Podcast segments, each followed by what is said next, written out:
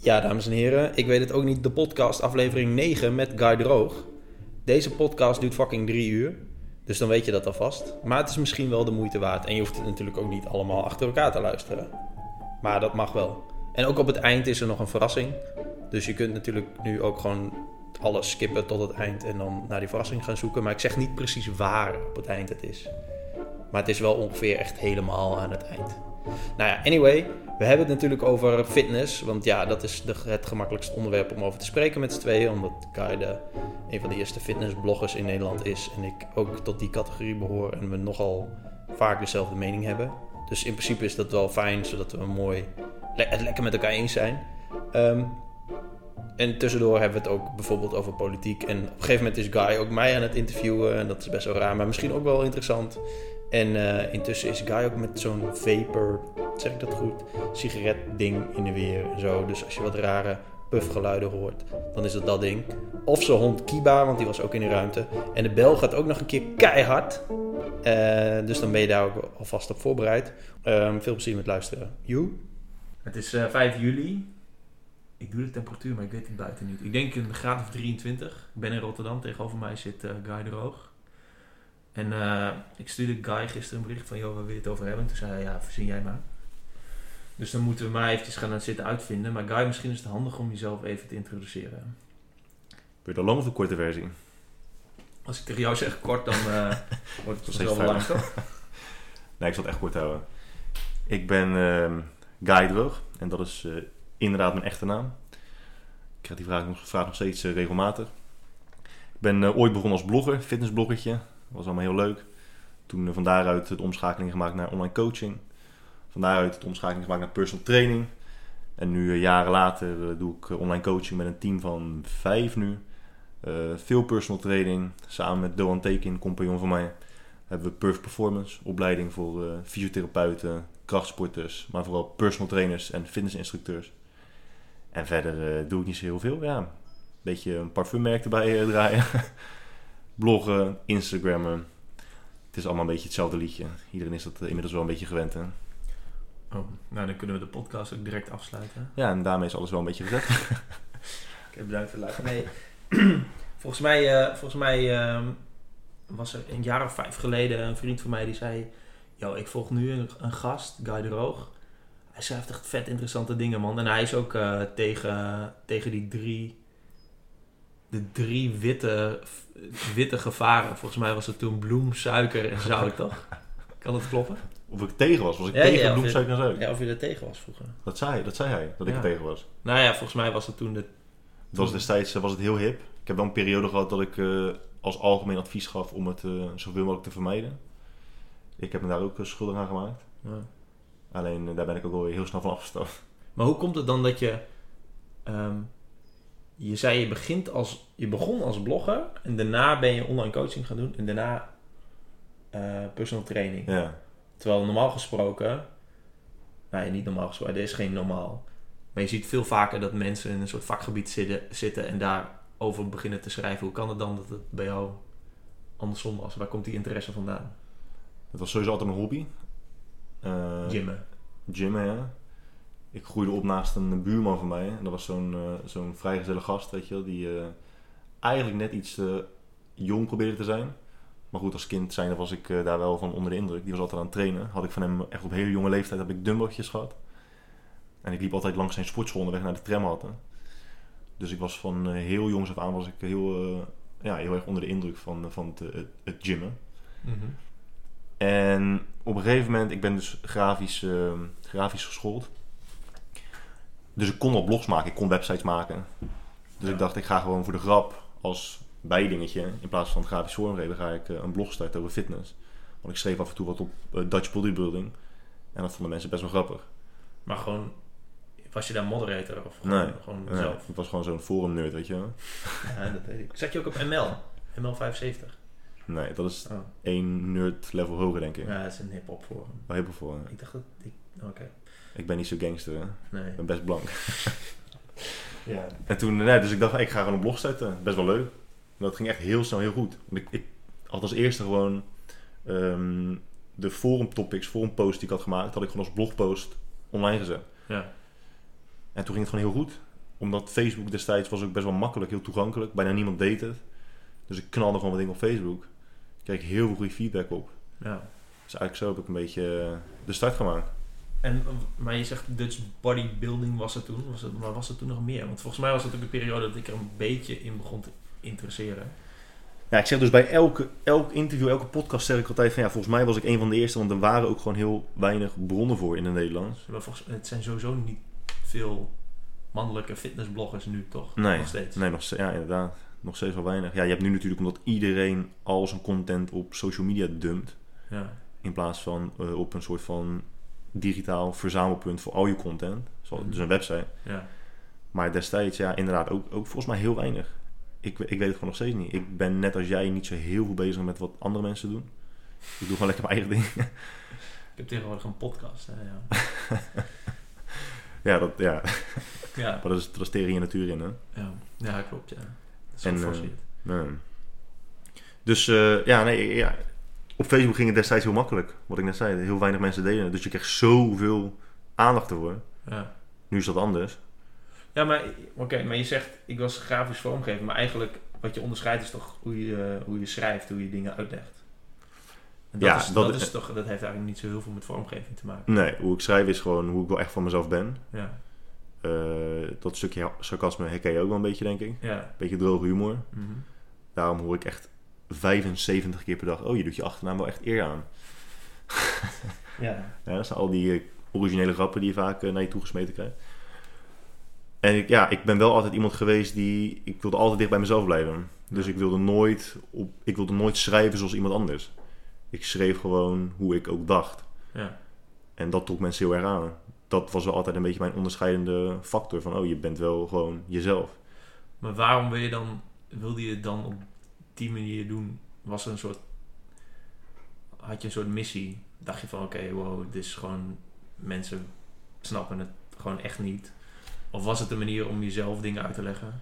Het was... ehm, ik heb laatst dus die video geplaatst op, op eh, Instagram. Van die eh, Fit Girls Be Like. Ja, En toen ik die video aan het maken was, ik vind dat echt helemaal niet grappig. Maar ik weet dat mensen het wel grappig vinden. En ik vind Ja, het gewoon heel leuk om mensen te laten lachen. ja. Klinkt misschien een beetje corny, maar ik hou er wel van. ja dat, is toch, dat is toch heel ja, Dus prima. ja, het is, het is geen slechte eigenschap. Nee. Dus ik probeerde altijd mensen te vermaken met mijn, eh, mijn blogposts. Daarom ook altijd wel een flinke dosis humor er tegenaan gooien. Mhm. Maar dan ook wel gewoon lekker nuchter advies geven. Niet alles veel te complex proberen te maken. Er is op zich niks mis mee. Maar voor het merendeel van de mensen is dat gewoon niet nodig. En je ziet nu twee hele verschillende extremen. Dat is, dat is wel altijd zo geweest. De ene groep mensen doet het eh, heel feitelijk. eh, Ja. Wetenschappelijk onderbouwd. eh bronnenvermelding. Ja, daar pak je een groep mee. Maar wel een, een kleinere groep. Niet de massa. En de, de mensen die de massa pakken die hebben het vaak niet echt helemaal bij het, bij het juiste einde. Dus ik zit er een beetje tussenin. Ja. ja, het is volgens mij, ehm, was het Ryan Holiday? Ja, weet ik niet. Show notes ga ik het wel eventjes inzetten. Als ik de show notes nog ga maken. maar dat is dat tegenwoordig, ik, misschien is het altijd al zo geweest, dat de waarheid niet meer belangrijk is voor veel mensen, maar het bereik.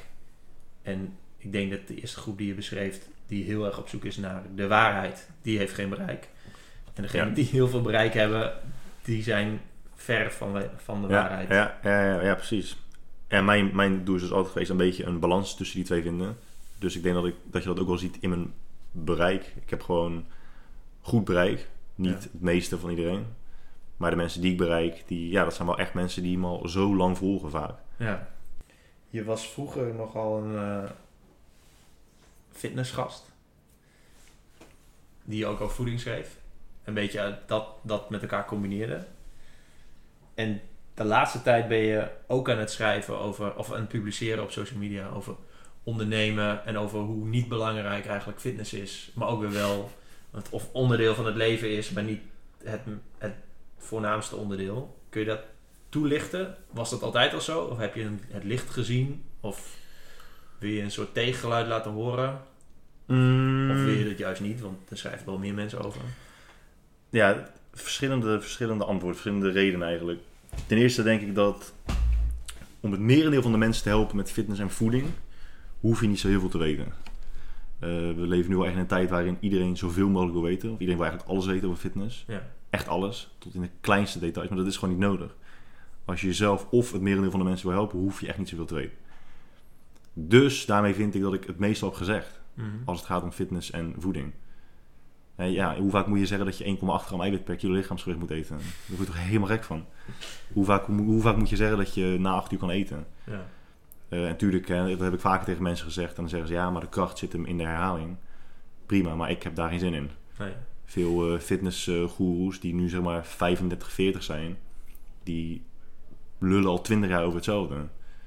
Die worden nu nog steeds ingehuurd om over dezelfde onderwerpen te praten. En daar is niks mis mee, maar dat is gewoon niet iets wat ik wil. Nee. Dat is niet mijn, niet mijn ambitie. Ehm, en daarnaast, ja, tijden veranderen en mensen veranderen. Ik bedoel, daar waar ik... Ik kijk heel veel mensen die starten nu een blog en dan zijn ze CEO van, van, van hun blog. Of ze, ze, ze, hebben een, ze zijn online coach en daarmee zijn ze ondernemer. Ehm, ik ben niet iemand die zegt, nou, ik, ik ga online coaching geven, dus ik ga nu maar over ondernemen lullen. Nee. Die arrogantie heb ik gewoon niet. Ehm, misschien is het niet per se arrogantie, misschien is het een beetje een vertekend beeld van de realiteit. Maar je bent geen ondernemer als je net twee dagen je online coachingbedrijf hebt geregistreerd bij de KVK. Maar wanneer ben je dan wel ondernemer? Ja, ik denk niet dat daar echt een, een soort van data specifiek punt voor is of zo. Het is meer een gevoel wat ik er altijd bij had. Ja. Ik vind wel dat er is een wel heel een duidelijk onderscheid tussen eh, iemand die gewoon werkt en iemand die onderneemt. Kijk, als jij, eh, als jij, ehm, ja, als jij één ding doet en je doet dat eh, 80 uur in de week. Je geeft alleen coaching bijvoorbeeld. Als ik alleen maar, alleen maar online coaching zou geven en ik doe dat eh, 70 uur in de week. Denk ik niet per se dat ik ondernemer ben. Ik denk dat een ondernemer die is ook altijd op zoek naar nieuwe kansen. Ja. eh, dat door probeert te pakken. Dat soort dingen. Een soort van hosselaar of zo. Een beetje een hosselen. Ja. ja. Ik denk dat dat, meer, dat is meer ondernemen. Het andere is gewoon hard werken. En ook dat is gewoon helemaal prima. Ja. Ja, dus waarom ik op een gegeven moment de overschakeling ook heb gemaakt naar eh, ondernemen. Gewoon puur omdat ik... Kijk, toen ik net over fitness ging praten, toen was ik gewoon echt helemaal niemand. Nu ben ik ook nog steeds niemand. Maar nu luisteren er wel, wel meer mensen. En eh, meer mensen lezen het ook. Ja. Ik vind het helemaal niet erg om fouten te maken. Als je een, een tussen aanhalingstekens openbaar persoon bent, dan moet je daar gewoon tegen kunnen. Anders ontwikkel je jezelf ook niet. Alleen, ja, toen kon ik gewoon echt onzin op het internet plaatsen, zonder dat je daarop werd afgekeurd. Dat kon, want eh, tien mensen lazen het, waarvan acht familieleden. Ja.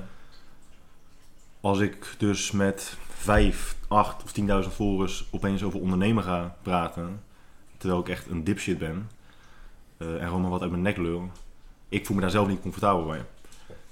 Nu heb ik wel eh, genoeg zelfvertrouwen als het gaat om ondernemen, om er gewoon iets over te delen. Maar was je het eigenlijk? Was je het al? Ondernemer. Ja, want je, je was toch een soort van freelance eh, webdesigner, als ik het goed heb. Ja, vanaf Toen, mijn- je, toen jij dat bloggen. ja, ik ben vanaf mijn negentiende ben ik gelijk begonnen met zelfstandig ondernemen. Ja. Dus ik, wel, ik had expres een korte opleiding gekozen op het grafisch systeem van drie jaar. En toen ik afgestudeerd was, toen ben ik eigenlijk gelijk eh, voor mezelf begonnen. Ik ben in de zomer afgestudeerd. En volgens mij twee maanden later ging ik eh, met mijn eh, nu ex naar Malaga. En daar, vanaf daar heb ik gewoon mijn eerste bedrijfje opgezet. En dat was inderdaad een grafisch vormgevingbedrijf. Eh, wel webgericht. dus alles online. Ik had geen eigen kantoor of zo. Ik huurde gewoon freelancers in. Mhm. Maar zo is het al begonnen. Ja. Dus ik doe dat nu tien jaar. Tien jaar voor mezelf. En je, je doet echt allemaal verschillende dingen. Ja. Dus, dus oké, jouw dag zit jij staat op, jij gaat training geven, want dat heb je net gedaan. Ja, maar ja, mijn dag is best wel geroutineerd. Ik word wakker, of om half acht of om half negen. Dan loop ik eh, na douchen natuurlijk met, eh, met Kiba. Kom ik thuis, ga ik gelijk door naar de sportschool. Want ik word ook echt op de laatste minuut dat eigenlijk mogelijk is, word ik wakker. Ga ik naar de sportschool, geef ik 2, 3, 4 uur PT. Heb ik heel even korte pauze om, om te eten. Dan ga ik naar huis om te werken achter de computer. Eh, en dan heb ik 5, 6, 7 uur heb ik nog een keer PT's. Kom ik thuis, eten, eh, loop ik nog een rondje met Kiba. Kom ik thuis, weer achter de computer werken. Heel soms één aflevering, misschien twee, met mijn vriendin kijken op de bank. En dan gaat zij naar bed. En dan ga ik weer achter de computer werken. En dan ga ik om 1 uur, 2 uur naar bed. En dat eigenlijk bijna elke dag. Zaterdagen vaak perfect performance, 20, 25 zaterdagen per jaar. Eh, en dan probeer ik ook wel iets meer tijd te besteden aan, eh, aan, mijn, eh, aan mijn vriendin. Maar in het weekend wordt ook gewoon gewerkt. Het is gewoon zeven dagen per week, zoveel mogelijk. ik kan, ik kan gewoon niet niet werken, want ik vind het ook gewoon fucking leuk om te doen. Oké, heftig wel. Valt mee. Maar en wanneer bedacht je van, oké, ik ga een parfumlijn beginnen? Parfum is altijd wel een beetje een... Is het parfum? par- Parfum. parfum. gewoon, Parfum. gewoon parfum. Parfum, Ja. Eh, parfum is altijd een beetje een, een hobby van mij geweest. Ik ben echt altijd, ja, het is heel, klinkt een beetje, een beetje weird, maar ik ben heel geurgevoelig geboren. Eh, niet zoals wijn-experts dat hebben, denk ik. Misschien wel. Ik, ben nooit echt, ik heb me nooit echt verdiept in wijn. Misschien kan ik dat ook wel goed ruiken. Maar mijn moeder vertelt altijd verhalen dat toen ik vroeger klein was, liep ik altijd rond buiten als een kleine ettenbak. En ik vroeg altijd alleen maar wat ruik ik, wat ruik ik. Ik vroeg constant, wat ruik ik. Heel de tijd. Oké. Ja, best wel weird. Ja. Ja, je hoort het niet vaak. Nee, eigenlijk niet. En ik vond mijn, mijn opa, ik, ja, ik, mijn opa die droeg altijd parfum, elke dag. Gewoon zonder, zonder uitzonderingen. En dat vond ik als kind altijd, vond ik dat heel erg leuk. Ik deed ook zijn parfum op en zo. Mhm. Dus ik ben gewoon opgegroeid een beetje met een, met een soort van liefde voor, eh, voor parfum. Voor lekker ruiken. Eh, ondanks dat ik nu net een broodje pulled pork heb gegeten met de jalapenos. En in jouw gezicht staat te blazen. Zou dat niet zeggen. Maar dat is, eh, dat is wel een beetje zo. En toevallig twee vrienden die dat ook hebben. En toen dachten we, hè, zullen we gewoon eens kijken wat het, eh, wat het kost en hoeveel werk het is om zelf een parfummerk te lanceren. En het is geen eh, parfum die je bij de etels vindt. Als we iets doen, doen we het wel goed. Mhm. Maar toen hebben we een beetje eh, onderzoek gedaan. Nou, tenminste, een beetje heeft toch wel anderhalf jaar ingezeten of zo. En toen dachten we, fuck it, we doen het gewoon. Het is een beetje een raar bijbaantje om er nog bij te doen. Maar het Maar, is doe wel heel je, leuk. maar heb je het gedaan om te kijken wat er dan gebeurt? Of wil je, is het gewoon tof om mee te maken? Of om gewoon heel iets anders te lanceren? Of om samen met vrienden te doen? Ja, al, Of- eigenlijk al die antwoorden. Ja. Sowieso wilden we heel graag iets met z'n drieën doen. Dus we wilden eerst eigenlijk een horecazaak openen. Mhm. Alleen dat is gewoon best lastig. We konden gewoon geen goede locatie vinden. hebben we ook nog best wel lang geprobeerd. Eh, toen hebben we dat opgegeven. Dus toen gekozen voor parfum. En ik persoonlijk, ik kom echt uit de dienstverlening. Dus ik vind het best leuk om nu een fysiek product te hebben. Ja. Het is, he- is heel anders. Om echt, echt een product van jezelf in je handen te hebben. In winkels te zien staan. ja. Heel kick. Ja, en, maar het lijkt me dan als persoon die vooral veel online communicatie doet, best wel lastig om een geur te verkopen online en honderdduizend keer te moeten uitleggen waarom die geur zo duur is. Ja. en überhaupt net zo waarom ik het nu vraag, om uit te leggen waarom je het doet. Ja. Dat, is dat, maar is dat dan onderdeel, vind je dat dan leuk om te doen? Of heb je zoiets van kloten, dat had ik eigenlijk liever niet willen doen, al die uitleg eromheen? Of denk je dat Ja, dat dat is interessant. Kijk, mensen die in een niche parfum stappen. Niche parfum is gewoon duur om dezelfde reden als dat eh, Gucci schoenen duurder zijn dan Vibra schoenen. Ehm, dat dure wijn goed- duurder is dan goedkopere wijn. Het heeft met verschillende dingen te maken, maar hè, vaak betalen mensen ook gewoon graag een stukje extra voor exclusiviteit. Ja. Nog een aantal andere dingen. Maar mensen die dus niche parfum starten, die richten zich ook echt volledig op de niche parfum markt. Dus me- die richten zich op mensen die al weten waarom dure parfum duur is. Ja. En ook specifiek alleen maar op zoek zijn naar dure, exclusieve parfum. Ik vind het juist heel leuk om de markt die daar haaks op staat, die dus gewend is om 60, 70 euro te betalen aan Jean Paul Gaultier, Mhm. eh, waar iedereen naar uit. Ik vind het leuk om hun aan te spreken, om die mensen te veranderen. En ik vind het leuk om die mensen te veranderen, omdat ik zelf die verandering ook heb meegemaakt. En zodra je dus open gaat staan voor een hele andere soort parfum, dat is best een interessante wereld. Oké, En het is, leuk, het is dus leuk om, om zo'n verandering in gang te zetten. maar lukt dat? Ja. Want ja, kijk, je kunt, als je, als je een, neem het voorbeeld van Gucci weer. Je hebt een Gucci shirt van 500 euro. Of een ander katoenen shirt van, van 10 euro. Dat verschil uitleggen is lastig. Omdat de meeste mensen die denken niet van ik ga een, een katoenen shirt van 500 euro kopen. Alleen maar omdat er Gucci op staat. En met parfum heb je natuurlijk gewoon, de ingrediënten zijn gewoon een stuk duurder. Ehm, het wordt niet massaal synthetisch geproduceerd. Niet dat synthetisch per se slecht is. Hè? Dat, dat zeg ik niet. Alleen het heeft wel een, een onderscheidende geur. Synthetisch parfum, je ruikt gewoon dat een geur eh, commercieel gemaakt is. Eh, het- weet je, onze, onze flessen zijn handgemaakt, dik glas. We hebben een grote, zware gouden dop erop zitten. Dat, dat zien mensen. Als mensen zo'n fles in hun hand hebben of een Calvin Klein flesje, ja, die zien het verschil in kwaliteit. En dat is Ja. gewoon heel leuk. Het is gewoon alleen een kwestie van uitleggen. Het is een stukje educatie ook. Precies hetzelfde als dat je ook mensen informeert ehm, en ook verandert uiteindelijk in de fitnessindustrie. Zijn, ja, maar zijn dat echt parallellen? Kun je daar uit leren uit wat je hebt meegemaakt als eh, fitness-influencer. Nee, maar als, als eh, wat je hebt gedaan in de fitnesswereld. Helpt dat? Ja, want ik, ja, jawel. Probeer je dan ook, wat je net zei, probeer je dan ook het zo makkelijk mogelijk te maken voor mensen om het te snappen. Ja, ik probeer inderdaad nu wel weer gewoon zonder al te veel jargon. Gewoon direct. En ook gewoon, het is ook allemaal waar. Hè? Het is niet, je hoeft niet iemand voor te lieren. Wat je zegt klopt ook gewoon. En natuurlijk zijn er nog steeds heel veel mensen die er niet voor openstaan. Maar soms als je mensen een bepaald perspectief biedt. En je ziet zeg maar, die switch omgaan. Dan denk je, oh ja, Hmm. dat klopt inderdaad. Bijvoorbeeld heel veel mensen die snappen. Tenminste, snappen is een groot woord. Maar die denken er nooit over na dat je misschien overdag andere geur zou moeten dragen dan s'avonds in een club. Ja, met een, een zware avondgeur naar een club gaan is normaal. Mhm. Maar als jij acht uur lang naast je collega op kantoor zit met zo'n zware avondgeur, die kan dus af en toe denken van zo, pff, dat is wel eh, heftig om heel de dag te, te verdragen. Ja. Eh, heel veel mensen die zeggen, ja, waarom zou ik meer geld uitgeven voor een dure geur die niet door 700.000 andere mensen wordt gebruikt. Maar dan denk ik van, ja, maar je doet voor kleding doe je ook vaak hetzelfde. Mensen doen altijd zo hun best om zichzelf te onderscheiden van de rest. Mhm. Eh, ondanks dat het uiteindelijk wel een beetje schapengedrag is. Vaak mode is niet voor niets in de mode. Nee. Maar mensen willen toch altijd een beetje uniek zijn. Je vindt het kut als jij uitgaat en vier andere mensen hebben dezelfde- schoenen aan als jij. Of dezelfde jas. Mhm. Eh, als jij eh, dezelfde, dezelfde eh, jas koopt als, als een van je vrienden, dan stem, dan stem je dat met elkaar af wanneer je die aandoet.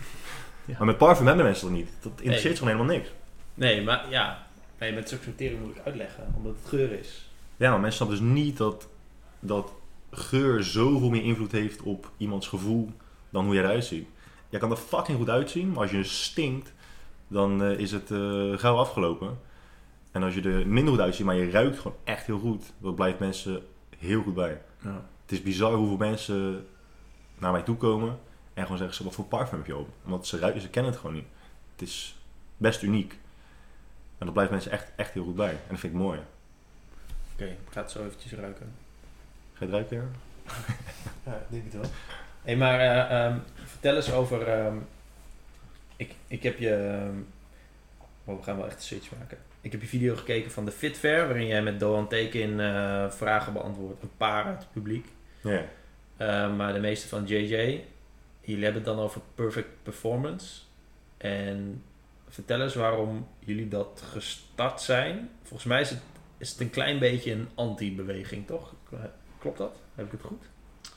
Kun je vertellen wat het is en waarom jullie dat zijn gestart? Ja, het is een anti-beweging omdat we vinden dat de industrie veel te veel gaat neigen naar theorie. Het is alleen maar theorie, theorie, theorie. Wat ik net ook zei, mensen willen alles weten, terwijl het helemaal niet nodig is. Ehm, wij gaan daar tegenin omdat wij van mening zijn dat praktijkervaring minstens net zo belangrijk is. Uiteindelijk, uiteindelijk is het belangrijker. Theorie vormt de basis, maar uiteindelijk onderscheidt een goede, goede trainer zich van een slechte trainer omdat ze gewoon veel meer praktijkervaring hebben. Ja, voor de luisteraars, het gaat over fitness trainers. Fitness trainer, ja. Ja. Personal trainers, fitnessinstructeurs. Ehm, en we zijn het begonnen om precies dezelfde reden dat ik alle andere dingen ook begin. Er is gewoon... Veel mensen weten niet dat ze met bepaalde vragen zitten. Wij bieden ze en de vraag en het antwoord. Ja. Maar is dat niet verwarrend dan? Want je zegt net, de mensen die zijn op zoek naar alle informatie en nu ga je ze ook nog een extra vraag en een extra antwoord geven. Ja, maar het is... of het biedt is het dan weer een oplossing voor? het biedt, ja, het biedt een oplossing. Want je biedt ze eerst... Je geeft ze eerst... Je, je laat ze eerst dingen anders bekijken. Je biedt ze een ander perspectief. En vervolgens geef je ze ook nog eens het antwoord op de vraag die daaruit zou ontstaan. Mhm. Dus je begint met, kijk, luister, theoretische kennis is heel belangrijk, maar gewoon bij lange na echt niet genoeg. En de beste manier van leren is door dingen te doen. Mhm. Ja, zo heb je leren lopen, zo heb je leren fietsen, door gewoon te doen, niet door te lezen over hoe je moet fietsen. Ja. Ehm, en dat is met personal training geven of gewoon coachen is ook zo. En dan krijg je natuurlijk de vraag, ja, oké, maar waar de fuck ga ik dat doen dan? Want dat bestaat helemaal niet. Je hebt toch personal training, opleidingen, fitness, Ja, fitness vak A. Volgens mij heb ik nog een certificaat van. ja die bestaan.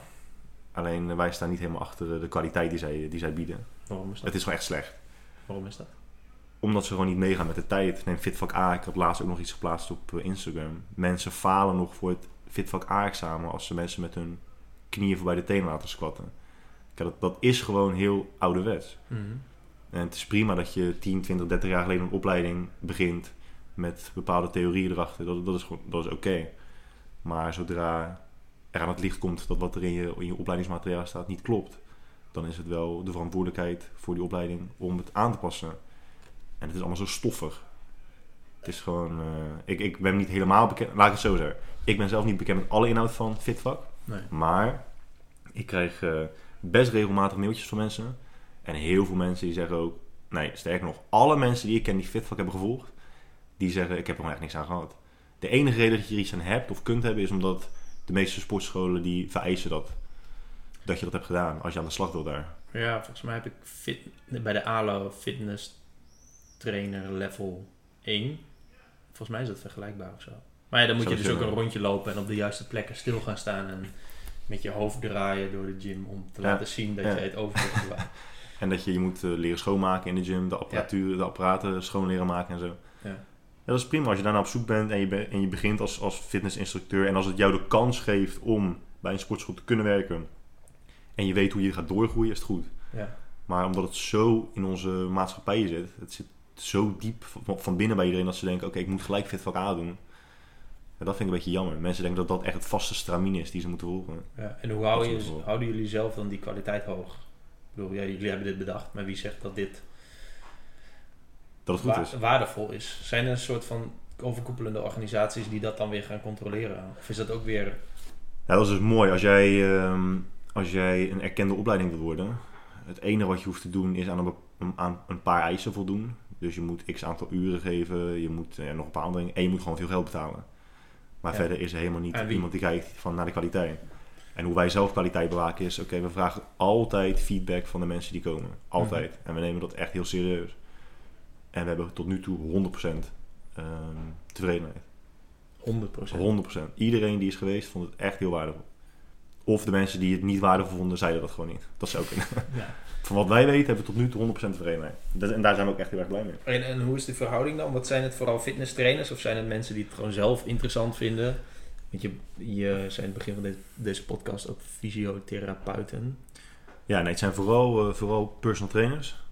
Eh, zowel beginnende personal trainers als, als zeer ervaren personal trainers. Ja. En het is ook echt voor iedereen. Dat, vind- wat, dat vinden we heel mooi. Wij hebben geen vast tramien dat we aanhouden. Het is gewoon, we hebben een algemene richtlijn. We hebben de oefeningen die we uit willen voeren.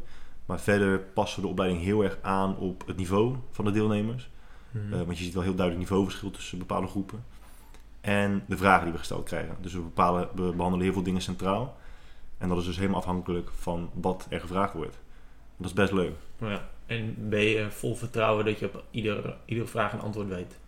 Nee, als wij iets niet, tot nu toe hebben we overal antwoord kunnen geven. Als we iets niet weten, zeggen we ja, luister, dat, dat weten we gewoon niet. Of daar is waarschijnlijk geen goed of slecht antwoord op. Heel veel dingen komen uiteindelijk uit op persoonlijke voorkeur. Ja. En hoe is die rolverdeling tussen jou en Doan dan? Tijdens de cursus. Ja. Doan is gewoon echt eh, de, de head coach. Dus die doet eigenlijk alles voor je. Ja. Ik eh, ben wel aanwezig, maar ik hou me toch gewoon veel liever bezig met business development. Dus alles op de achtergrond. Ja. Alleen het is heel moeilijk om met... Hij kan niet in zijn eentje 20, 25 man eh, in de gaten houden. Nee. Dat zou wel echt, echt zwaar ten koste gaan van de kwaliteit van de opleiding. Dus vandaar dat we wel altijd met z'n tweeën in de zaal zijn, cues geven, Mhm. eh, toezicht houden. Dat wel. Maar ik, ik ben daar voornamelijk bezig op de achtergrond. Fotootjes maken, zorg social media. Part-time fotograaf ben ik. Ja. Oké, en eh, ehm, waar ik heel erg benieuwd naar ben, is dat jij, je bent heel erg van het, eh, ja, dat is zo'n domme term, maar doe maar normaal, dan doe je al gek genoeg prediken en eh, ehm, een beetje anti-fitness bros. Maar ik kan me voorstellen dat als je een opleiding geeft voor ehm, personal trainers en de mensen die jullie volgen of jou volgen, die dat dan gaan doen, dat je heel erg een botsing krijgt tussen ideeën. Of dat jij dan juist mensen onder ogen komt waar je heel erg tegen ageert online. Of, is het, of valt dat mee? Nee. Of zie jij juist een kentering in... En je trekt juist de mensen aan door, door de manier waarop je communiceert en de boodschap die je uitdraagt, trek je vaak mensen aan die hetzelfde denken. Ja. Kijk, als wij tegen iemand zeggen, je mag wel met je knie voorbij je tenen schatten. En eh brace is belangrijk. En deadliften is niet een, eh, een eh, isolatieoefening voor je onderrug. Zoals heel veel bro bodybuilders dat allemaal gebruiken. Dat zijn ook geen mensen die dan uiteindelijk denken, oh, dat is wel echt een opleiding voor mij. Die houden zich gewoon ja, bezig met hun dingetje. En de mensen die bij ons komen, die zijn al vaak langere tijd onderdeel van de gezamenlijke digitale wereld die we, die we nu hebben. Dus dat zijn vaak al een beetje de evidence-based trainers. Dat zijn al de mensen die wat meer, eh, ja, moet ik zeggen, meer ontwikkeld zijn in hun eh, denkvermogen. Denk, je, denk je dat, ehm die vraag wilde ik net stellen, stellen, denk je dat die groep veel groter wordt? Of denk je dat de totale markt veel groter wordt, waardoor die groep veel groter wordt? Heb je last van? Wat zeg je? Heb je last van? Nee, nee. Niet meer. Eh, nou, allebei. Ja, ja, nee, ja, het een volgt natuurlijk het andere. Ja, de, de fitnessindustrie wordt gewoon steeds, steeds groter. Voor mij zijn er echt 4 of 5 miljoen fitnessende Nederlanders nu. Ja. Dat is fucking veel. En de rest heeft overgewicht. Ja. Ehm, dus automatisch wordt de evidence-based groep ook groter. Maar ik vind wel dat... Ik heb het ook bij een vorige podcast, een andere podcast gezegd. Dat de, de, de, het cultgedrag van de evidence-based groep... is nu wel heel erg hetzelfde aan het worden als de bro-groep. Hoe bedoel je dat? Nou ja, bros zijn bros omdat ze de opperbros volgen. Ja, die doen alles wat, wat, Ja. wat, wat baas bro zegt. Maar mensen in de evidence-based scene doen precies hetzelfde. Mhm. Daar heb je gewoon een paar, eh, een paar bazen in zitten. En alles wat zij zeggen wordt gewoon nageluld door, door de volgelingen. En dat is nou niet bepaald het kritisch denkgedrag dat zij zo graag eh, naar voren schuiven naar hun, naar hun volgers en lezers en zo. Ja, ik denk dat het gewoon een utopie is. Ja, het zal wel fijn zijn als mensen wat kritisch Ja, het, het, het kan ook niet hoor, absoluut. Maar je moet niet zeggen van, oh ja, want jullie doen dit tegen bros. Zeggen, ja, jullie doen dit, eh, jullie trainen binnenkant borst omdat Arnold Schwarzenegger dat 20 jaar geleden heeft gezegd. Mhm. Zij doen precies hetzelfde. Zij eten ook 1,8 gram eiwit per kilo lichaamsgewicht, omdat Menno dat een keer heeft gezegd. Ja, Ehm, en even los van het feit dat het waarschijnlijk klopt, omdat zijn conclusie getrokken wordt uit onderzoek en daadwerkelijk data, in plaats van vanuit de lucht geplukt. Maar nog steeds is het blindelings volgen van iemand is exact hetzelfde als wat, wat, als wat de bros doen. ja. Het eindresultaat is wel anders, maar de intentie of het, het begin, de oorzaak van, van waar hun ideeën zo vandaan komt, is hetzelfde. Gewoon letterlijk iemand napraten. Dus eigenlijk, eh, ja, ik doe dat bij Rob van Berkel, denk ik. Ik denk bij iedere keer. Ga ik het weer over Rob van Berkel hebben in de podcast? Ja, maar Een keer over Rob Jij bent een hele grote, hele, hele grote fan van, van Rob. Ja, Is ook logisch. ja. Maar hoe zou ik dat dan anders moeten doen? Nou ja, het is, nee, ja, nee. Ik denk dat het gewoon de gemakkelijkste stap om dat niet te doen is heel veel verschillende mensen volgen. Toch? In Ja. plaats van één persoon. En je kunt ook gewoon eerlijk zeggen dat, dat jij van Rob van Berkel hebt vernomen Ja, dat het zus en zo zit. Dat, Ja. dat doe ik meestal. Als iemand mij een vraag stelt, dan zeg ik, ja, weet je, ik volg bijvoorbeeld Menno over Chi. En Chi zegt op basis van zus en zo ja. dat het waarschijnlijk zo zit. Mhm. Want als je gewoon zegt, ja, het, is dit of het is dat, ja. ja, dan krijg je weer dat, dat, dat, weet je, dat, dat effect dat ja, iedereen praat elkaar maar weer na en na en na en na. En niemand weet eigenlijk waar het vandaan komt. Maar heb je, er, heb je er vertrouwen in dat het goed komt met eh, deze wereld? Nee, sowieso niet, maar dat hoeft voor mij ook echt niet. Maar gaat het, gaat het bergafwaarts? Of gaan we, zitten we erop, gaan we ergens naartoe? Ik denk dat we altijd een beetje in de 50-50 zone blijven. We blijven altijd gewoon heel erg in het, in het grijsgebied. Ik bedoel, ja, weet je, steeds meer mensen weten wel hoe het beter moet, hoe het anders moet. Maar ik vind niet, kijk, nu krijg ik vaker mails met mensen waarvan je ziet dat ze zich echt hebben verdiept in, in goede informatie. Ja. Daar zie ik wel echt een toename in. Maar ik zie niet echt per se een vermindering in mensen die geloven dat je nog steeds eh, eh, na acht uur niet meer mag eten. Die zijn er ook gewoon nog steeds heel erg veel. Wij bijvoorbeeld in ons intakeformulier hebben we vragen staan. En daar we dus een beetje kon, kunnen concluderen hoe bro mensen zijn. nou, en die wordt nog steeds gewoon heel vaak niet helemaal goed ingevuld. Of niet naar onze wens. Heel, maar dat is wel heel voor- vaak. voorwaarde van jullie coaching.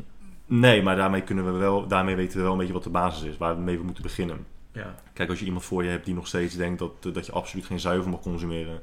En je knalt er een voedingsschema tegenaan waar elke dag een half liter melk in staat. ja. Dat is niet slim. Nee. Dus we beginnen dan altijd gelijk met een beetje stukje, met een stukje educatie.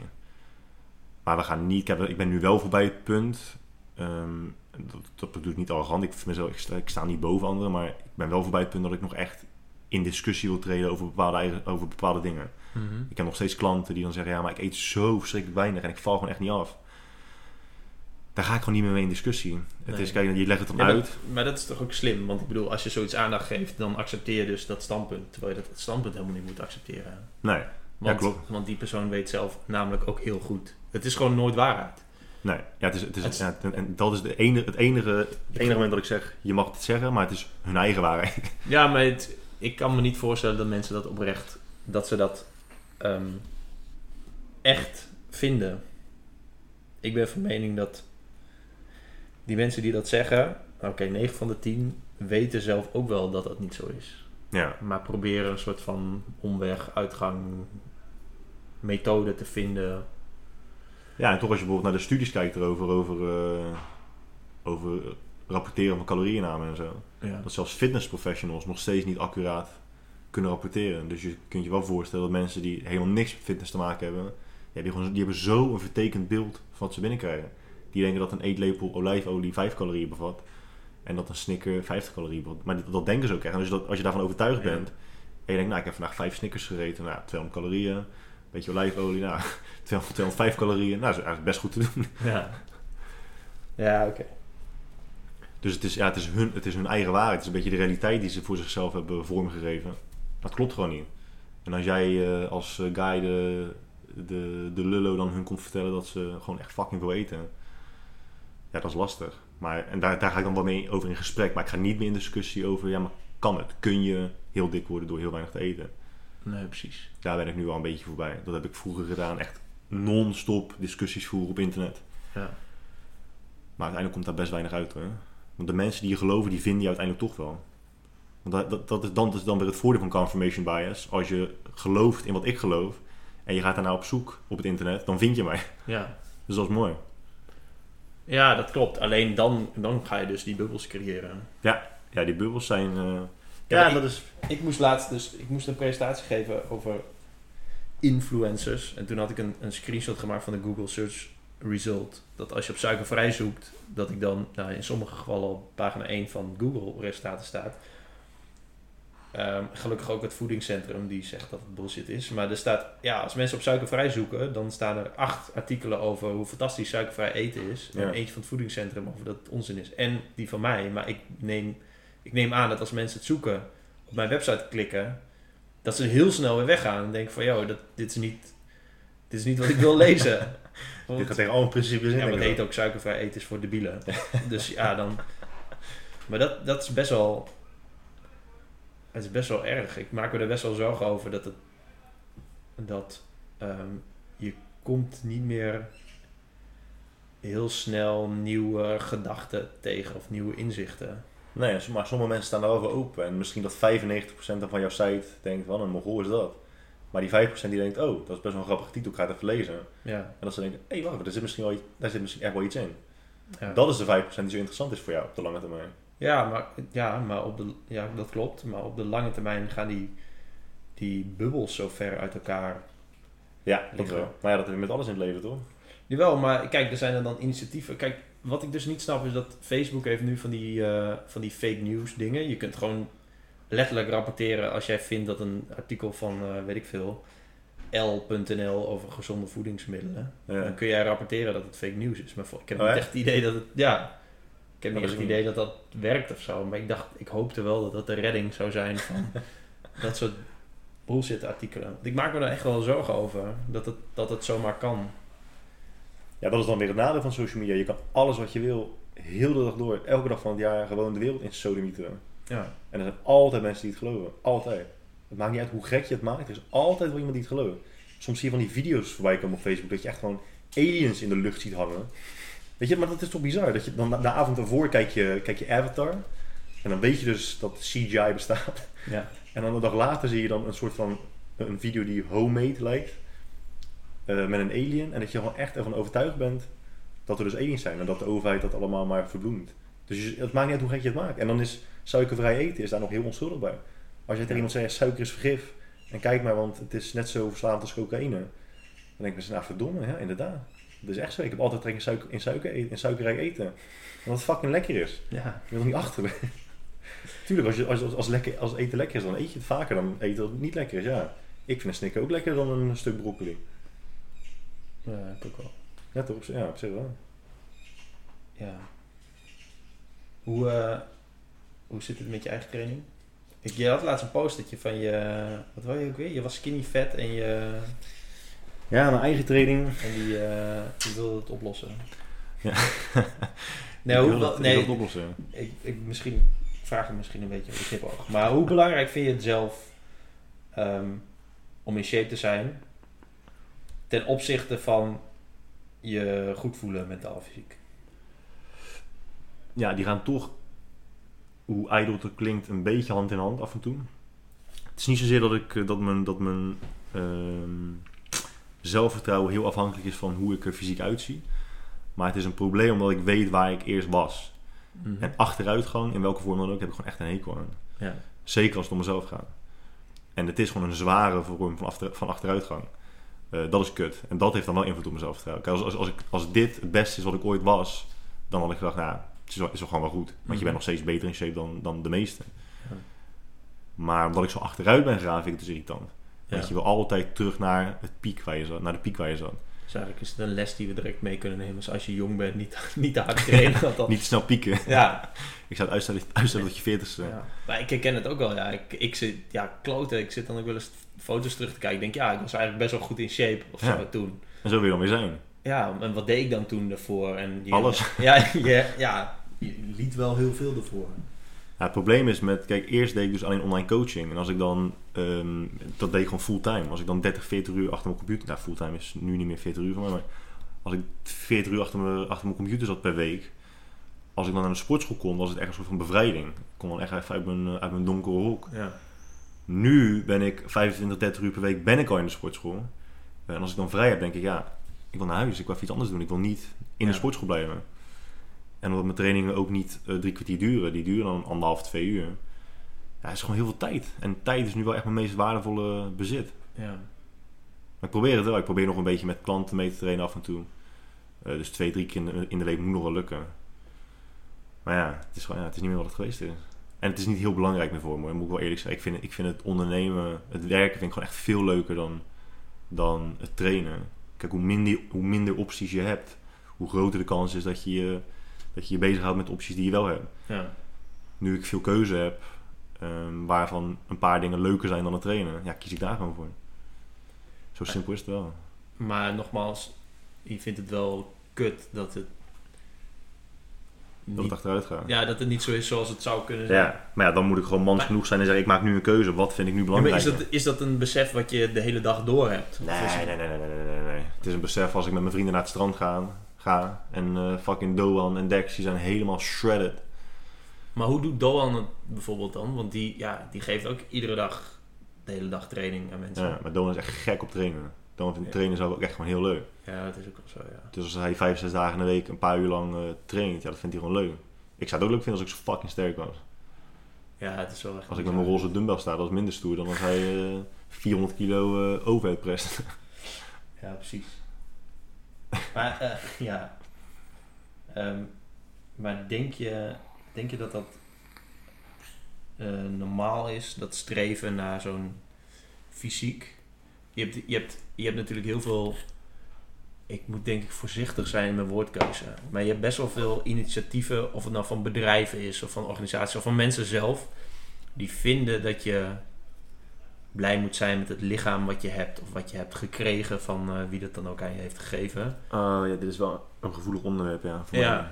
Ehm, nee, maar ik wil het er wel over hebben, want ik, ik vind het best wel moeilijk om daarmee om te gaan. Want ik vind namelijk, de, als we het hebben over hoe je lichaam eruit ziet of zou moeten zien, vind ik dat iedereen het helemaal zelf moet weten. Mhm. Dat is punt 1 sowieso. Dus iedereen Ja. moet lekker... eh, ja, desnoods gaan mensen naakt lopen over straat. Moeten Ja. ze zelf weten. En trek aan wat je wil aantrekken. En zie eruit zoals je eruit wil zien. Klaar. En ik vind ook niet dat je daar een mening over moet hebben. Totdat mensen vinden... Of totdat mensen willen veranderen. Ehm, en dan heb ik er best wel een mening over. Maar...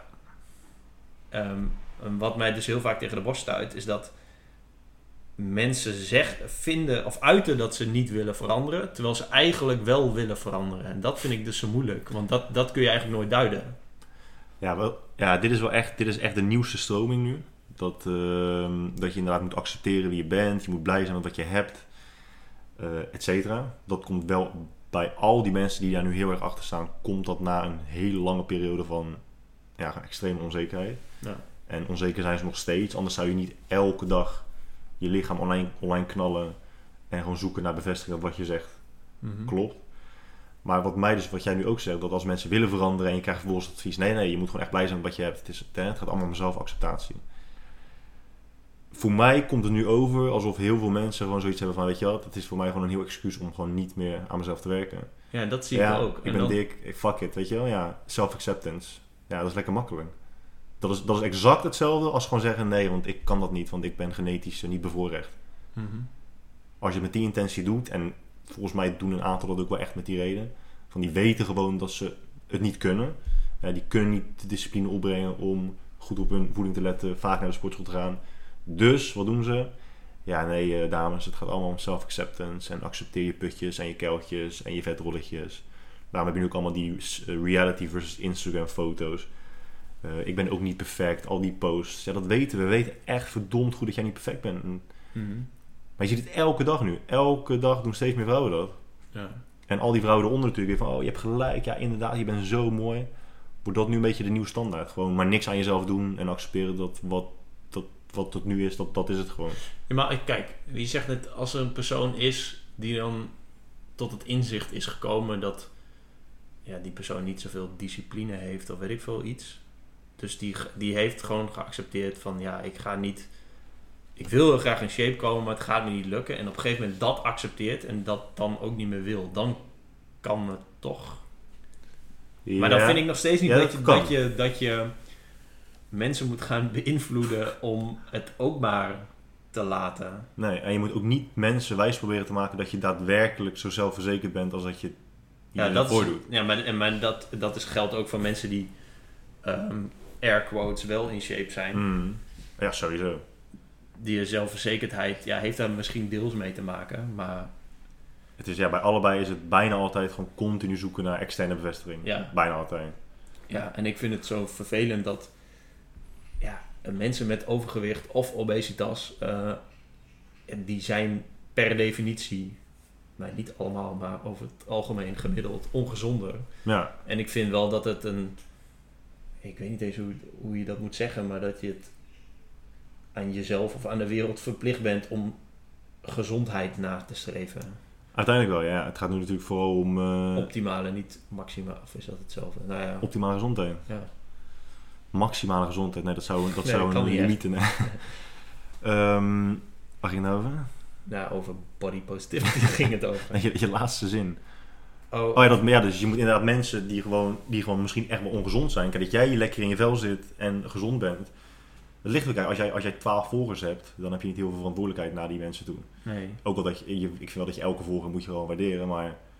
ehm want zet- heb je toch, ja, ik vind wel dat je verantwoordelijkheid hebt tegenover je volgers. ja, wel, zeker. Want zet maar eens 12 mensen in je woonkamer en ga dan maar eens onzin uitkramen. Dat heeft best wel effect. Dus als je 12 mensen op Instagram hebt. Maar goed, als je dus 80.000 volgers hebt, of 100.000, en je bent inderdaad alleen maar bezig met nee dames, je moet echt gewoon accepteren wie je bent. Ja, nee, sommige mensen moeten dat niet accepteren. Want sommige mensen moeten echt aan de bak Ja. om het een en ander te veranderen. Dat moet gewoon. Anders worden ze waarschijnlijk geen 35. Nee, en, ik, ja, en dat, dat ben je aan jezelf en aan je familie en weet ik veel wie verplicht. En aan de wereld om dat wel, om dat wel na te streven. Ja. Dat, dat vind ik dus. Ja. En ik vind En- ook wel belangrijk is dat je, je blijft wel, je moet wel blijven benadrukken dat je wel gewoon controle hebt over alles. Het Ja. is niet van, weet je, ik accepteer het maar op, eh, ik laat eh, mijn handen los van het stuur en er is nu verder geen controle meer. Nee. En, en nog wel wat extra nuance. Natuurlijk is er ook wel een hele grote groep die gewoon helemaal niet iedere dag hoeft na te denken over hoeveel, eh, hoeveel setjes en herhalingen ze moeten doen en wat ze binnenkrijgen. En dat Ja. het gewoon allemaal prima is. Dat is natuurlijk ook zo. En er is ook nog eens een groep die er gewoon fucking goed uitziet en dan gaat zeggen, ja, ik accepteer mezelf voor wie ik ben. Ja, snap ik. Kijk hoe je eruit ziet. Ja.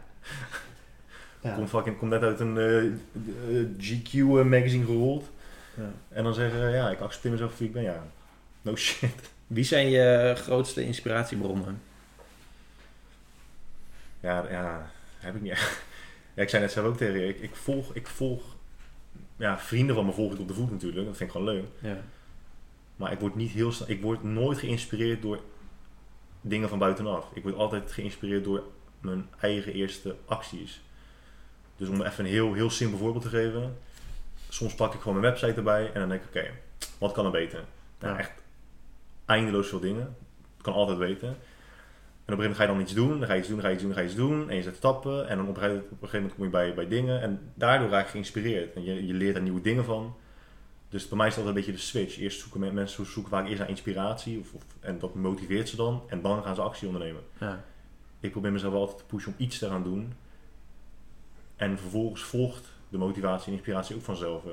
Maar je hebt natuurlijk over, over mensen die, ja... Ja, Ja, ja, weet ik veel. Mensen, eh, laten, we, organisaties. laten we inspiratie definiëren dan. Inspiratie is eh, ehm, entiteiten die jou, ja, dat kunnen mensen, dingen, bedrijven, initiatieven, bewegingen, trends zijn, die jou eh, extra snel vooruit helpen in de dingen die je doet. Dus die jouw eh, actie of positieve intenties accelereren. Oké.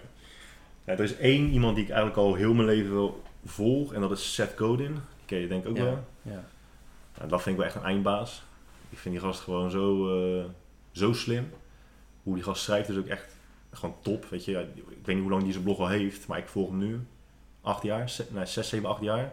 En elke dag een nieuwsbrief versturen. Elke dag. Elke dag iets nieuws. ja? Dat is bizar, ja. Doet hij dat zelf? Elke, eh, elke. Wel hele, hele korte stukjes gewoon. Ja. Maar ik krijg elke dag, al jarenlang, mail in mijn inbox. Elke, elke dag. En dat vind ik bizar. Het is altijd goed geschreven. En die gast die, die heeft een, een bepaalde visie en blik op dingen. Hij is heel goed in je perspectief veranderen. Dat je echt van, hè, zo, zo heb ik echt nog nooit over nagedacht. Want dat is echt Kun je een voorbeeld geven? Ja, hij, ja, hij heeft 36 boeken geschreven. En volgens mij zijn al zijn 36 boeken internationale bestsellers. Allemaal. Of 16, in ieder geval heel veel. Ja. Maar gewoon hij kijkt naar marketing. Hij is iemand, hij is heel... ehm, hij is hetzelfde als ik in die zin dat hij ook alles heel simpel houdt. Als je zijn marketingboeken leest, dan zijn het niet... ehm, er zijn geen eh, statistieken in en diagrammen en jargon. Het is gewoon heel simpel, maar zo fucking waar. En los van zijn theoretische kennis, die echt eindeloos is, heeft hij natuurlijk ook gewoon echt een eh, cv waar je eh, achterover van slaat. Hij is bijna alleen verantwoordelijk geweest voor het succes van Amazon. Nou, hij, hij, doet, hij doet gewoon heel veel. Een hele goede gast is dat. En wat vindt hij belangrijk dan? Waarom doet hij dit soort dingen? Wat probeert hij dan, wat probeert hij dan zo goed mogelijk uit te leggen of mensen voor te behoeden? Ehm, ja, goede vraag. Nog even één stap terug naar, naar ehm, wat hij dus heeft gedaan ook allemaal. Hij is ook begonnen met e-mail marketing. Daar is hij echt mee begonnen. Oké. Dus dat iemand dat je je, je, je e-mail opgeeft en dat je vervolgens mailtjes krijgt in je inbox. Ja, En dat noemt hij dus permission marketing. Dus iemand geeft jou toestemming om te marketen naar die persoon. ja. Daar is hij, ja, dat heeft hij echt gewoon serieus bedacht, zijn bedrijf. Ehm, en wat hij probeert, hij is, hij is heel simpel. Volgens mij is zijn boodschap meestal gewoon, als hij denkt aan marketing, van wie probeer ik te veranderen, waarom en welke belofte maak ik. Daar begint het eigenlijk altijd mee. Maar kijk, die man die doet het al 30 jaar volgens mij, dus ik doe hem nu natuurlijk ook echt veel te kort als ik over hem ga praten. Maar ik raad een ieder die serieus bezig is met marketing wel echt eh, aan om eh, zijn boek te lezen. Vind je marketing niet een... eh, Ik heb best wel moeite met marketing. Ik, ik, heb, ja, ik heb communicatieopleidingen gedaan en het is heel lang geleden, dus ik weet het allemaal niet meer zo goed. Maar voor mij is, is branding het verhaal vertellen vanuit een visie en een, en een doel wat je hebt. Dus dat ja, je branding is goed of niet, omdat je doel of je missie in het leven heel goed of niet is. Ja. En ik vind marketing eigenlijk alle. Ja, het, ik vind het een soort van eh, schuurpapier of zo. Je, je modelleert je boodschap met allemaal rare trucjes om, je, om nog net even wat meer mensen te bereiken. En Dat vind ik een beetje het verschil. Ja. Of zie ik dat heel. Nee, heel- nou ja, ja het ligt aan hoe eh, optimistisch of pessimistisch je bent natuurlijk. Nou, pessimist in Ik, dit eh, geval. denk ik. Zie branding als eh, inderdaad eh, de look and feel van je bedrijf, de tone of voice die je wil gaan gebruiken, eh, de doelgroep die je wilt aanspreken. Dat, dat zie ik een beetje als branding. En marketing is gewoon de wijze waarop je die boodschap overbrengt op de doelgroep die je wil bereiken. Mhm. Zo, zo simpel zie ik het eigenlijk gewoon. En het is wel van belang, en wat jij zegt klopt wel. Als jij een slecht product hebt, dan wordt het een kwestie van alles een beetje bijschaven en dan hopen dat het uiteindelijk past. Als je al tien stappen terugneemt en je begint met een goed product, een eerlijk product, Mhm. dan wordt het verhaal ook gelijk anders. Dan hoef je niet bij te schaven. Dan is het gewoon echt een kwestie van: oké, hoe krijg ik mijn product, mijn dienst bij de mensen die dit willen, die dit nodig hebben? En zijn er ook mensen die het zouden kunnen gebruiken, maar dat nog niet weten? En hoe breng ik dat nog bij die mensen? En dat is marketing Ja. voor mij. ja, misschien ben ik dan iets te pessimistisch daar. eh. Nee, maar dat is niet gek. Ik bedoel, je wordt continu gebombardeerd met, eh, met reclames, de hele dag door. En het merendeel daarvan is gewoon zwaar Ja, maar, kut. maar- ja, precies. En daarom denk ik nog steeds van ja, maar als je dan niet zo'n kutproduct had, dan deed je, hoefde je dit ook niet te doen. Ja, maar is het niet een beetje uit eigen ervaring omdat jij gewoon heel goed heel veel mensen naar je blog hebt kunnen trekken? Nee, ja, misschien voordat de, de microfoon aanstond. Omdat ik vertrouwen heel belangrijk vind. Dus dat je gewoon of ik een blikje drinken wil. Dan giet ik hem in je in glas. Ik weet niet wat het is hoor. Oh, ja, dat weet ik wel. Nee, maar dat, ja, dus, dus ehm, Dat is een goede Ja. reclame dit. zo, wat drinken we? We drinken Bionina. Miss Blood Orange. Oké, Bionina. wel vegan toch? Zo vegan en glutenvrij is. het. Met eh, zoetstoffen. Bloedsinaasappel. Nee, met suiker. Oh. Oh shit. Shit. Mm. Ja, ik denk dat het daarvan aankomt. Dat ik, dat ik bedrijven die, eh, wat je zegt, een eerlijk verhaal hebben.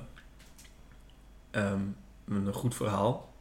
Dat ik daar veel meer mee... Nee, ja, dat ik daar heel erg snel fan van zou kunnen worden.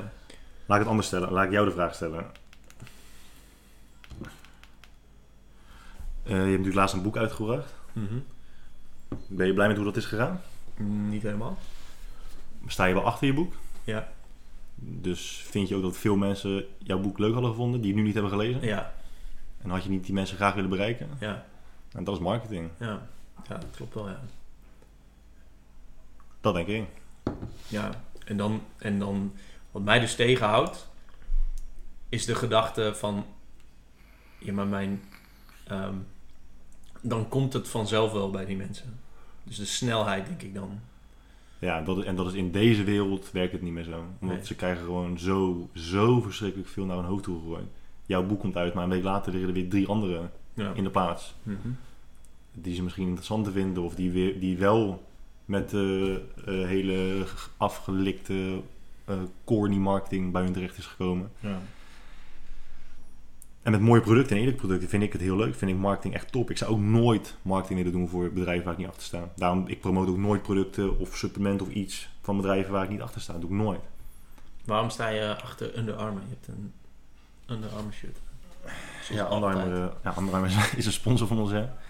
Eh, ik vind Under Armour gewoon top, omdat het, eh, het is nu in Amerika is het tweede grootste sportmerk. Het is Nike, Adidas, eh, Nike Under Armour, Adidas. Eh, wij vonden het leuk, omdat we toen een jaar, anderhalf jaar geleden gesponsord werden door ze, was het nog een beetje de underdog. Mhm. Dat konden wij wel waarderen.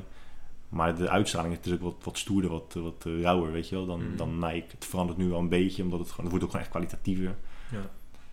Het, is, het, is gewoon, en het is gewoon leuk om gesponsord te worden door een multimiljardenbedrijf. Ja, maar dat is een- beetje een summiere uitleg. Ja, omdat het underdog was en omdat het er stoer uitziet. Maar verder niet. omdat het ook handig is. Ja, dat lijkt me ook. Toch? Ja, ik zit te denken, moet ik een hele diepzinnige reden hebben om een sportmerk leuk te vinden? Nee, hoeft niet. Maar omdat je zei van ja, er zijn ook merken die ik nooit zou promoten. Ja, dan... Ja, voor, ja, sommige merken vind ik gewoon niet mooi. Weet je, als ik eh, als ASICS tegen mij zou zeggen van ja, wil je gesponsord worden door, door ons? Ja. Zou ik waarschijnlijk zeggen, mm, nou, ik waardeer het wel heel erg, maar Nee, ik maar dan, waarschijnlijk is het dan van... Kijk, sommige doe dingen doe je niet. Maar de dingen die je wel doet, hoeven niet per se een uitleg te... Of een hele... Nee, met kleding niet. Bijvoorbeeld, bijvoorbeeld supplementen wel. Ik, ik zou nooit supplementen promoten die gewoon useless zijn. Je zal maar nooit ZMA zien promoten. Wat is dat? Zink, magnesium, vitamine B12, volgens mij of B6. Dat is dus wat- ZMA. Zink, magnesium en, en voor mij is het zink en MA is volgens mij is dat niet de, de scheikundige benaming van Oh, ja. Denk ik hoor. Misschien lul ik echt op mijn nek. Ik was echt niet goed op school. Ja. zou kunnen, ja. Ik promoot altijd gewoon de basis. En eh, ik werk ook alleen met bedrijven die dat goed vinden dat ik dat doe. En met kleding, ja, kleding moet gewoon kwalitatief zijn, moet lekker zitten ja. en moet betaalbaar zijn. En eh, welke voeding hebben we het dan over? Welke voeding? Welke Nee, soort, nee, eh, je hebt- ik zie wel eens dingen voorbij komen bij jou. Dat Joyland zie ik voorbij komen, een supplementenmerk. Ja, supplementen, supplementen MyProtein. MyProtein vind ik gewoon top, omdat ze, nou, wat ik zeg, ze bieden mij wel gewoon de vrijheid om alleen de producten promo- te promoten waar ik achter sta. Ehm, en Jimmy Joy, het is nu Jimmy Joy geworden in plaats van Joyland. Oké. In verband met Soyland. Ja. In verband met Soyland. was ik niet heel verrassend. En Jimmy Joy vind ik gewoon, ik vind het echt top. Jij vindt natuurlijk naar cement smaken. Ik vind het lekker, ja, kwestie van smaak. Maar het is voor mij gemak. Het is, eh, ik haat eten klaarmaken. Ja, dat- ja. Omdat het heel lang duurt als je lekker wil eten. Nee, je zei net dat je tijd heel belangrijk vindt. Ja, Tijd vind ik heel belangrijk. Ja. Dus nu knal ik, nou, wat ik vroeger, als ik dan de deur uitging en ik was vergeten te ontbijten. Zeker nog in de periode dat ik dacht dat je elke twee moest eten. Toen dacht ik, ja shit, weet je, ik moet, ik moet eten. En dat lukt nu gewoon niet. En ik krijg niet genoeg uit binnen, ik krijg dit niet genoeg binnen. En met Jordan knal ik gewoon zo'n shakeje achter, eh, achter, achterom. Achter, Achterover. achterover. achterom, achterlangs. Achterover. En dan, eh, dan eh, zit ik goed voor de komende 4, 5 uur. Zit ik ook gewoon echt vol. Ja. Dus dat is voor mij ja, gewoon top. En ik vind het lekker. Voor de luisteraars misschien is het handig om te vertellen dat dat een, een vloeibare maaltijdvervanger is. Toch? Ja, en dus echt een maaltijd vervangen. Want als jij bijvoorbeeld een, of een, als jij bijvoorbeeld een massa shake koopt op... eh, Ja, Een die, bodybuilding die website. rotzooi die ook... Ja, je hebt Nee. in de supermarkt toch ook van die... ja, Hoe heet die? Nou ja, oké. er zit 100 gram suiker in. Maar dit is gewoon een hele goede verdeling tussen vet, eiwit, koolhydraten, vezels. Elke shake die je drinkt zit 15 gram vezels in. Ja. Nou, dat eh, beloof je toch wel echt eh, vier tripjes naar het toilet. Mineralen, vitamines, alles zit er gewoon in. ja. Dus ja, je zit gewoon gebakken. En ze hebben mooie verpakkingen. En ze hebben kikkerverpakking. Ik heb zelfs een uh, Guy droog en Shiba verpakking en Kiba verpakking. Ja, ik heb ook een verpakking ooit een keer gekregen. Ja. Dat is hoor. ja dat was, was wel echt vet. Hadden ze een verpakking voor je gemaakt en dan ook nog een product afzeiken. Ja, ja ik vond het niet zo lekker. Maar die eerlijkheid waarderen mensen. Dat is Ja. wel belangrijk. Ja, nee, ja, wat, wat, toen ik hier in de trein naartoe zat, tering lange reis natuurlijk vanuit Amsterdam naar Rotterdam. Ja, Ik zat, 40 eh, ik zat eh, iemand tweeten van, joh, stuur allemaal YouTubers naar je bioscoopfilm toe en eh geheid dat ze gaan, eh, gaan tweeten of gaan zeggen dat je film zo fantastisch is. Mhm. Maar ja, dat is het natuurlijk ook wel een beetje. Dat, dat de, de, de trend die er nu is, dat iedereen met een beetje Instagram volgers krijgt weer rotzooi opgestuurd. Ja.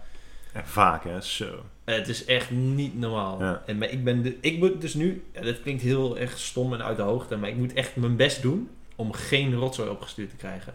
ja, maar ik schrijf me voor alle nieuwsbrieven, persberichten, alles uit in mijn e-mail. Als mensen Ja. vragen, joh, kunnen we het opsturen? Zeg, vraag ik, joh, wat wil je me opsturen? Of ik zeg, nee, ik wil het niet.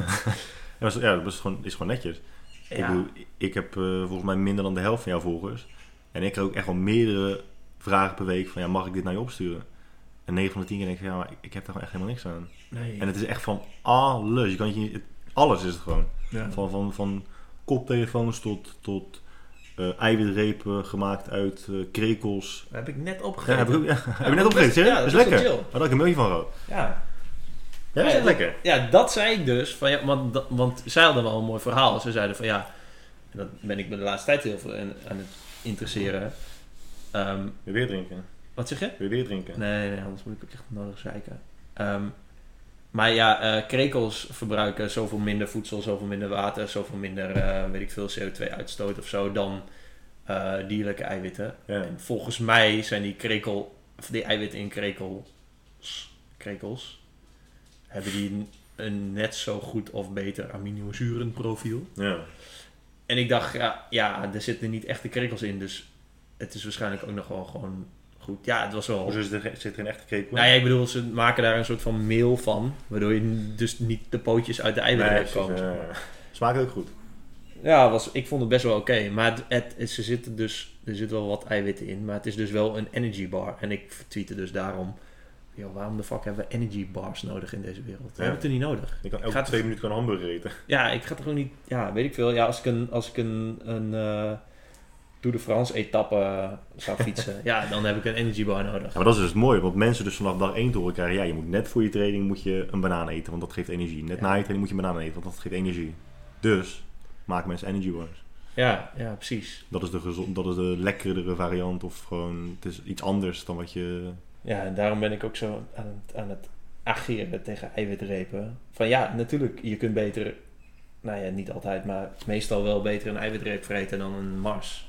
Ja, Maar een Mars is lekkerder. Ehm, en een eiwitreep, ja, je kunt ook gewoon, tenzij je zoals jij niet eh, tijd wil besteden aan eten of eten koken. Maar je kunt ook gewoon heel gevarieerd eten, waardoor je dus ook gewoon je... en we hebben ook een beetje een eiwitverslaving nu hè, in de maatschappij. Ja. Dat is ook een beetje irritant. Je hebt alles met eiwit. ja, Eiwit ik chips, dat eiwit heel veel, eiwit... heel veel over post. Ja, dit is, Wat dan? en maar, Wat brood bedoel je? ja, eiwitrijk, wat zeg je? Eiwitrijk brood, wat ik laatst had gepost. Nee, maar ook die, die dingen van eh, Campina en zo. Want, Alles, ja. Met alles, alles met extra eiwit. Alles. Ja. zelfs water met eiwit nu, hè? Ja. Ja. ja. Protein water. Ja, maar dat, dat is echt dom, man. Ik, ik bedoel... Ja, het is toch raar? Ja, maar, ja, maar dat, is ook weer, dat heeft ook weer gewoon te maken met de simpele geest van heel veel... eh, Ja, maar, ja, vroeger vond ik het ook heel belangrijk. Dan ging ik ook recepten posten op mijn website. En dan moest alles knetterveel eiwitten bevatten. ja. Ehm, ja, nu moet het dus... Maar dat... dat ja, maar dan, dat houdt mensen toch ook dom. Dat alles eiwitrijk is. Nou, je hebt een hele grote... ehm fitness supplementen website. Online. Dat is ook gewoon... Alles wat ze maken moet extra eiwit in. ja, maar dat is ook weer omdat mensen beginnen met fitness en die horen dan van Tante Corrie... eiwitrijke kipnuggets. ja, maar kipnuggets met extra eiwitten in het beslag. Ja, donder op. Maar ik zeg, ja, dan, dan, dan ben je op een verjaardag en dan zeg je tegen je tante en je oom en je nichtjes en neefjes... Ja, ik ga beginnen met de fitness. Ja, dan moet je veel eiwit eten. hè. Eiwit zijn eh, de bouwstenen van de spieren. Ja. En als je alleen maar weet, eiwit is belangrijk. Alleen dat, dat is letterlijk het enige dat je weet. Ja. Eiwit is belangrijk voor je spieren. En ik, ga nu, ik wil nu grotere spieren. Dus alles wat ik vreet moet gewoon extra eiwit in zitten. Ja. Maar het zit ook wel weer een kern van waarheid in, want de meeste mensen eten heel weinig eiwitten. Dus ja, het is chill als je iets meer gaat eten. Ja, maar dat is gek dat je dan, dan, dan is de stap die je zet, is gelijk eigenlijk naar een soort van supplement. Het is allemaal supplement eigenlijk. Ja, maar dat is, dat is dus waarom ik het tegen ageer. of- Ik weet nooit of ik het woord ageer goed gebruik. Je hebt het nu een paar keer gezegd en ik accepteer het ook gewoon. Maar ik weet ook niet precies Nou, of je het goed gebruikt. Ik gebruik het woord zelf nooit. Oké, geval. dat is waarom ik erover op loop te zeiken. Is dat je dus mensen dom houdt. Want, want je legt ze niet uit wat eiwitbronnen zijn. Nee, maar dat snap ik ook. Ik bedoel, als een supplementenboer zegt... Jongens, je hoeft geen eiwitpoeder en eiwitrepen en eiwitwater en eiwitchips en eiwit chocoladeballetjes.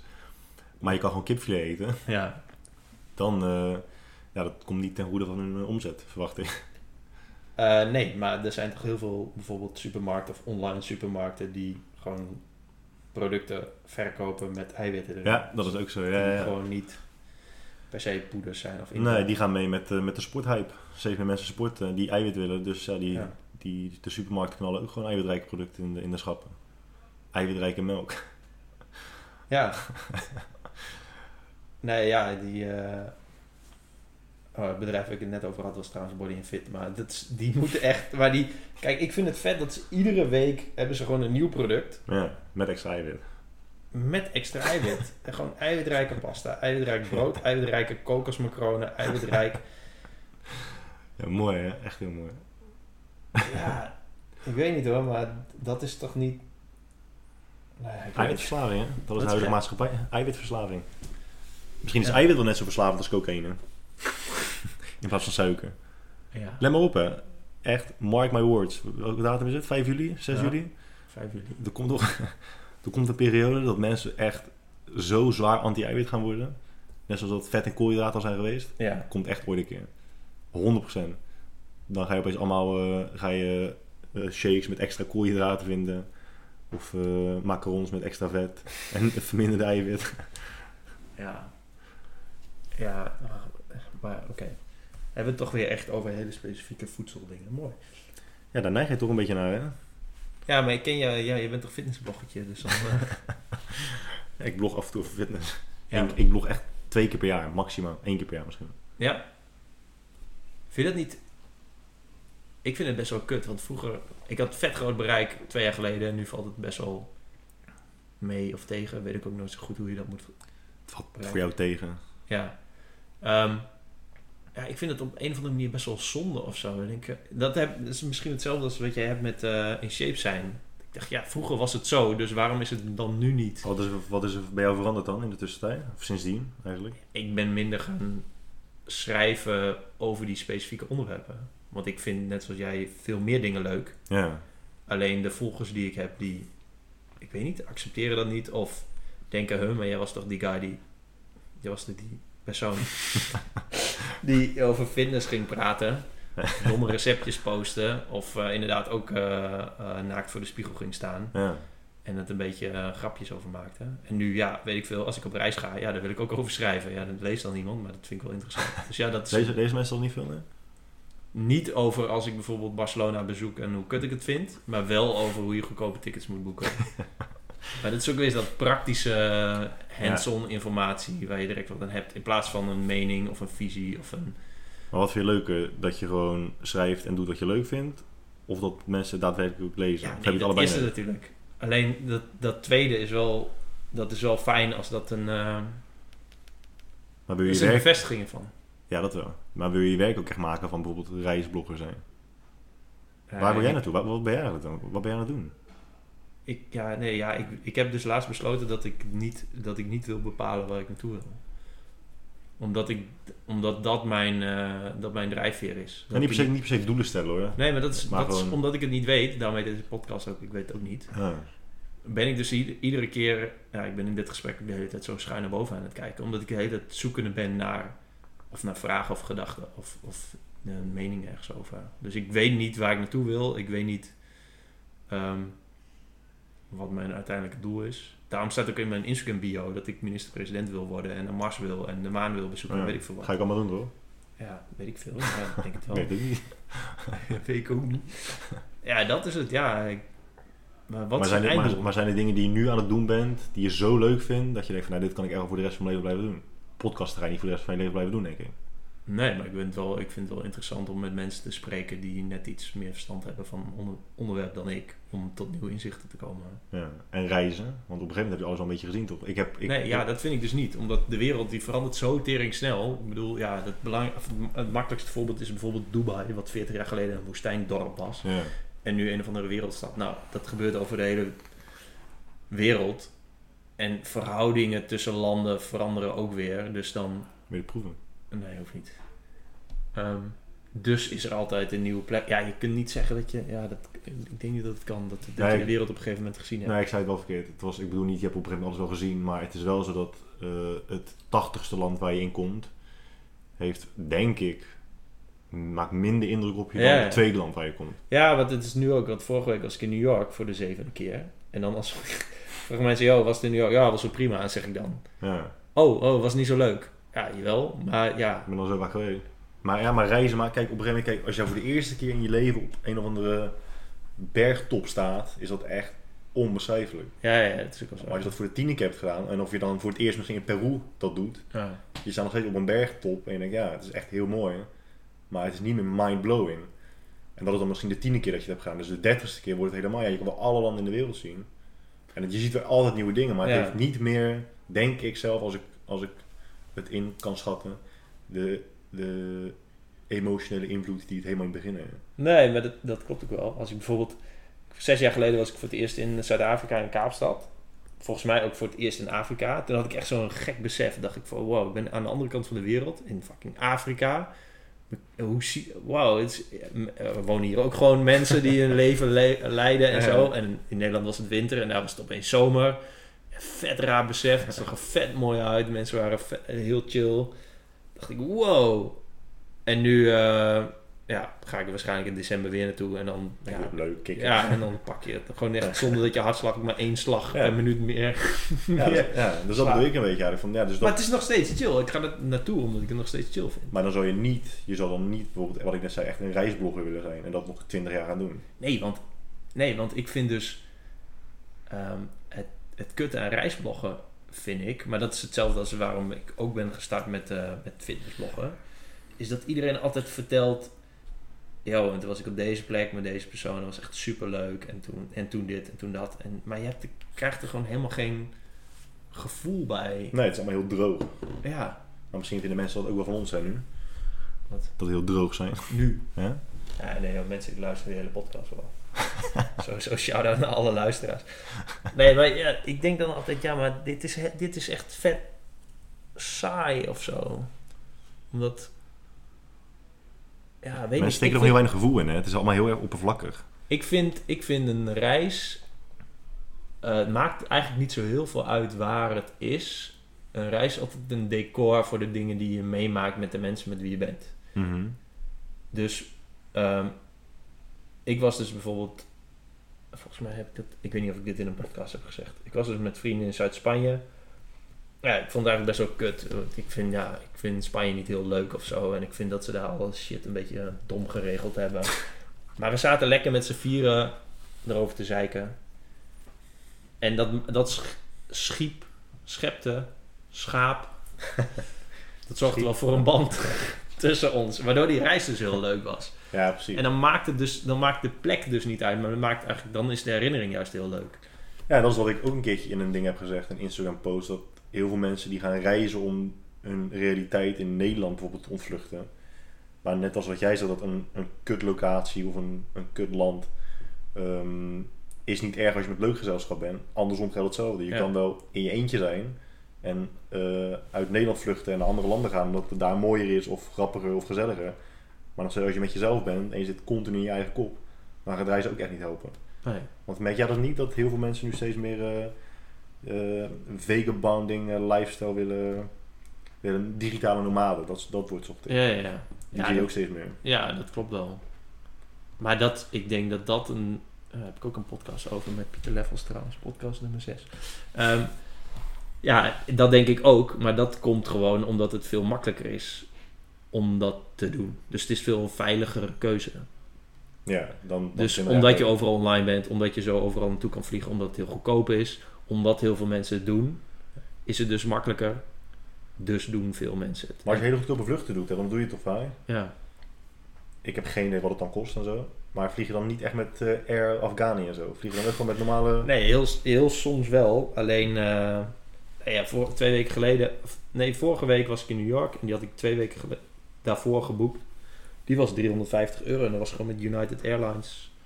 Is het retour. goedkoop of duur naar New York? 350 euro. Dat is wel redelijk goedkoop. Dat was vanaf Brussel, wat ik echt normaal nooit doe.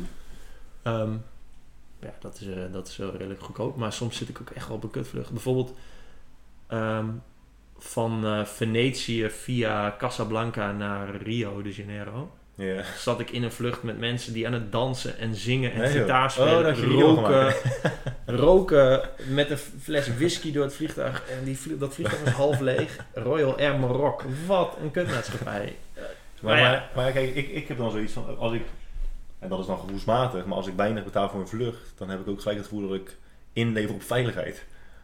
Nee, ja, maar ik ben dan op zoek Royal naar, Air Maroc. ja, ja, naar eh, meestal naar foutjes. Dus dat er gewoon iemand de verkeerde, dat gebeurt dus nog steeds, dat vind ik heel grappig, een verkeerd, eh, de verkeerde prijs invoert in een systeem die Ja. vervolgens online staat. Ja, dus dat is, maar dan ga je dus op een normale maatschappij voor heel weinig geld. Oké. Zo vlieg ik dus business class met Qatar Airways naar eh, Tokio in november voor 640 euro retour. Dat is wel nice, ja. Ja, dat is normaal vijf keer zo duur. Dan betaal je normaal 3000 euro Ja. voor. Maar ja, je- dat is dus... Dat was toen een foutje die een paar uurtjes online stond. Oh, Ja. Direct geboekt. Maar dat zag je toevallig gewoon. Ja, dus dan omdat ik wat alerts aan heb staan online... en omdat ik iemand eh, ken die daar... eh, die trouwens in Rotterdam woont, waar ik ook nog mee ga pod- podcasten. Valentijn Cuperus. Ehm, die dat... Klinkt heel bekend die nou. Maar hij is wel eens op tv geweest. Omdat deze, deze gast vliegt gewoon al jarenlang en de komende jaren ook, omdat hij zoveel miles heeft, business and first de hele wereld over. Hmm. Omdat hij gewoon die game totaal heeft uitgespeeld. Ja, ja. Dus eh, ja, daardoor kwam, zo kwam ik op die deal. Oké, kijk, ik wil dat ik te weinig reis hoor. Maar ja, ik heb gewoon als ik, als ik twee weken op vakantie ben, word ik gewoon echt nerveus. Ja, maar ja, dat ligt een beetje aan hoe je je vakantie eh, Ik heb in- geen laptop. inkleedt. Die neem je niet mee. Nee, heb ik gewoon niet. Oh, nee. Dat is echt heel groot nadeel. Dus ik doe al het werk wat ik dan kan doen, doe ik via mijn telefoon. Ja. En dat werkt niet. Nee, ja, ik vind dat ook altijd... Dat is een discussie die ik eigenlijk ook nooit met mensen kan voeren. Van, joh, waarom neem je je werk mee? Of waarom neem je je laptop mee? Ja, Hoe doe je dat dan? Ja. Dat mensen tegen me zeggen, ja, nee, maar als je werkt eh, op je vakantie, dan heb je niet echt vakantie. is heel anders. Kijk, als je hier bent, moet je werken. Op vakantie kies je ervoor om te werken. Kijk, bij jou is het dan even anders, want jij bent eh 300 dagen per jaar in het buitenland. Maar als je, als je gewoon een week of twee weken zoals ik, eh, drie weken per jaar weg bent, Ja, maar, het kies is, ik ervoor om te werken. is gewoon lekker. ja, maar we hebben het er net over gehad, over dat als je ondernemer bent, wat het ook mag betekenen, maar je bent wel altijd op zoek naar nieuwe oplossingen voor dingen of nieuwe, ja, je wil iets nieuws verzinnen of iets verbeteren. Ja, dat, Ja. dat is toch juist, dat is toch wat je drive is. In Ja. je hele leven, dus ook op vakantie, wat moet je dan? Ja. Ja, ik heb trouwens denk ik wel een, een, een geschikt metafoor om uit te leggen wat ik onder ondernemer versta. Dat is? Als je geïnteresseerd bent in mijn metafoor. Ja. Ik denk als je begint met, met werk, moet je dat gewoon zien als schaken. Hè? Dus je, je schaakt gewoon, je speelt een schaakspel. En als je harder gaat werken, wordt het schaakspel wordt gewoon intensiever. Dus dan ga je van, van hobby schaken naar professioneel schaken met zo'n timer daarnaast. Dus, Ja. dus de druk wordt hoger. En op een gegeven moment is dat schaakspel zo fucking intensief. Nou, dan werk je dus echt gewoon heel hard. En ik denk dat ondernemen is dat je meerdere schaakspellen tegelijk speelt. Dus er komt er een tweede schaakbord bij, een derde schaakbord. En al die schaakborden wo- worden ook steeds intensiever. Ja. Dat is eigenlijk wel wat voor mij ondernemen Ja, maar ja, ik denk dat dan dat je ook en ganzenbord en dammen en levensweg en monopolie ja, dat kan ook nog eens. Dat kan ook nog, ja. Ja, maar ik vind dat dat, dat is wel Hotel. het voor mij uh, Ja. tel. Ja, dat is wat het voor mij een beetje is eigenlijk. Nou ja, dat vind ik wel een goede metafoor. Heb je die zelf bedacht? Eh, ja, volgens mij wel. Ja, of, of iemand heeft hem in mijn hoofd ge- geplaatst. Ja. à la Inception. Ja. Hoezo? Klinkt hier bekend in de oren. Nee, nee, ja, ik vond het wel mooi bedacht. Ehm, Dankjewel. Ehm, ja, maar dat, dat is het inderdaad volgens mij. En nou ja, misschien is het nog wel complexer. Dus dat je gewoon je eigen spellen bedenkt. Dat is helemaal, maar ja. Ja, ja. ja. Toch? Ja, eigenlijk wel. Ja, je kan ook je eigen spellen bedenken. Dat is wel weer een next level. Ja. Dat is dan weer wat ik zei in het begin. Dat je kansen ziet, die aangrijpt en dan gewoon knallen. ja. Het is wel lastig ondernemen tegenwoordig hoor. Het is allemaal zo snel. Ehm, Twijfel kan je gewoon niet meer permitteren. Dan, is gewoon, dan doet iemand anders het dan. ja, dat is wel kloten, ja. Nee, ik vind twijfel goed, man. Vind je twijfel goed, hè? Ja. Hoezo? Omdat mijn podcast titel een twijfelende titel is. maar Hoezo is geen twijfel toch? Je zegt dan, ik weet het ook niet. ja, Je zegt dat je het niet weet. Je twijfelt niet of je het niet weet. nou, dat is ook wel weer zo. Ehm, nee, ik denk dat twijfelen wel goed is. Nee, weet je wat, je wat je moet doen als je twijfelt? Is gewoon heel veel water drinken. Want het schijnt dus. Eh Mirjam Tuk heeft dus eh, geconcludeerd dat je betere beslissingen neemt als je, eh, Als je water drinkt. Goed gehydrateerd. nee, nee, als je heel nog de wc moet. Echt, hè? Ja. Ja, omdat je dan toch gepusht wordt om een keuze te maken. ja. Maar waarschijnlijk is de keuze dan altijd dat je naar het toilet gaat. En niet zozeer van, hmm, moet ik... Ja, ik weet niet. Stel je hebt twee mogelijkheden voor je neus. En eh, de, een groep die is gewoon, heeft zijn blaas niet vol. Een andere groep die heeft hem heel erg vol. Ja, ja dat is wel goed. We zijn echt aan het afdwalen, man. Hoezo? We hadden het ook over. Over twijfelen? Oh ja, ja. Afdwalen, we zitten nog in hetzelfde gesprek over hetzelfde onderwerp. ja. Je bent gewoon de draad gaat door één zin die je maakt. Nee, nee, nee. We hadden het ervoor over reizen en over weet ik veel wat. Jij, jij begon opeens mijn vragen te stellen. Ja. Huh. Ja. Langzaam aan de controle overnemen. Zometeen heet het ook gewoon, wat zou jij doen? Aflevering 8. Hoe is het daarmee eigenlijk? Zie je, dit is afdwalen. Je hebt niet je zin afgemaakt over twijfelen. Ja, ja. Even heel even tussendoor, even terug. Je kent ook waarschijnlijk wel Gary Vaynerchuk. ja. Ja, even los van wat je van hem vindt, hè, want hij heeft ook wel echt zijn dingetjes waar ik denk, jezus man, hou een tijdje je klep. Maar hij zegt dat als je twijfelt en je, je flipt de coin, je, je hoe heet het? Oh, ja, ja. in het Nederlands? Je eh, doet kop of munt. Kop of munt spelen. En ehm, dan voel je het heel snel. Als je zegt van nou, als, Ja, ik, ja, ja. als, ik, kop, nee, als ik kop krijg, dan doe ik dit. En als je dan bijvoorbeeld munt krijgt en je denkt van shit, had ik maar die andere, dan weet je wel dat je echt dat andere moet doen. Ja. Dat vind ik altijd wel goed. Dat werkt wel echt. Dat speelt wel heel erg in op je gevoel. Ja, dat is wel een goede. Ja. En hoe het gaat met wat zou Guy doen? Nou, ik heb echt een mooie setup. Het staat er nu niet, het staat beneden. Maar ik heb van die grote dagla- eh, daglichtlampen. ja, dat is altijd goed uitgelicht, ja. Ja, best wel wit. Witjes zie ik, zie ik dan. Eh, daar zit ik trouwens ook gewoon waar jij zit nu. Ja. Maar ehm, het duurt heel lang, man. Het duurt echt fucking lang. Weet je, dan, dan heb ik een video van vijf minuten, want acht minuten vinden mensen weer te lang. Ja. Dus dan probeer ik een korte video te maken. Maar daar ben je gewoon echt een paar uur mee bezig. Ja, met de edit bedoel je? Ja. Ja, dat is echt tering kut. Dus, ja, Daarom echt- zijn Instagram stories zo leuk, want dan hoef je niet te editen. Ja, maar ik vind, het, ik vind het wel heel jammer. Ik vind, wel, ik vind het tof om gewoon tegen een camera aan te lullen. Ja. Je kan, in een paar minuten kan je heel veel boodschap kwijt. Ja. Figuurlijk. En, ehm, maar ja, het duurt, het duurt gewoon zo lang. En het is, maar het is wel de toekomst.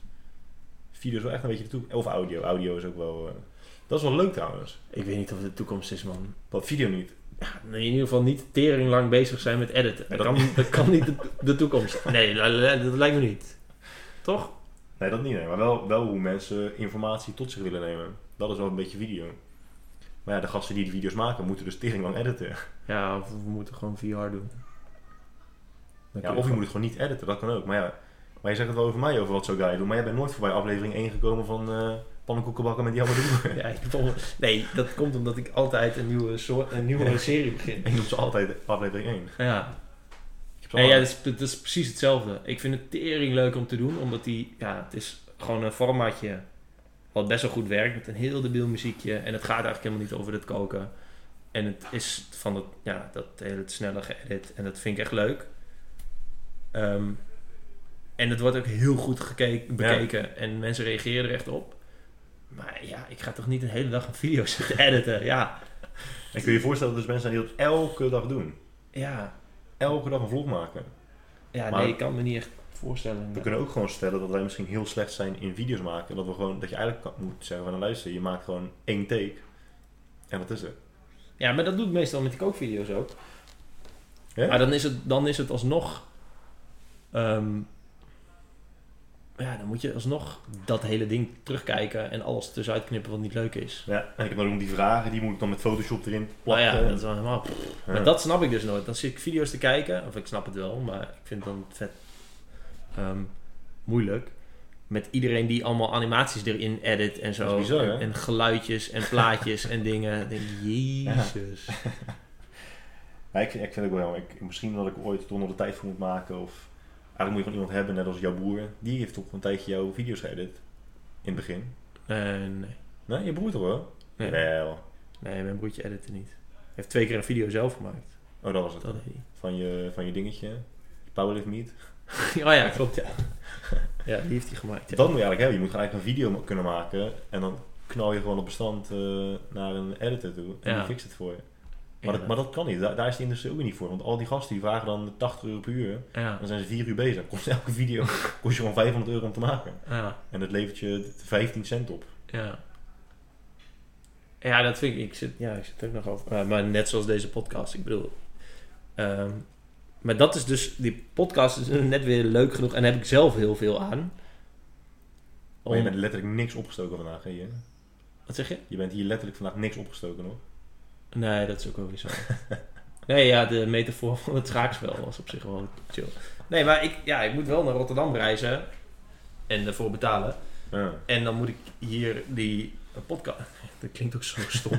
moet, moet. Maar dat doe ik, ja, dat doe ik wel. En Ja. dat, dat is bij elkaar ook wel net iets meer dan een dag. En je krijgt geen reiskostenvergoeding. Nee. Nee. En, eh, ehm, ja, en hoeveel mensen luisteren deze podcast? Ook niet zoveel. 12. Maar ik vraag me dus... Ja, Hoezo? Ik ga toch plaatsen op mijn social media? ah ja, dat is waar ook, ja. Daar luisteren, luisteren zeker 38 mensen. Ja, maar dan komt knetterhoog in iTunes. Oh, ik heb trouwens gesubmit in Spotify. Want Spotify gaat nu ook, dus ook podcast. Oh, dat is wel chill. Maar dat is heel chill. Want Ja. heel veel mensen hebben Spotify en niet heel veel mensen gaan per se... Naar iTunes. Maar goed, dat terzijde. Maar dat doe ik dus wel. Ehm, een podcast opnemen, maar die video opnemen niet. Terwijl ik weet dat die video veel meer bereik heeft. Nou, een podcast is nog best wel nieuw in Nederland, hè? Maar echt heel veel mensen doen het nu alleen. Ja, Ik denk toch je moet overwegen om eh, ook video erbij te doen. ja maar dan moet ik wel weer... Dan heb je het probleem wat je net had. Ja, moet ik dus en de podcast editen en de video editen. Eh, wat een gedoe zeg. Nu zijn mensen naar je toekomstige businessplan aan het luisteren. Ja, maar dat moet niet, joh. Transparantie is goed toch? Of er is iemand die zegt, yo, ik, eh, ik wil je daar wel mee helpen. Dus dat is helemaal nice, ja. Ja. Maar dat, gebeurt, maar dat gebeurt niet, man. In Nederland zijn er maar heel weinig mensen die echt hard willen werken voor niks in het begin. Ehm, ja, dat snap ik. Hoezo? Ja, omdat je gewoon, je doet toch iets, dus dan moet dan, moet dan toch iets tegenover staan. Nee, maar als, je, als, als, als jij, luisteraar, een 19-jarige student bent die een beetje video's kan knippen en plakken, die letterlijk nog geen dag in zijn leven heeft gewerkt. Ja. Maar die kan wel zijn naam koppelen aan de nieuwe Jelmer de Boer show. En daarmee een, een beetje een eigen naam voor zichzelf kan eh, ontwikkelen, maken. Of de Jelmer de Boer show gaat straks geld opleveren, waardoor je dus Jantje de fotograaf of de videograaf kan betalen. Mhm. Je hebt tegenwoordig Ja. al die mensen die zijn één dag, één dag zijn ze voor zichzelf bezig. Ja, nee, ik kost 75 euro per uur. Ja. Je hebt letterlijk nog nooit iets in je leven gedaan. Ja, dat klopt wel. Ja. Oh, ik, ik, ik, ja, dat is het kutte, man. Ik zie, eh, ik zie dan soms wel eens eh, stageplekken voorbij komen. Bijvoorbeeld bij Blendel. Ik zou de tering graag willen werken. Wat is Blendel? Ja, dat is die online, eh, dat is die eh, app slash website die alle artikelen uit kranten en magazines waar je die los kunt kopen. Heb je dat niet eens? Dan kun je gewoon zeggen, oké, ik wil dit artikel uit de Volkskrant lezen, deze uit Parool, deze Oh, uit hè? Men's Health. Oké, ik ook niet. Ja. Oh. Of heb... Nee, Maar ik nee, vind dat vet. Gebruik je het ook echt? Ja, ja, ja. Voor de Volkskrant voor. Nee. Nou ja, van alles wat. Alleen, ja, dan zie ik een stageplek voorbij komen. Denk ik, ja, dat is eigenlijk de tering mooi. Ik zou best wel, ik zou best wel stage willen lopen bij een bedrijf. Ik zeg, ja, om shit te leren. Ja, maar dat, dat vind ik ook. Ik sta er ook echt zo in. Serieus? Alleen niet 32 uur, want ja, dat kan ik niet Nee, dat, nee, nee, precies. Nee, dat, maar ik dat wil best, ah, als er bedrijven zijn die een stagiair nodig hebben, ik kan letterlijk alles. nee, En ook alles heel goed. nee, ik kan heel veel dingen een heel klein beetje. Maar ik, en ik ben breed en geïnteresseerd. Zo breed ben je niet. Ik was breed, ik ben nog steeds geïnteresseerd. Nee, maar dat zou ik echt vet vinden. Maar dat ik is ook. wat voor bedrijf. eh, ook al is het een... eh, ja, geen idee. En waarom is stage zo goed? Omdat het gewoon praktijkervaring opdoen is. En dat is zo fucking belangrijk. Ja. En daarom moet iedereen zich inschrijven op Perfect Performance. Punt.nl Oh, jezus. Ja. Zoeken nog stagiairs. Bij Perfect Performance. Nee, je bent op zoek naar een PT'er. Ja, ik heb echt de 80 aanmeldingen gehad. Ik ga nog echt een video maken over hoe je moet, hoe je moet solliciteren. Dat ga ik echt doen. Want?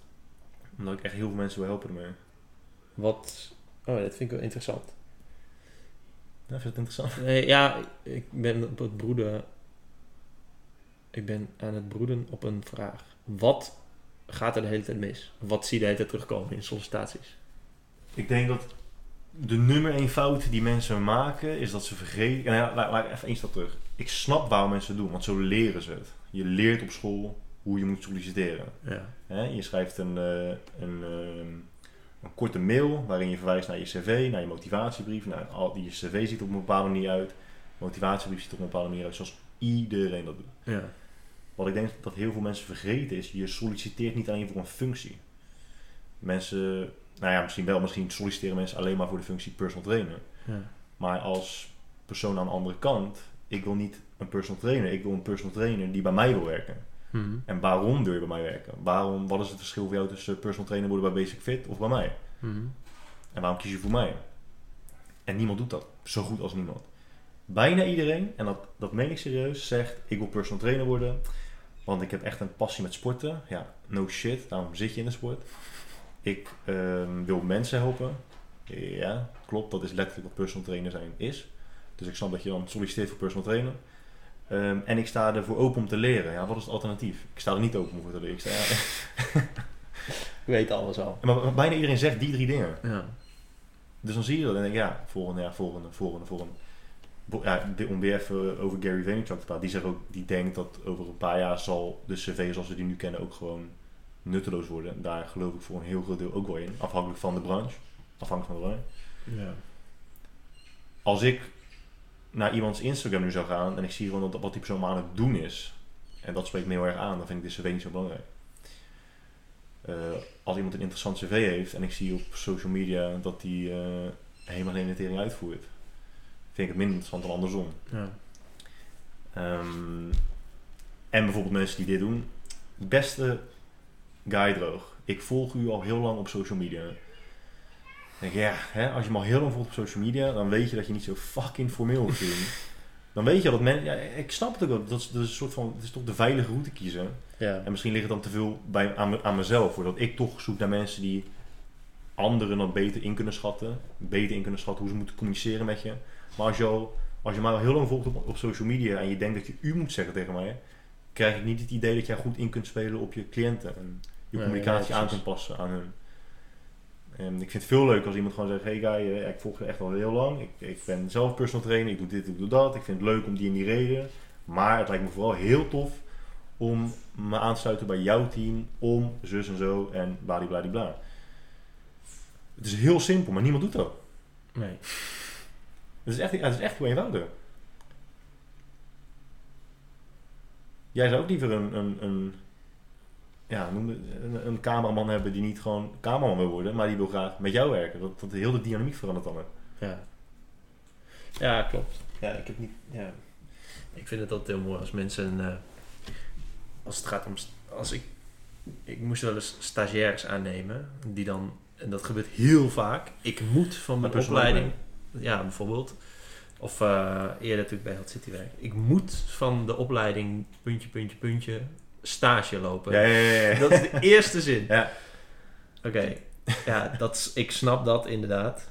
Maar dat is volgens mij niet hoe je het ehm, moet beginnen. Nee. En mijn, vriendin is HR-manager bij, een, eh, eh, bij de Zegel hier zo. Een eh, grote horeca-distributie, hoe noem je dat? Zij verzorgen gewoon voor allerlei horecazaken, het eten en drinken, dat soort dingen. Ja, ja. Dus die is heel de dag bezig op sollicitaties. En die krijgt dus ook heel de dag gewoon cv van Pietje, motivatiebrief van Jantje, maar allemaal dezelfde. Ja. Het is allemaal een kloon, de ene kloon naar de andere. De meeste mensen worden ook gewoon altijd bij elk bedrijf bijna aangenomen door ehm, aanbevelingen van iemand die er al werkt. ja. Weinig mensen worden aangenomen via Nee, de maar traditionele manier. als je er echt heel kritisch naar kijkt, een cv en een brief. En wat voor tijd leven we dan? Ja, precies. Je- Ja, je moet... Weet je wat ik heel kick zou vinden? Als iemand gewoon zou zeggen, Guy, ik ben die en die en ik denk dat ik perfect voor jou ben. Kijk maar eens naar mijn Instagram account. En dat is dit en dat. Ja, En dat je kijkt en dat je zegt, holy shit, ja, deze gast kan goed schrijven, dat kan je zien. ja. Deze gast kan normale foto's maken, want je hebt nog steeds serieus mensen die echt foto's maken met een Nokia 3310. Dat je gewoon letterlijk niet eens ziet wat op de foto staat.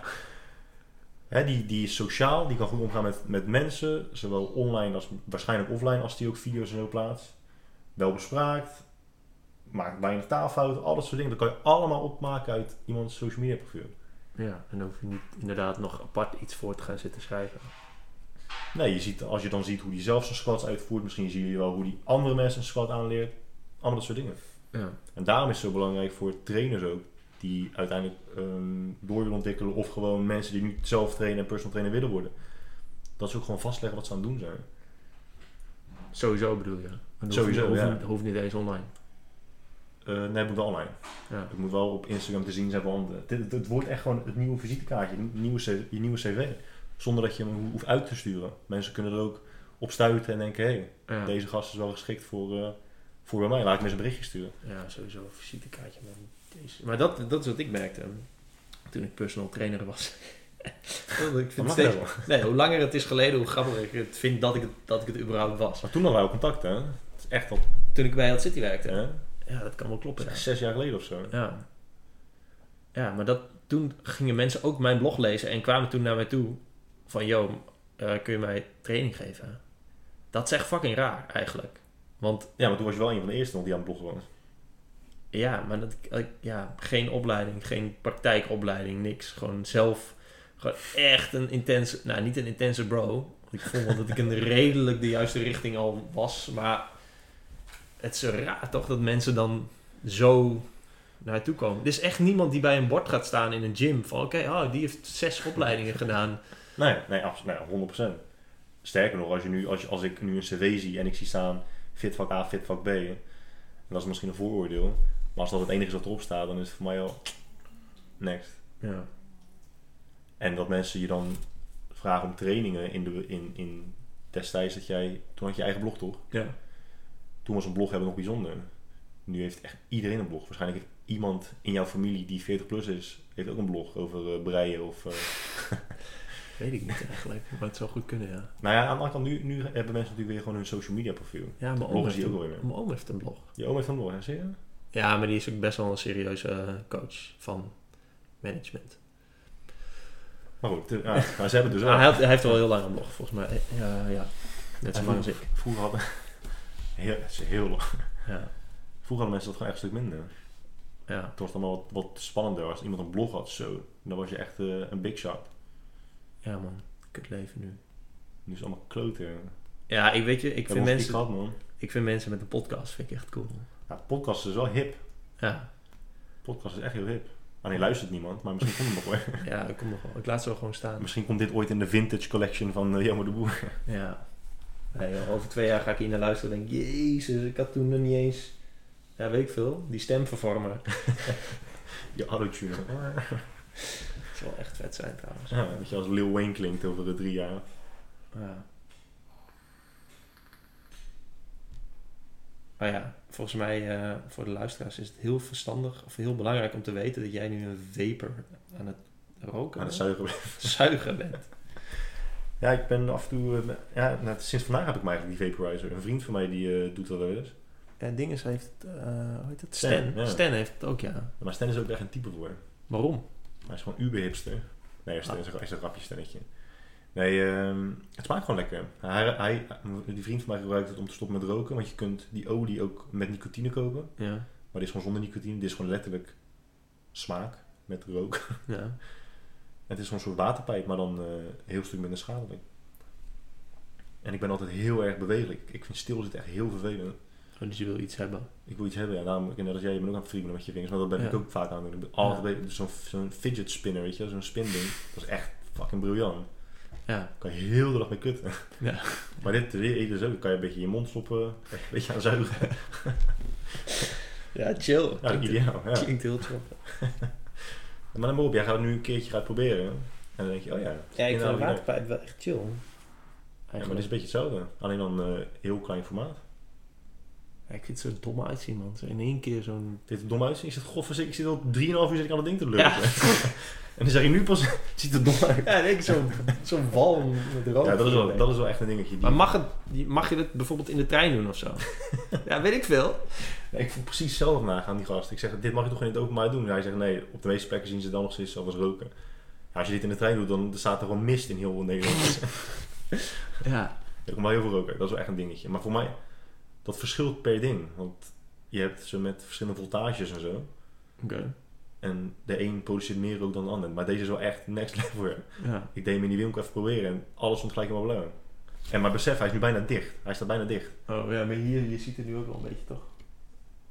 Eh, ja, misschien heb je gewoon bazige ogen omdat je moe bent van het lange praten. Ja, dat kan ook wel, ja. Of ik ben allergisch voor de hond. Kilo.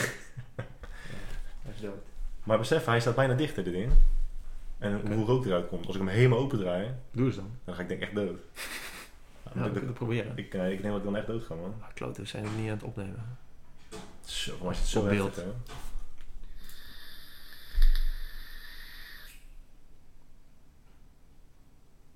Ja, val wel mee. Ja, dat is een beetje hetzelfde, toch? Ja, een beetje zo, ja. Nou, heb je dat ook weer gehad? Ook weer een ervaring rekenen. Ik zou nou even maar... Ehm, zijn we opeens uitgepraat of zo?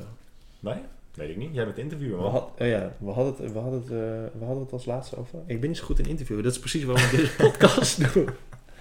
We hadden het over eh, cv's en eh, dat Oh, ja. de meeste mensen niet zo heel goed zijn in solliciteren. Maar dat is erg, want Maar de- oh ja, dat, oh ja, dat dacht ik net aan. Je, hebt toch altijd dis- die discussie dat mensen minder sociaal worden door social media. En er zijn mensen die vinden dat je veel meer sociaal, socialer wordt door social media. Wat, wa- hoe sta jij daar? ik neig vooral naar het, naar het... Nee, ik weet niet, ik zou het anders voor je. Ik vind dat mensen zich... Ik vind dat mensen gewoon echt twee persoonlijkheden hebben. Hoe ze online zijn, hoe ze offline zijn. Ja. Wij maken misschien de fout door ervan uit te gaan dat mensen in het echt hetzelfde zijn als online. Daarom hoor je heel vaak van mensen, hey, je bent precies hetzelfde zoals dat je op social media bent. Of je bent heel anders. Mhm. Ja, maar waarom... Misschien moet je die vergelijking helemaal niet, vergelijking helemaal niet maken. Als jij het boek leest van een auteur en je ziet hem in het echt, dan, denk ik ook niet, dan ga je ook niet de vergelijking maken met hoe die schrijft, zijn Nee, taalgebruik en hoe die in het echt is. Het probleem is alleen dat de meeste mensen, vooral in die cliques van zowel mannen als vrouwen, dat ze zo overdreven blij doen naar elkaar. Van, oh schatje, oh je ziet er zo goed uit. En mannen ook, oh uh, fire bro, oh hardcore, keep grinding. Wat? Ja, weet, ik, weet veel. Ik moet, ook, ik moet ook iets zeggen. Ja. Ik moet ook de tijd volhullen. ja. Eh, en vervolgens zie je elkaar in het echt. En dan zijn het gewoon allemaal dodo's. Ja, dan denk je wel, oké, apart. Je bent helemaal niet zo, zo, zo sociaal als, ik, als dat ik dacht. Nee. Mensen moeten niet zo blij doen altijd.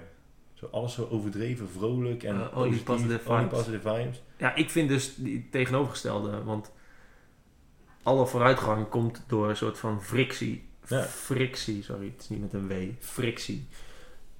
Als je het met elkaar oneens bent, dan kom je verder, lijkt mij, vind ik dan. Dus ja, is toch helemaal niks mis mee, negativiteit of... Zeker niet. zeiken. Nee man, helemaal niet.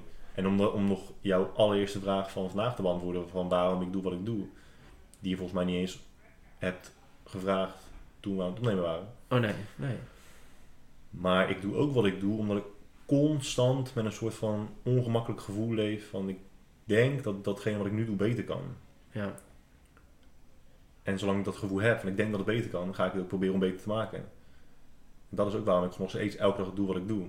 Want op, als je op het punt bent beland dat je zegt van nou, het is wel nu echt, beter wordt het gewoon niet, het is perfect. Ja, dan heb je ook geen reden meer om door te gaan. nee, ja dat is inderdaad... En dat doen wel heel veel mensen. Die hebben een, pro- een product of een dienst en dat loopt gewoon heel goed. En dan denken ze ja, het is nu wel goed. Het is gewoon prima zo. Ja. Dat is, dat is het verschil tussen restaurants die vaak hun kaart vernieuwen. Of restaurants die 15 jaar dezelfde kaart behouden. Omdat het toch wel goed loopt. Of aardig loopt. ja. En dat kun je in, in die zin ook misschien wel als negatief ervaren. Eh, constant het ongemakkelijke gevoel van... Oh, ik denk eigenlijk wel dat het beter kan. Ik denk dat het beter kan. Het is, niet, het is, niet, het is in ieder geval niet positief. Wel voor je product. Maar niet voor je mentale welzijn eh, elke dag weer. Hoe bedoel je? Nou, als ik nu bijvoorbeeld denk aan de dingen die beter kunnen op, op mijn website of op de site van Perfect Performance, of dat eh, parfum beter moet gaan verkopen, ik voel dan gewoon een gezonde hoeveelheid stress, voel ik dan wel. Dat ja, denk ja, een soort drang om, om wat te gaan doen. ja, en ja. En ik weet ook dat er nog zo fucking veel gedaan wordt. Het is eigenlijk heel bizar dat ik vanaf 2010 bezig ben met mijn website. En als ik nu aan mijn website denk, ik vind niet dat, dat, dat het beter is dan zes jaar geleden. Mensen zullen dat wel vinden, maar ik vind dat niet. Nee. En er moeten echt nog een miljoen dingen anders aan. En ik weet dat al die dingen veranderen gaat echt nog jarenlang duren. Ja, maar het is toch ook, de wereld verandert ook, dus dan is het dan, noem je dat, een hellend vlak. Dan is het toch gewoon, je moet altijd blijven ontwikkelen. Want het is, Ja, maar ik kan ook zeggen, we krijgen al online coaching klanten binnen. Die krijgen we zo. Oh, zo binnen. je, ja. Ik kan het ook gewoon laten wat het is. ja. En het gewoon zo houden. Maar ik ben gewoon zo geobsedeerd met het allemaal verbeteren. Altijd. Ja, maar, dat, ja, maar ik vind dus nog steeds dat de wereld verandert, waardoor je dus zelf weer moet veranderen. Waardoor Ja. de wereld dus weer verandert. Het is die quote van Theo Maassen dat computers alleen problemen oplossen die er niet waren geweest zonder het apparaat. Nog één keer? Goed. Computers lossen alleen problemen op die er niet waren geweest zonder dat apparaat. Dat is een beetje. Ja. Maar dat is met, met de mensheid toch ook zo. Er is iets en iemand gaat dat verbeteren. En dan gaan andere mensen gaan andere dingen doen. En daardoor is de status quo dus weer anders. En dan ga je Mhm. het dus weer verbeteren. Ja, uitzondering daarop zijn rekenmachines misschien. Ja. Ja, die veroorzaken weinig problemen, maar die lossen wel echt heel veel shit eh, goed op. ja. Zo zijn er nog een paar trouwens. Want ik moest opeens, toen je dat zei, moest ik denken aan eh, Seth Godin. Dat is ook die gast. ja. Die heeft ook een, een stukje geschreven over dat inderdaad mensen heel vaak zeggen dat computers problemen veroorzaken. En dan haalt hij allemaal voorbeelden aan van waarom het eigenlijk niet zo is. En dan denk je, ja, ja, dat zit ook wel weer in. Oh. De conclusie is dus eigenlijk dat je Zo. gewoon Seth Godin moet gaan lezen. Ja, precies. Ken, je kent hem toch wel? Ja, ja, het is toch die gast van Purple Cow? Ja, Die kale dude. ja. Heb je Purple Cow gelezen? Eh, Nee, ja, weet ik eigenlijk niet. Misschien wel. Purple Cow is goed man. En dat is, dus, dat is dus gewoon zo praktisch en simpel, maar zo sterk geschreven. En dat is dus heel mooi dat jij begint, tenminste begin je over, dat je la- net zei over marketing, dat je dan, hè, dat je dan eh, de boodschap aan moet passen om haar product te kunnen verkopen. Omdat mensen dus niet al met een Purple Cow beginnen. En voor de luisteraars, Purple Cow is dus gewoon een product dat opvalt, maar dan wel, en dat nuanceert hij dan, op basis van de kwaliteit. Mhm. Dus, dat is toch een eh, Milka voorbeeld. Dat is toch gewoon even nog even iets... eh, Milka, nee, maar het gaat niet over Milka. Nee? Volgens mij niet.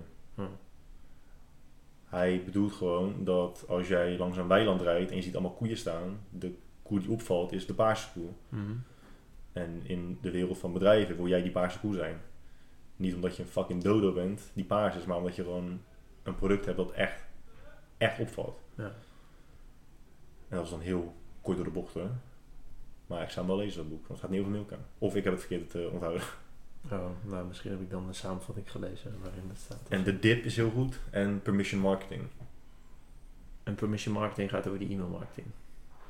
Ja, over, ja, over gewoon globaal waarom het gewoon een heel stuk beter is om alleen maar je marketing te richten op mensen die je er al toestemming voor hebben gegeven. In plaats van maar gewoon naar iedereen. Gewoon alles maar de wereld in te knallen en hopen dat uh, het bij iemand blijft plakken. Ja. Hij denkt ook heel erg in tribes. Zijn uitspraak Ah, ja, is dat is ook nog een boek van hem. Ja.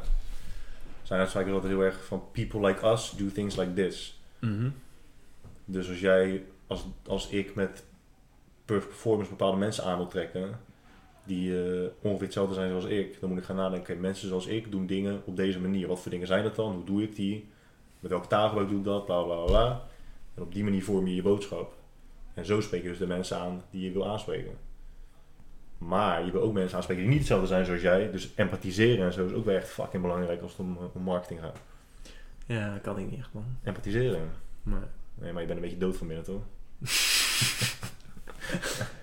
Ja, inlevingsvermogen is een beetje vet te zoeken, inderdaad. Is dat echt zo nu? Nee, pff, ehm, Het interesseert je allemaal gewoon niet zoveel. wat zeg je? Het interesseert je allemaal Nee, maar ik denk dat het, dat is gewoon hoe ik ben eh, opgegroeid. Ik ben gewoon heel vaak alleen geweest en de hele tijd alleen mezelf vertrouwd. En dacht van ja, ik heb niet. En daardoor dacht ik van ja, ik heb niet iemand anders nodig. Dus ik ben ook nooit geïnteresseerd geweest in wat iemand anders vond. En nu? En dat overdrijf ik een beetje, maar Hmm. ja, nu nog steeds. Ja, als ik iets wil weten, zoek ik het wel op of dan vraag ik het. Het- het is- en daarom, daarom heb ik dus ook een blog, want dat is en social media accounts. Ja, als mensen het willen volgen dan, en ze willen het lezen, dan is het prima. Maar Ja. ik hoef verder geen verantwoording af te leggen. Ik ga niet doen wat mijn volgers willen. Nee, nee, dat, nee, daar ben ik wel met je eens. Dus eh, Maar ik denk niet dat je verder kan komen in heel veel dingen als je het met mensen doet. Wiens mening je respecteert. ja, je wel, maar dat is dus ook waarom ik deze podcast doe. Want ik zou niet, ik zou nooit zou ik, nee, dat is misschien overdreven. Ik zou niet heel gauw jou eh, contacten en zeggen, joh, laten we, laten we gaan chillen. Terwijl het heel normaal zou zijn, want we kennen elkaar best lang en we hebben dezelfde interesses. Ik weet ook niet, ik kan volgens mij die dag kan ik ook niet meer.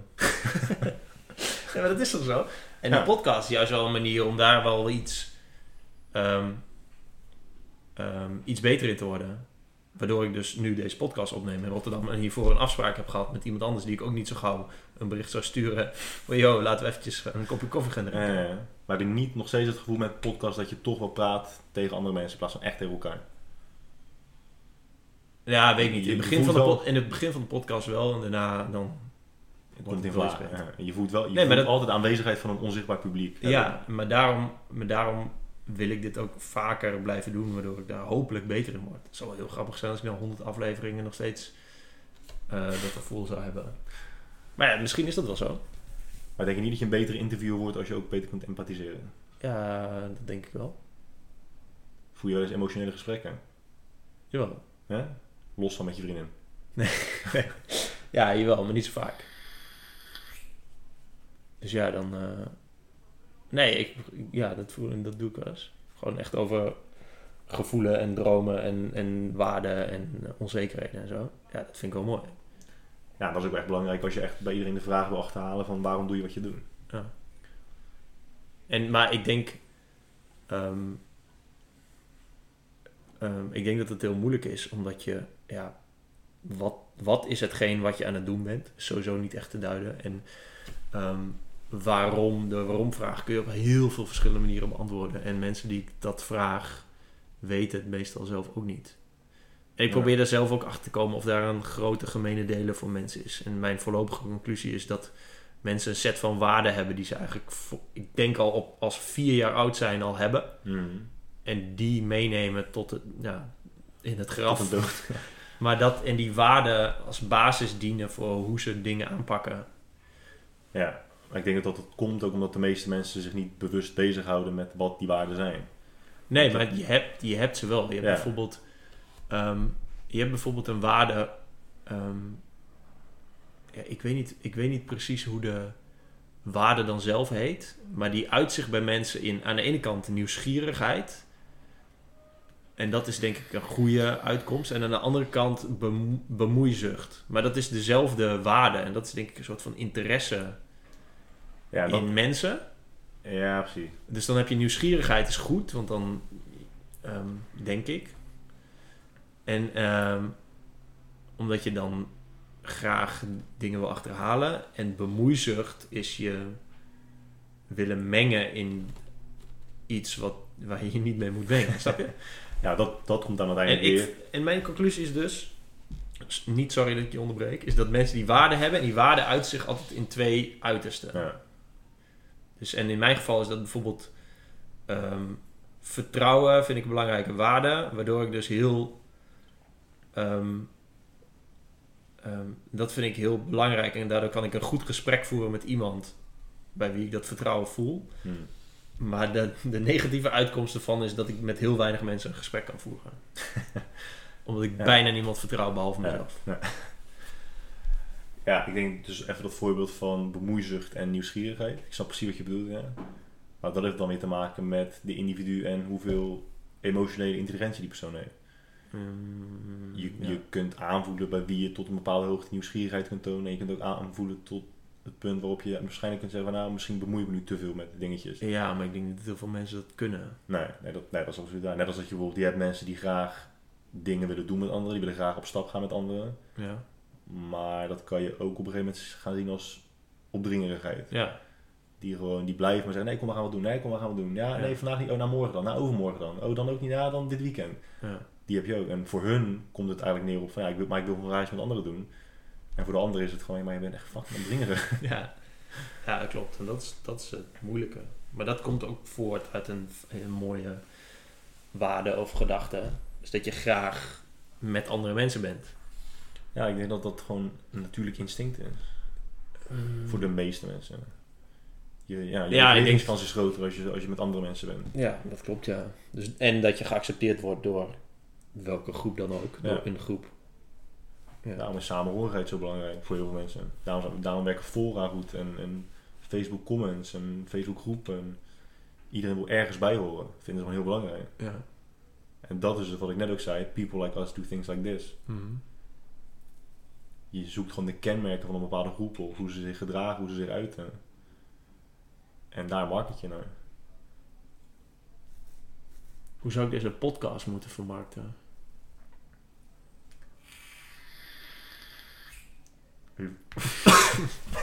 Even aan mijn eh, wijsheidspijpje ro- roken. Ja. Eh, van mijn wijsheidspijpje roken. Hoe zou je deze podcast moeten vermarkten? Nou, je zei net dat je niet precies weet wat je wil doen in het leven. Toch? Ja. Dat is niet per se iets slechts. Nee. Ik denk dat dat ook blijkt uit de hele grote eh, verschillende groep mensen die je als gast hebt. Dus ik denk dat mensen die naar, naar je podcast luisteren ook gewoon interesse hebben in heel veel verschillende onderwerpen. Of je krijgt alleen maar mensen die alleen maar... Nou, ligt- nou, ligt aan wat je wil. Wil je dat mensen naar je podcast luisteren, de meeste podcasts? Of wil je gewoon voor elke groep mensen een podcast uit kunnen brengen? Nee, nee, ik, ik hoop dat mensen mij samen met mij ehm, een soort van die twijfel gaan ontdekken. Dus die, daar, die, dat, die zich daarmee kunnen identificeren dat ze het ook niet echt weten. En dat ze dus. Kijk, het is heel logisch om met jou te gaan praten, omdat wij best wel veel overeenkomsten hebben. Ehm, daarom kreeg ik laatst ook de comment van jou. Je moet, ik, ik zou het leuk vinden als je wat meer buiten dat fitnesswereldje ja. gaat. En dat, dat klopt ook. Dus misschien ben jij niet zo'n goed voorbeeld, maar ik zou het fijn vinden dat mensen mij volgen en dan opeens straks een podcast met, eh, ik kan hem nog niet bevestigen, maar met Johan Kenkhuis, de, de ex-Olympisch zwemmer, gaan Mhm. luisteren. Terwijl ze dat nooit, nooit op, naar hem zouden zoeken of zo. Ja. Dat, Ja, en ik denk dat de mensen die dan luisteren, die luisteren dan niet omdat ze naar Johan Kenkhuizen willen luisteren. Of omdat ze interesse hebben in zwemmen. Maar om de reden dat jij dus deze podcast begint. Jij twijfelt over dingen. Je wil weten eh, waarom mensen doen, de dingen doen die ze doen. En dat moet je dan ook meer naar voren brengen dan... Ik praat met Guy Droog over eiwitinname en over eh eiwitrijke muffins. En meer dat. Dus meer, ja, meer de, de onderliggende waardes. Ik denk dat dat een stuk belangrijker wordt. En ook dat je, maar wel dat je dus, ondanks dat het allemaal verschillende individuen zijn, meestal hebben ze wel wat met elkaar gemeen. Als jij je gasten goed uitkiest op basis van de reden dat jij dit doet, waarom je het doet. ja, ik, ik, ik ga niet, eh, ja, weet ik veel. Ik ga niet iemand uitnodigen waarbij, ja, waar ik het totaal mee oneens ben. Ja. Want ja, ja en, en natuurlijk, zou het heel mooi zijn om daarmee te praten. Maar ja, meestal accepteer ik die standpunten dan niet. Dus ja, dan heb je geen gesprek. Heb je heb je een podcast van zes minuten? Ja, ja of tering lang. Maar ja, dan is het fucking saai. Nee, maar het klopt wel. Ik denk dat al die gasten die er nu zijn geweest... Ik denk dat ze allemaal met elkaar zouden kunnen chillen. Ja. Ik weet niet of je het moet goed is, Of maar- je moet er echt een soort van racegids van maken. En, en niet, niet letterlijk, maar het is, het is wel jouw eigen reis. Gewoon op Mhm. zoek naar, eh, naar antwoorden van verschillende mensen. Dat is die kookshow van Anthony Bourdain, weet je wel. Ja, Die gaat ook naar al die landen. Niet alleen maar omdat hij wil vreten, maar ook omdat hij dus... Oh, nou, wat je net ook zei, joh. Zei je dat al op de podcast? weet ik niet. Over eh, dat, je, dat je nu interesse hebt in wijn, omdat je interesse hebt in alle verhalen erachter en zo. Ja, Nou, er zullen ook heel veel andere mensen zijn die hebben interesse in de verhalen en niet per se in de wijnen die ze dan nee. moeten zuipen. Nee, klopt. En dat is hetzelfde als met dit. Niet de meeste mensen hebben geen interesse in mij. Of in, eh, in eh, Paul Bosma. Of in eh, die zwemmer. Mhm. Maar wel gewoon echt, echt de verhalen erachter. En Ja, nou ja, dat is, dat is ook mijn... De eerste insteek. En dat is wat ik zei. Volgens mij stond het ding ook nog niet aan. Of ja, misschien stond hij wel aan. En zeggen wij nu de hele tijd, stond die microfoon wel aan. maar dat is dus dat ik heel vaak zie... Dat, je, je ziet heel vaak mensen shit doen. En als je mensen nog niet kent, dan zie je iets zonder dat je weet waarom mensen zoiets doen.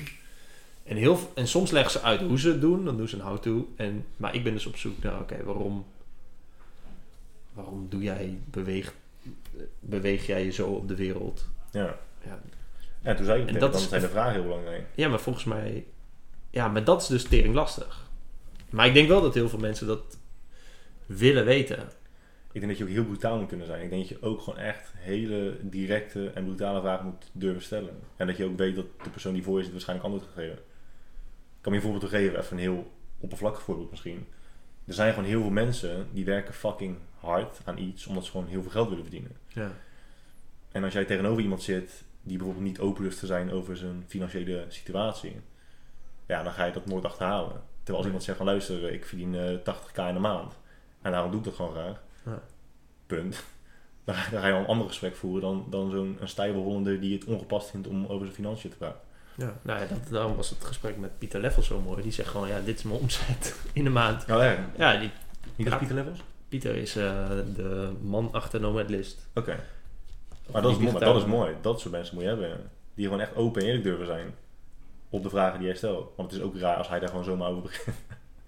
Ik weet niet, maar volgens mij begon hij er gewoon zelf al. Maar ja, dat komt omdat hij gewoon op Twitter ook gewoon zegt... Hij had op een gegeven moment in zijn bio ook staan van... Yo, dit is mijn maandomzet met dit bedrijf, met dit bedrijf, met dit bedrijf. En hij laat gewoon alle statements zien en zijn bankafschriften en weet ik veel wat. Ja, Want hij is gewoon eh, online... eh, hij heeft een website, wat heeft hij? Nomadlist.com is een website waarin digitale nomaden informatie kunnen vinden over allerlei plekken op de wereld. Oké. Hoe snel het internet is. En gewoon van alles. Wat, wat het weer is, valuta, hoe je het beste kan komen, waar je het beste kunt werken, wat de beste hotels zijn. Gewoon echt alle informatie over de duizend grootste steden op de wereld. Plus een aantal populaire plekken waar veel En waar verdient hij zich altijd mee met eh, reclame? met abonnementen. Oké. Dus je betaalt volgens mij iets van 80 dollar per jaar. Oké. En dan kun je op forums, et cetera. En hij heeft een website die heet Remote OK met vacatures van bedrijven die remote werk aanbieden. En Oh, die, dat is wel goed, En die adverteren ja. dan weer op die andere website. En hij verdient heel veel geld mee. En daar verdient hij aardig wat geld mee, ja. Maar ja, dat, daar is hij ook gewoon open over en hoe hij dat wil doen en zo. Ja, dat, dat is dus mooi. Ja. En, Ja. en, en, is een, en daarom vind ik het ook zo'n mooi baas. Hij luistert toch niet, dus. En als hij wel luistert, heeft hij een mooi compliment. Niet helemaal de boer. Ehm, maar dat is een blijk van eerlijkheid. Maar aan de andere kant zitten er ook mensen die zeggen, ja, wat een opschepper en eh, klopt vast Precies, niet. Ja, en maar, weet maar, ik dat is, wat. maar dat zijn echt Nederlanders. ja, dat zijn vooral Nederlanders, ja. Ja, weet je, als jij hier in een dikke wagen rijdt, dan word je nog net niet ondergekotst. Mhm. En er zijn heel veel andere landen, als jij in een, eh, in een mooie auto rijdt, dat mensen gewoon echt letterlijk gewoon klappen voor je, want ze het gewoon zo tof vinden. ja. Maar het is hier in Nederland is het gewoon van ja, als je net een klein beetje te veel opvalt. Weet je hoeveel, heb jij ook ongetwijfeld, dat als je iets plaatst op Instagram, dat je berichten krijgt van best wat mensen die dan zeggen, ja, je haalt de woorden uit mijn mond, of dit is precies hoe ik denk. Maar ze durven het zelf nooit te zeggen. Omdat, ja, omdat het gewoon, het is gewoon, je moet gewoon Maar niet daarom opvallen. werkt, werkt jouw blog, en die van mij trouwens ook gewoon toch, omdat mensen dan gewoon door met een likeje te kunnen zeggen van... Yo, Zo denk ik ook. zo denk ik ook, maar ik hoef het zelf niet te schrijven. Ja. Plus ik hoef de verantwoordelijkheid er ook niet voor te nemen. Vooral Dus dat laatste. dat neem jij wel Ja. vooral. Ja, ja, voor dat laatste. Ik neem een klein beetje verantwoordelijkheid door het te liken. Ja, nee, nee, absoluut met je eens. Maar ik vind, ik vind het zonde, want je kan wel je steentje bijdragen door ook gewoon ehm, jouw gedachten online te plaatsen. Maar mensen zijn allemaal zo bang. En daar, maar daarom falen ze ook heel erg. Omdat ze, ik, ik heb toen een video gemaakt met Wees geen algemene Arie. Ja. Dat mensen altijd heel erg politiek correct proberen te zijn om iedereen gelukkig te houden. Ja. En daarmee een heel groot deel van hun eigen persoonlijkheid gewoon opzij schuiven. Omdat ze bang zijn dat ze dan bekritiseerd worden om de persoon die ze zijn. Ja. Dat is best erg. ja, sowieso. Ja, je moet iemand onder kunnen pissen, toch? En als ik het vaak ben, vind ik echt niet erg. Niet, niet meer in ieder geval. Ja, ja, ik, ja dit- maar dat is wel kloot inderdaad. Dat er een soort van debat lijkt er veel minder mogelijk. Omdat, wat jij zegt, aan de ene kant doen veel minder mensen geven een mening. En als je hem geeft, dan is er altijd wel iemand die er keihard tegen ingaat. Hmm. Ik dacht dat er nog maar ging komen. Nee, dat is, dat is hetzelfde. Dus ene- enerzijds zijn er gewoon mensen, zo heel veel mensen die wel iets te zeggen, maar niet durven. Mhm. En anderzijds is er altijd, ja, wat je ook zegt, dat. ehm, ja, jij zit niet zoveel op Twitter, hè? Ja, ik Nee. zit allemaal tussen die social justice warriors. Dus je, kun, je mag eigenlijk niks zeggen, want je bent. ehm, ja, je is altijd wel iemand die je kwetst. En dat Ja. mag dus Nee, precies. blijkbaar niet. Wat, wat vind jij daarvan? Vind jij dat de vrijheid van meningsuiting gepaard gaat met de kans dat je iemand wel beledigt? Want dat vinden heel veel mensen. Ze willen vrijheid van meningsuiting, maar je mag niemand beledigen. Maar dat is toch ook vrijheid van meningsuiting. Als ik zeg, ik vind Jan de Boer echt een rol. Ja, ik vind, wel- ja je mag wel- toch mensen beledigen en je mag het knet... Maar ik zat er laatst over na te denken. Je had vroeger, het jaar of tien geleden of zo, met die shows van Hans Steeuwen. Die gast was knetterlomp. Echt, ja, die maakte echt... Die beledigde echt veel mensen. Ja. Maar het was wel grappig. En ja, ik, ik denk dan van ja, zo'n show... Ja, ik weet niet of die, dat soort cabaret-shows in het huidige klimaat nog zouden passen. Mhm. Denk je... Ja, ik weet niet. Nou, als je kijkt naar, eh, naar mensen in het buitenland, gewoon die grote stand-up comedians, daar heb je ook wel vaak, dan, dan lachen mensen heel de hele tijd. Totdat het over een groep gaat die, waar heel veel mensen zich in kunnen vinden, dan wordt het publiek toch vaak iets stiller. Dan denken ze, oh Ja. wacht, maar hier, hier val ik ook onder. Nu vind ik het niet meer grappig. Nu is het beledigend. Ja, nou ja, ik, ik denk sowieso niet dat je een grens kunt trekken tussen eh, eh, zeggen tussen vrijheid van meningsuiting en tot hier is kan het en tot daar is het beledigend. Nou ja, ik heb bijvoorbeeld wel eens artikelen geschreven in het verleden waarin ik dus echt namen noemde. Ja, En dat vinden mensen heel veel, dat vinden heel veel mensen eh, ja niet oké. nou, daar, daar wil ik het wel over hebben, want dat doe ik. Ik doe het bijna, Bijna elke dag. bijna elke dag. Nee, wat ik heel vaak, wat ik in het begin, ik doe het soms. Wat ik heel vaak wil doen en dat vind ik ook, ehm, daar ben ik dan meest trots op, dat ik een typering doe van een bepaald persoon of groep mensen of weet ik veel wat. Mm. En als mensen zich daardoor aangevallen voelen, denk ik, ja, dit is dus, dit, dit is mijn Bewijs je punt. ja, dus dit is precies wat ik wil bereiken. Ik noem niemand met naam en toenaam. En het is ook niet heel doorzichtig of zo. Ik typeer het juist genoeg, zodat mensen op een pik getrapt zijn. Dus dat vind Zoals ik met, fijn. zoals met die hardlopers die je toen... Je had een keer een artikel over hardlopers. Ja. Ja, dit is een heel oud... Ja, we moeten maar weer het reposten. Ja, dat is wel grappig, hè? Ehm, ja, dat bijvoorbeeld. Maar ik doe ook wel eens, als ik gewoon echt oneens ben met bijvoorbeeld een online damesmagazine die echt bullshit post. Ja. Ja, dan zeg ik het er gewoon bij. Van, joh, dit, Ja. deze persoon... Ja, dat is toch, maar dat is toch ook geen beledigen? Nee, maar neem bijvoorbeeld weer die Gary Vaynerchuk. Die zegt dan ook wel eens van... Je kan het hoogste gebouw bouwen door gewoon zelf het hoogste gebouw te bouwen. Of... Ja, door zo. Ja, precies. ja. Daar ben ik dan ook ergens wel mee eens. Maar ik vind ook wel echt wel dat je een beetje een balans kan vinden tussen twee. En ik vind ook dat een een onderdeel van het op zoek gaan naar de ultieme waarheid, om het zo maar even te noemen. Daar hoort ook bij gewoon aangeven wie of wat dingen zijn die niet kloppen. Ja, alleen dan krijg je dus weer het feit dat als je complete bullshit aandacht geeft, dat dan ook jouw volgers gaan denken, oh, dat is dus ook een mening. Dus dan, Ja. daarmee geven ze dus ook weer een bereik. Dus dat, in dat, wat dat betreft kan ik het wel vinden in Gary Vaynerchuk. Dan moet je gewoon zo hard mogelijk je eigen toren zo hoog mogelijk bouwen. Ja. Maar het is ook- soms is het ook gewoon echt grappig. Ja, het, ja het, Ik, ik maak mezelf altijd wijs, als ik mezelf belachelijk kan maken, want dat doe ik ook vaak genoeg, dan mag ik ook anderen belachelijk maken. Ja, en ik vind als ik. Ik vind het. Ik maak me soms echt zorgen om het effect wat sommige artikelen in dit geval, of, of documentaires, want daar kunnen we het ook nog over hebben, hebben op een hele grote groep mensen, dat ik er wel wat van moet zeggen. Ja, je bedoelt al die, eh, al die voedingsdocumentaires op Netflix en zo. Ja. Ja, dat is geen... eh, er staan er vijf hele populaire op, maar dat zijn echt hele, hele foute documentaires. Ja, ik snap precies wat je bedoelt. Waarbij en die je- bereiken, maar dat is, dat is na dus... 34 seconden al weet, oké, dit is de conclusie daarvan. En we gaan straks allemaal hele erge beelden zien over mishandelde koeien. Ja. En die beelden zijn ook gewoon echt verschrikkelijk. Ja, is ook echt... Ik volg eh, PETA of PIDA, weet ik niet. PETA om, op. Twitter. Nou, die posten dus iedere dag eh, filmpjes van mishandelde dieren. Ja, is fucking erg, maar... Ja. Ja. maar wat ik nog wilde zeggen was... ehm, ja, het nadeel is dus dat de boodschap is niet zozeer belangrijk. De, het medium waarop het wordt geplaatst is nog een heel stuk belangrijker. Dus Jelme de Boer met zijn blog wordt minder serieus genomen dan een documentaire op Netflix. Ik bedoel, Ja. Netflix is echt een gigant. En waarom zou Netflix iets plaatsen wat gewoon niet waar is? Dat is gewoon hoe mensen denken. Ja. Niet per se erg. Maar daarom bereiken zulke documentaires zo onwijs veel. En die kunnen echt... Ik heb ook echt mensen gehad die volgen je dan al jaren. Weten alles wat je, waar je voor staat. En die kijken één documentaire. En daarmee is al die jaren van werk die je hebt verricht om iemand iets bij te brengen... is gewoon weggevaagd. Ja. Dat vind ik ook zonde.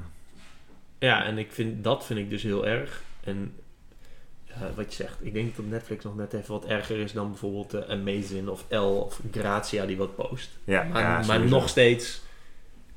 ehm, ja, het is natuurlijk wel een, eh, een statuut of zo, wat je zegt. Ik weet niet. Als, als een magazine iets plaatst. Mensen lezen toch geen magazines. Nee, maar online dan. Het, ja.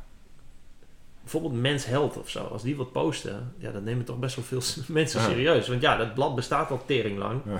En het is een mag- magazine en weet ik veel wat. Jij staat weer in, toch? Binnenkort. Ja, ik stond erin. Inderdaad. helpt. Ja. Bij mij hebben ze... Ja, dat, dat, dat, daar kunnen we het best over hebben eigenlijk. Toen ik nog wel op Twitter zat... Toen had ik best vaak contact met eh, de hoofdredacteur destijds. En eh, het is een aanname van mijn kant hoor. Het was alleen heel opvallend. Dus het klopt waarschijnlijk, maar misschien niet. Dat toen ik begon met bepaalde dingen ontkrachten en zo, mythes, die dus ook heel veel in de mensheid staan. Toen eh, hebben ze ook wel echt duidelijk afstand genomen van, eh, van mij. Weet je, allebei, hij en dan een andere vrouw die ook vaak eh, met hem contact had. Die ontvolgen je dan, dat soort dingetjes. Ja. En denk ik ook, ja, zo hou je alleen maar die bubbel hou je, hou je intact. Maar vooral online en ook met Netflix bijvoorbeeld is het gewoon echt een, een spiraal waar je in terecht komt. Want als jij een documentaire kijkt of een artikel leest, op basis daarvan doet Netflix of eh, eh, een bepaalde website je een suggestie van dit vind je misschien ook wel interessant. YouTube ook. Ja, YouTube ook. Dus je, Als je vriendin, begint, eh, make-up video's zitten kijken, ja, dan staat het alleen maar als bij me aanbevolen. dus je begint met een, een, voedel, een voed- voedingsdocumentaire en je eindigt met Zeitgeist. En twee dagen later geloof je in, in hoe heet het? Hoe heet die groep nou? Die groep mensen die heel de wereld eh, controleren, onder controle hebben. Oh, eh, de Bilderberg groep of uh, Ja, dat, dat ook, maar je hebt ook dat andere. de Rothschilds, Ook, maar met dat oog, weet je. Illuminati. Illuminati, ja. ja. Maar zo gaat het echt. Ja. En mensen zijn er zo verschrikkelijk vatbaar voor. ja, en dat vind ik dus heel erg, die, die docu's. Ja, het zijn... Ja, en dan ga je dus gewoon... Wat ik dan doe is lekker in die confirmation bias. Bijvoorbeeld over... ehm, ja, noem eens een docu die de laatste was. Ja, boeit ook niet. Dat ik gewoon ging, ging zoeken of het klopt wat Ja. zij zeiden. En dan echt op Quora, die vraag- en antwoord websites. Ja. met zulke artikelen die knetterlang zijn. Mhm. Met ja, dit klopt niet, dat klopt niet, dat klopt niet, dat Ja. klopt niet. En dan gewoon ieder... En de consensus online is dus van, joh, dat er echt een kutdocumentaire is. Maar ja, het staat wel op Netflix, die... Want ja, heel veel mensen vinden het wel interessant. Als je weet hoeveel mensen in Illuminati en zo geloven. Het feit dat ik het nu al zeg, nu zeg ik dit. En iemand aan de andere kant denkt straks van... Gast, ja, je bent zo fucking naïef hè, dat je niet in Illuminati gelooft. Ja, Die denkt waarschijnlijk dat zij naar ons aan het luisteren zijn nu ook. ja, ja precies. Ja, waarschijnlijk krijg ik straks ook berichten van mensen. Nee, je moet deze maar deze docu moet je echt checken. hoor. Die klopt echt. Ja, deze. En eh, als je dan toch wel bezig bent, moet je deze ook nog even checken. En voordat je ben je vier uur verder eh, met al die onzin. Ja. Maar het is natuurlijk ook wel weer zo... Ja, kijk. Ja, maar waarom is er nooit een keer een, soort van genuanceerde docu? Ja, dat vindt niemand interessant man. Kijk, ik wil een keer een hele saaie docu maken. Ik stuurde laatst een bericht naar Waternet Over kraanwater. Hoe chill dat toch is. Jij stuurt dat naar Waternet? Ja, ik, ik wil samenwerken met Waternet. Dat ik gewoon, ik wil een docu maken over hoe chill wa- kraanwater is. En hoe fucking dom flesjes van 3,75 euro voor Ja. een flesje water op Schiphol zijn. Ik, word, ik Van glas. echt- Wat zeg je? Van glas. Want plastic is slecht voor je. Oh, ja, ja, ja, dat heb je natuurlijk ook nog. Ja, ik word heel... Maar dat zou ik echt... Maar goed, al, dat, al, al, dat, al die frustratie en zo, komt dat uit omdat je gewoon gelijk wil hebben, krijgen, of omdat je het echt belangrijk vindt, je geeft gewoon om het welzijn van andere mensen. Want Ja. waarom, waarom zou je het erg vinden dat, dat heel veel mensen in de Bilderberg-groep eh, gelo- niet geloven, of in Illuminati geloven, of in aliens geloven? Waarom vind je dat vervelend? Omdat je, Ja, omdat het niet klopt. ja, ja, ja, daar... Ja, Oké, laat ik het zo zeggen. Waarom, vind, je het verve- vind je het wel vervelend dat de meerderheid van de wereld in God gelooft? Even los van, van al het kwade dat geloof aan kan richten. Of ik dat vervelend vind. Ja. Nee, ik heb wel een vrij eh, duidelijke mening over geloof. Dat is. Ehm, is dat heel veel geloven ehm, zorgen voor hele fijne leefregels over omgang met je naaste en hoe je je leven zou moeten leiden. En ik vind dat ook best wel veel verhalen ehm, wijsheden bevatten waar je wat aan hebt. En dat je daar heel goed naar kan verwijzen. Om te zeggen tegen iemand van, joh, je zou je leven ook zo kunnen leiden. Want kijk maar naar dit verhaal of dit voorbeeld. Mhm. Bijvoorbeeld een Bijbels verhaal. Alleen, als je echt gelooft dat dat allemaal echt gebeurd is, dan ben je wel een volle idioot. ja, dat is, dat is... Maar, en ik had er toevallig laatst een gesprek over met Paul Bosma. Over dat je... Dat iemand betoogde van, joh, we kunnen wel stoppen met geloven, maar dan valt dus de hele basis weg van al onze waarden en normen. Want die zijn er allemaal op gebaseerd. Dat vond Ja. die persoon dus. Ja. ja, ik vind het gelul. Tenminste, ik vind niet gelul. Eh, tuurlijk, de tien geboden die hebben voor een soort van norm en waarde gezorgd. Vanaf een bepaald punt Ja. bij een bepaalde bevolkingsgroep. Ja. Maar het idee dat we dat niet zou, het idee dat we niet zouden begrijpen dat we elkaar niet moeten afslachten en verkrachten zonder de Bijbel. Ja, dat is niet zo slim. Nee. Het is niet heel, eh, heel eh, bevorderend voor het menselijk soort om elkaar te vermoorden en af te slachten en te verkrachten. En Nee. zonder dat we daar eh, de tien geboden bij zouden hebben. nee, maar ik snap wel dat die, dat die gast zegt... Van, joh, als die basis weg is, wat hebben we dan nog? Maar ja, dat, ja, je weet dus niet wat er zou gebeuren. Als je, je kunt het niet in één keer afschaffen Nee. of zo. Dus ja, dat kan, kan niet. Maar, maar de, de, de essentie van de vraag was dus, vind je dat vervelend? Of vind je het alleen vervelend als het gaat om bepaalde dingen met voeding en training? Nee, ik vind het alles. Je vindt het gewoon sowieso vervelend als mensen dingen geloven die gewoon onzin zijn. Ja. Maar wil je dat dan veranderen omdat je wil dat mensen eigenlijk aan jouw kant staan? Nee, ja, nee, dat, dat hun leven chiller wordt. Hoezo? Denk je dat?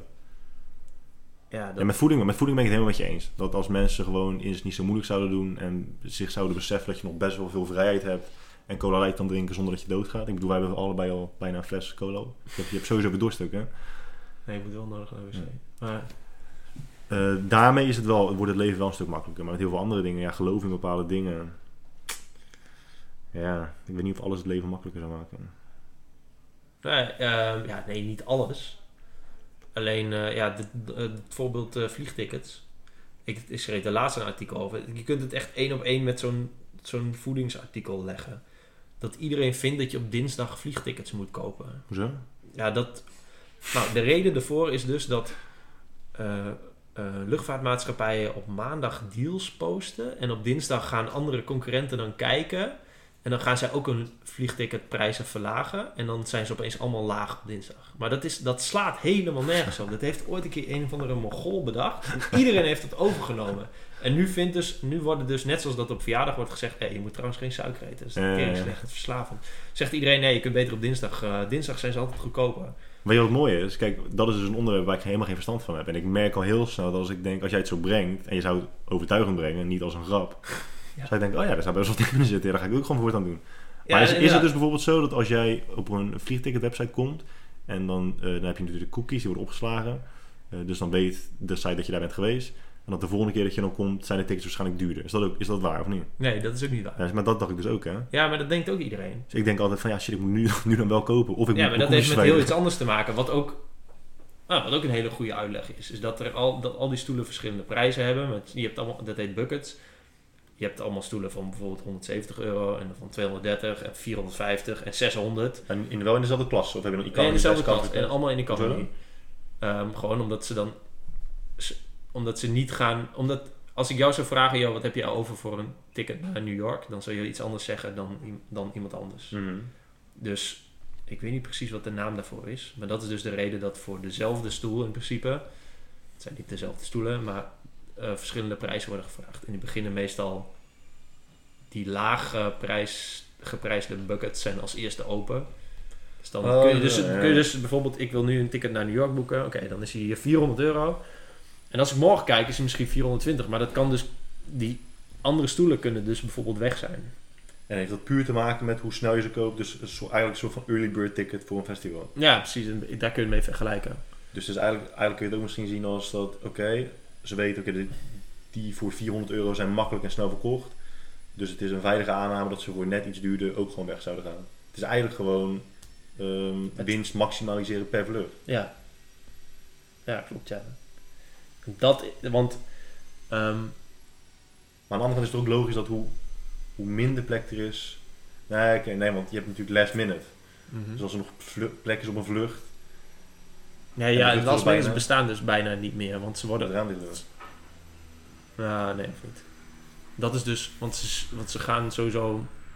Niet over een minuut weg. Nee, ja, ze gaan meestal allemaal wel vol. Omdat die gewoon... Ja, iedereen wil vliegen. En Ja. Het is gewoon een beetje druk. Ja. Hoe vaak heb je op een vlucht gezeten waar, waarvan, je, waarvan je dacht, zo, ik ga nu echt dood. Dit is echt het einde van. Ik bedoel, de turbulentie of Ja? Ja, Of, door een, eh, of omdat je gekaapt bent. Ja, nee, nog nooit. Nee? Nee, ja, ik heb wel eens een kutvlucht gehad.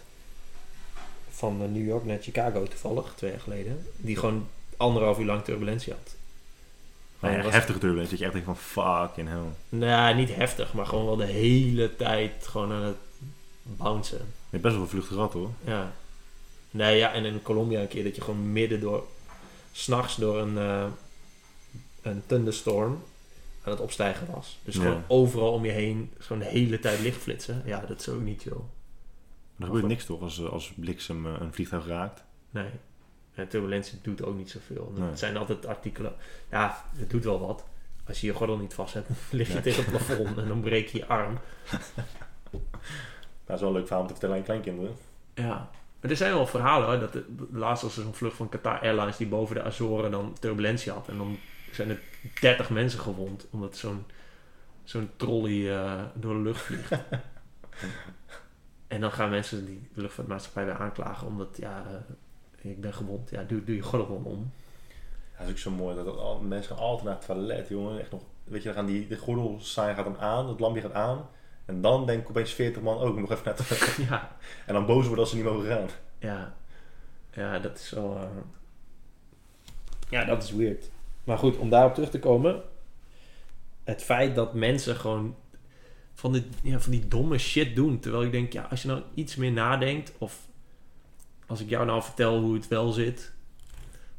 Dan kun je toch veel betere keuze maken. Want het weet je, ik, ik kan dus heel slecht tegen video's. Of tv-programma's waarin mensen voor de gek worden gehouden. Van die bananensplit dingen. Ja, ja. En dat is, dat is wat Theo Maas ook zegt. Van, ja, je hebt helemaal geen kans. Want ehm, ehm, je krijgt heel, je, je weet dus dat, dat Wendy van Dijk voorbeeld. Mhm. Dat zij eh, die, opeens die Japanse is, Ja. die Ushi. En dan gaat ze iemand interviewen, een, van de Amerikaanse zanger. Ja. En dan haalt ze dat masker eraf. ja. En denk je ook... En, oh nee, dat is, eh, trouwens, dat was niet Theo Maas, maar eh, Daniel Arends.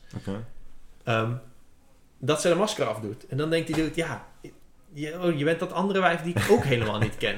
Je hebt, he- ja, je hebt helemaal geen kans. En dat is net zoals met prankvideo's. Ah, taart in je gezicht. Ja, ik- het gebeurt niet heel vaak. Dus ik ben nooit op mijn hoede dat ik een taart in de bek krijg. En dat vind ik dus heel stom. Van mensen die voor de gek worden gehouden omdat ze geen kans hebben om het te weten. En ik wil ze graag die kans bieden. Ja. En dat Maar- is dus... Maar zou het dat- leven niet echt heel fucking saai zijn? En zou je ook niet... Jij zou ook niet zoveel volgers hebben en minder goed zijn in wat je doet als iedereen hetzelfde wist en hetzelfde dacht. Ja, maar het is toch En- een utopie om te denken dat... Want het is altijd weer een nieuw... Nou, het laat is, altijd- het een wedstrijd die je speelt. laat ik het anders zeggen. Dat het, de, als, dat het de norm zou zijn. Laten we zeggen dat kritisch denkvermogen gewoon de standaard zou zijn. Dus niet eens dat iedereen hetzelfde dacht, maar dat iedereen kritisch is. Mhm. Alleen dat zou er al voor zorgen dat je waarschijnlijk veel minder werk had. Minder werk, ja. Ja. Ja, klopt. Maar dan blijft het nog steeds een wedstrijd. Want dan hebben... Ja, ik wil niet zeggen dat ik het opneem tegen marketeers of bedrijven of zo. Dat helemaal niet. Maar dan, als mensen kritischer zijn, dan zijn de mensen die jou graag shit willen laten geloven die niet kloppen. Ja, die vallen wel eerder weg, ja. Jawel, maar die worden dan toch ook verneiniger. Ja, die worden kritisch ook over hun eigen product en over wat ze zelf zeggen.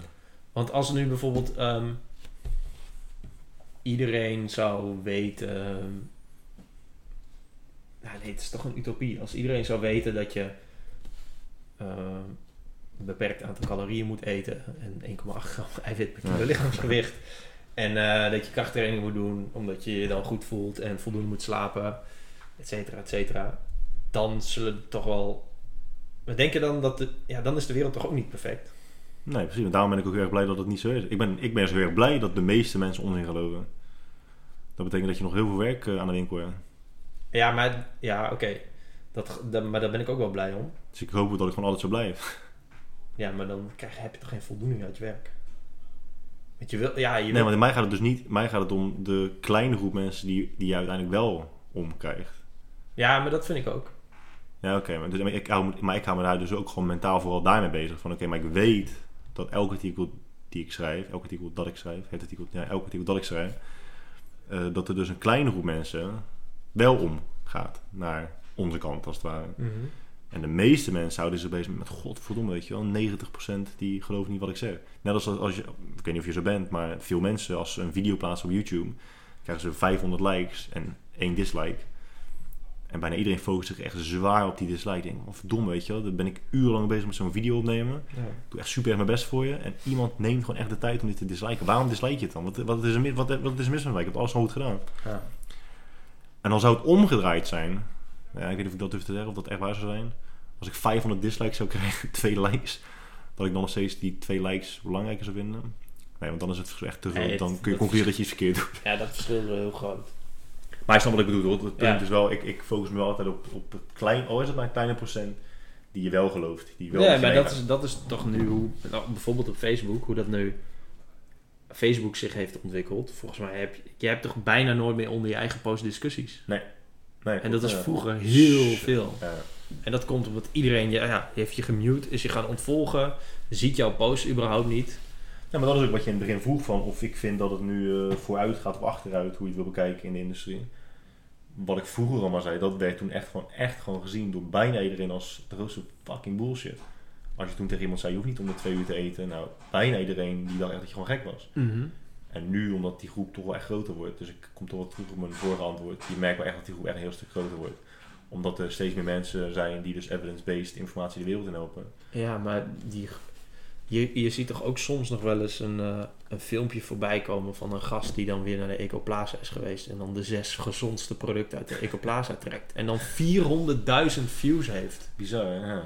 Ja, maar dan zit je opeens en denk je, oh ja, deze kant van Facebook is er ook nog. En hoe groot is dat dan? En, en vroeger zat dat nog wel een beetje bij elkaar. En dat brengt dus wel weer, inderdaad, dat versterkt wel die bubbel waar je in zit. Waar jij dus net eigenlijk over zei dat je dat niet zo chill vindt. Dat, dat die bubbels zo echt intact blijven. Maar dat, daar helpt Facebook nu dus wel heel erg mee. Want Ja, je krijgt inderdaad alleen maar content te zien wat, waarvan zij denken dat het voor jou relevant is. Ja, en wat voor mij juist relevant is, is een keer iets anders. Maar dan kun je in die groepen gaan, toch? In die Facebook groepen. Van vrouwen van- van 40 plus die alleen maar biologisch eten eh, consumeren. Ja. Ja, dat zou kunnen inderdaad. Maar dat vereist wel... eh, want Ja. organisch krijg ik dan alleen maar prikkels die, die bevestigen wat ik vind of denk. En, en ik moet dan zelf heel erg gericht tegen die stroom inzwemmen. Dat is Ja. best wel moeilijk. Bijna niemand doet dat. Nee. Ik zeg wel dat ik het chill vind, maar eigenlijk vind ik het natuurlijk ook helemaal niet chill. Maar het zal wel goed zijn. Dus eigenlijk neigt Facebook nu naar twee dingen. Of alles wat je post doe je om bevestiging te krijgen van je publiek. Van hè, goed zo jongen inderdaad, ik ben het nog steeds met je eens, zoals al de laatste zes jaar. Of je krijgt nu wel beter de kans om ehm, je publiek, je netwerk te gaan monetizen. Dus Ja, je, hebt, waar. je hebt nu 15, 20, 25.000 volgers, likes die al, al geloven wat jij gelooft. Ja. Ga er nu maar eens werk van maken. En dan niet alleen maar posts schrijven, maar ook geld ermee verdienen. Ja. Gewoon je in het algemeen, niet jij, jij. Maar Nee, nee, dat snap ik. Daar helpt het dan wel weer bij. Ja, ja dat, is, dat klopt ook wel. dat is wel waar. Alleen, ja, ik vind het... Ja, het is best wel... Ja, ik vind het is gewoon jammer dat die bubbels er zijn. Net zoals op Twitter. Twitter is het dan misschien nog wel veel erger. Maar jij bent ook in een bubbel hoor. Daar weet je, toch- jij, jij bent ook echt, je bent niet een uniek individu in het, in het, in, op de aarde. Hoe doe je? Nou, jij, zit ook, wel- jij zit ook bij een bubbel, bij een groep. Ja, tuurlijk. Ja. Ja. Maar dat is best wel... Het, het besef is altijd zo raar. Dat ik denk, oh ja, er zijn natuurlijk ook hele grote groepen die iets anders vinden. Dat- Als ik alleen al kijk naar het aantal retweets wat Donald Trump krijgt. Veel hè? Dan denk ik, huh? Hoe kun je... Hè? gewoon echt al die Mongolen dingen die die, die die de wereld in helpt. Dan denk ik, oh ja, er zijn natuurlijk heel veel mensen die het gewoon tering chill vinden. Die gewoon een echt een Ja. intense baas vinden. Hij is namelijk niet voor niks Nee, maar president. dat zeggen, dat hij is verkozen betekent dat hij best wel wat eh retweetsen kan verwachten. Ja. Ja. Ja. Willen we Amerikaanse politiek hebben? ja, eh, heb je er verstand van? Echt totaal niet. Poli- ik, als, ik, als ik over één ding weinig weet, is politiek. Oh, ja. Ik, Als ik eh, één ding zou moeten kiezen. Heb je wel gestemd? Wanneer was stemmen? Voor? Nee, weet ik niet. 16 maart. Nee, weet ik niet. Ergens in maart, toch? Oh, ik heb ook... Als heel je mond vol zit met rook en je moet in één keer praten, kan het. Ja. Eh, jij wel, ik heb VVD gestemd. Ik dacht dat, je- dat de laatste gemeenteverkiezingen waren of iets. Was het de laatste? Of Nee, Ja. nee, gewoon Tweede Kamerverkiezingen. Dat jij hebt VVD gestemd. Maar ook echt puur omdat ik niet weet op wie ik moest stemmen. En toen heb ik daar een paar mensen gevraagd wiens mening ik respecteer. Die zeiden, ik zou VVD stemmen om die reden. dacht ik, nou, ja, klinkt wel goed. En het is beter dan niet stemmen waarschijnlijk. Dus toen heb ik gewoon gestemd. Oké. En jij? Partij voor de Dieren. Echt? Ja. Hoezo? Omdat het van Jenny moest. nee.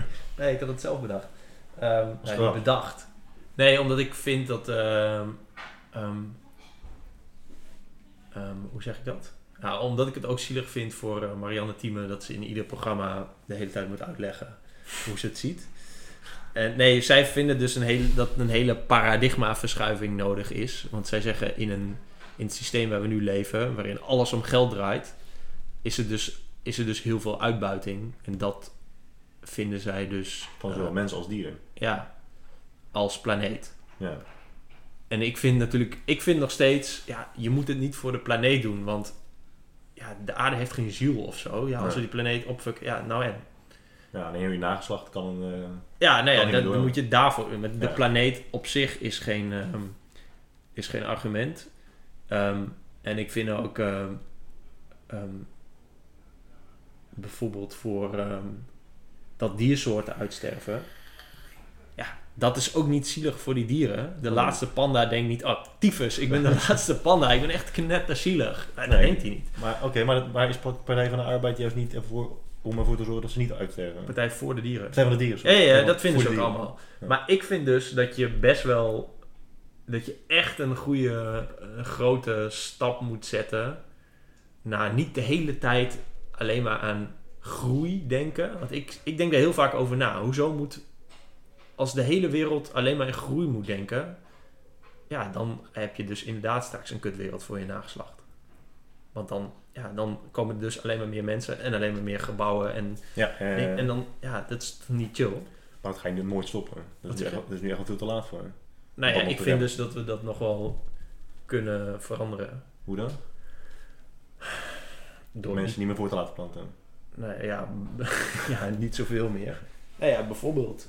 Maar ik denk dat wel dat er een ander systeem moet komen dan alleen maar denken aan geld en meer, meer, meer. En alleen Partij voor de Dieren, die is daarvoor. Nou ja, wel heel rigoureus. Ik dacht dat Ehm, ze echt alleen maar om dieren gaan. Ja, en dat vind ik dus ook heel stom aan ze. Dus ik ben, ik ben het, was het volgens de stemwijze eens met 89% van hun punt of zo. Het meeste. Ehm, maar ik vind die naam echt zo kut. Ja. En ze hebben echt een kut uitleg. Terwijl ik denk, want zijn, hun uitleg is... Ja, maar als het goed is voor de dieren, dan is het automatisch ook goed voor de mens. En Ja. ik denk, ja, jullie hebben allemaal briefpapier gemaakt... en jullie vinden het gewoon kut om nieuw briefpapier te bestellen. dat is volgens mij het argument. Ja, als je dat zegt nou, over dieren die, ja, dieren die uitsterven ook. Ja, dat, is- dat hoort er gewoon bij. 99,99% van alle dieren die ooit hebben geleefd zijn al uitgestorven. Ja, ja dit- ik snap, ja, dat, ik vind dat argument snap ik ook niet. Alleen het is wel een teken dat als al het koraal weg is, dat de aarde gewoon wel net even een kuttere Ja, plek wordt ja. om te wonen voor om wie je ook geeft. Ja. En ik geef om iedereen die op de wereld leeft, want ja, die leeft nou eenmaal op de wereld. Dus ja, dan, ik wil niet dat die plek kut wordt. En ik denk dat het een minder kuttere plek wordt als wij meer gaan nadenken over, het, over die plek beter maken. Ja. En we denken nu alleen na over, ehm, nou ja, inderdaad, groei. Dus meer volgers, meer geld, meer omzet, eh, uitbreiding van je bedrijf, weet ik veel. En veel Maar- minder om wat goed is. Wat zou een partij van de dieren, voor de dieren... God van kut. Nou, ik zeg het ook altijd verkeerd. partij voor de dieren. Ja. Wat zouden die in dat geheel kunnen betekenen? Als je dus kijkt naar Amerika, gewoon de grootste wereldmacht. En dat, eh, ja, hoe zeg je dat, het kabinet dat daar nu regeert. Mhm. Niemand daarin gelooft in het broeikaseffect. Niemand, geen één. Wat, nog een keer? Wat? Dus Partij voor de Dieren, Ja. hè, die proberen dat te veranderen. Ja. Een kleine politieke partij in Nederland. Mhm. Daar tegenover staat Amerika, de grootste wereldmacht. Ja. Zij die daar nu regeren, het kabinet wat in het Witte Huis zit, Ja.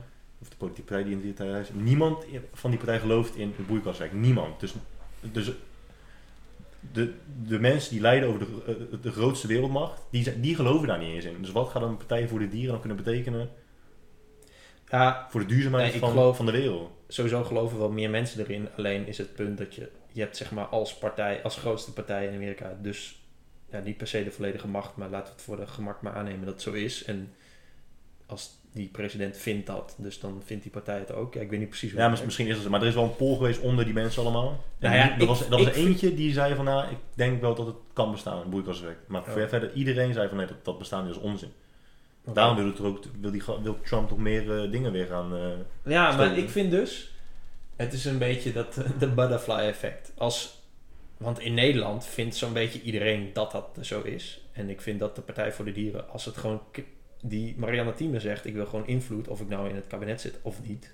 Of het in de regering zit of niet. hmm, Ik wil invloed uitoefenen. nee. Dus zij, de meeste, ik weet niet of ik dat goed zeg, de meeste moties die aangenomen zijn, waren ook van de Partij voor de Dieren, maar dat weet ik, schrap dat maar uit. Maar als zij gewoon zoveel mogelijk invloed proberen uit te oefenen door dat er doorheen te drukken, en het lukt in Nederland, waardoor het dus bijvoorbeeld met nog meer landen in de EU lukt. Ja, ik heb zoiets van, ja, als Amerika het niet wil, ja, oké, dan niet, dan doen jullie het toch niet mee. Ja. Je Moet op een gegeven moment moet je zo'n mogol, ik vind het echt een mogol, die oranje man. Amerika is een mogol.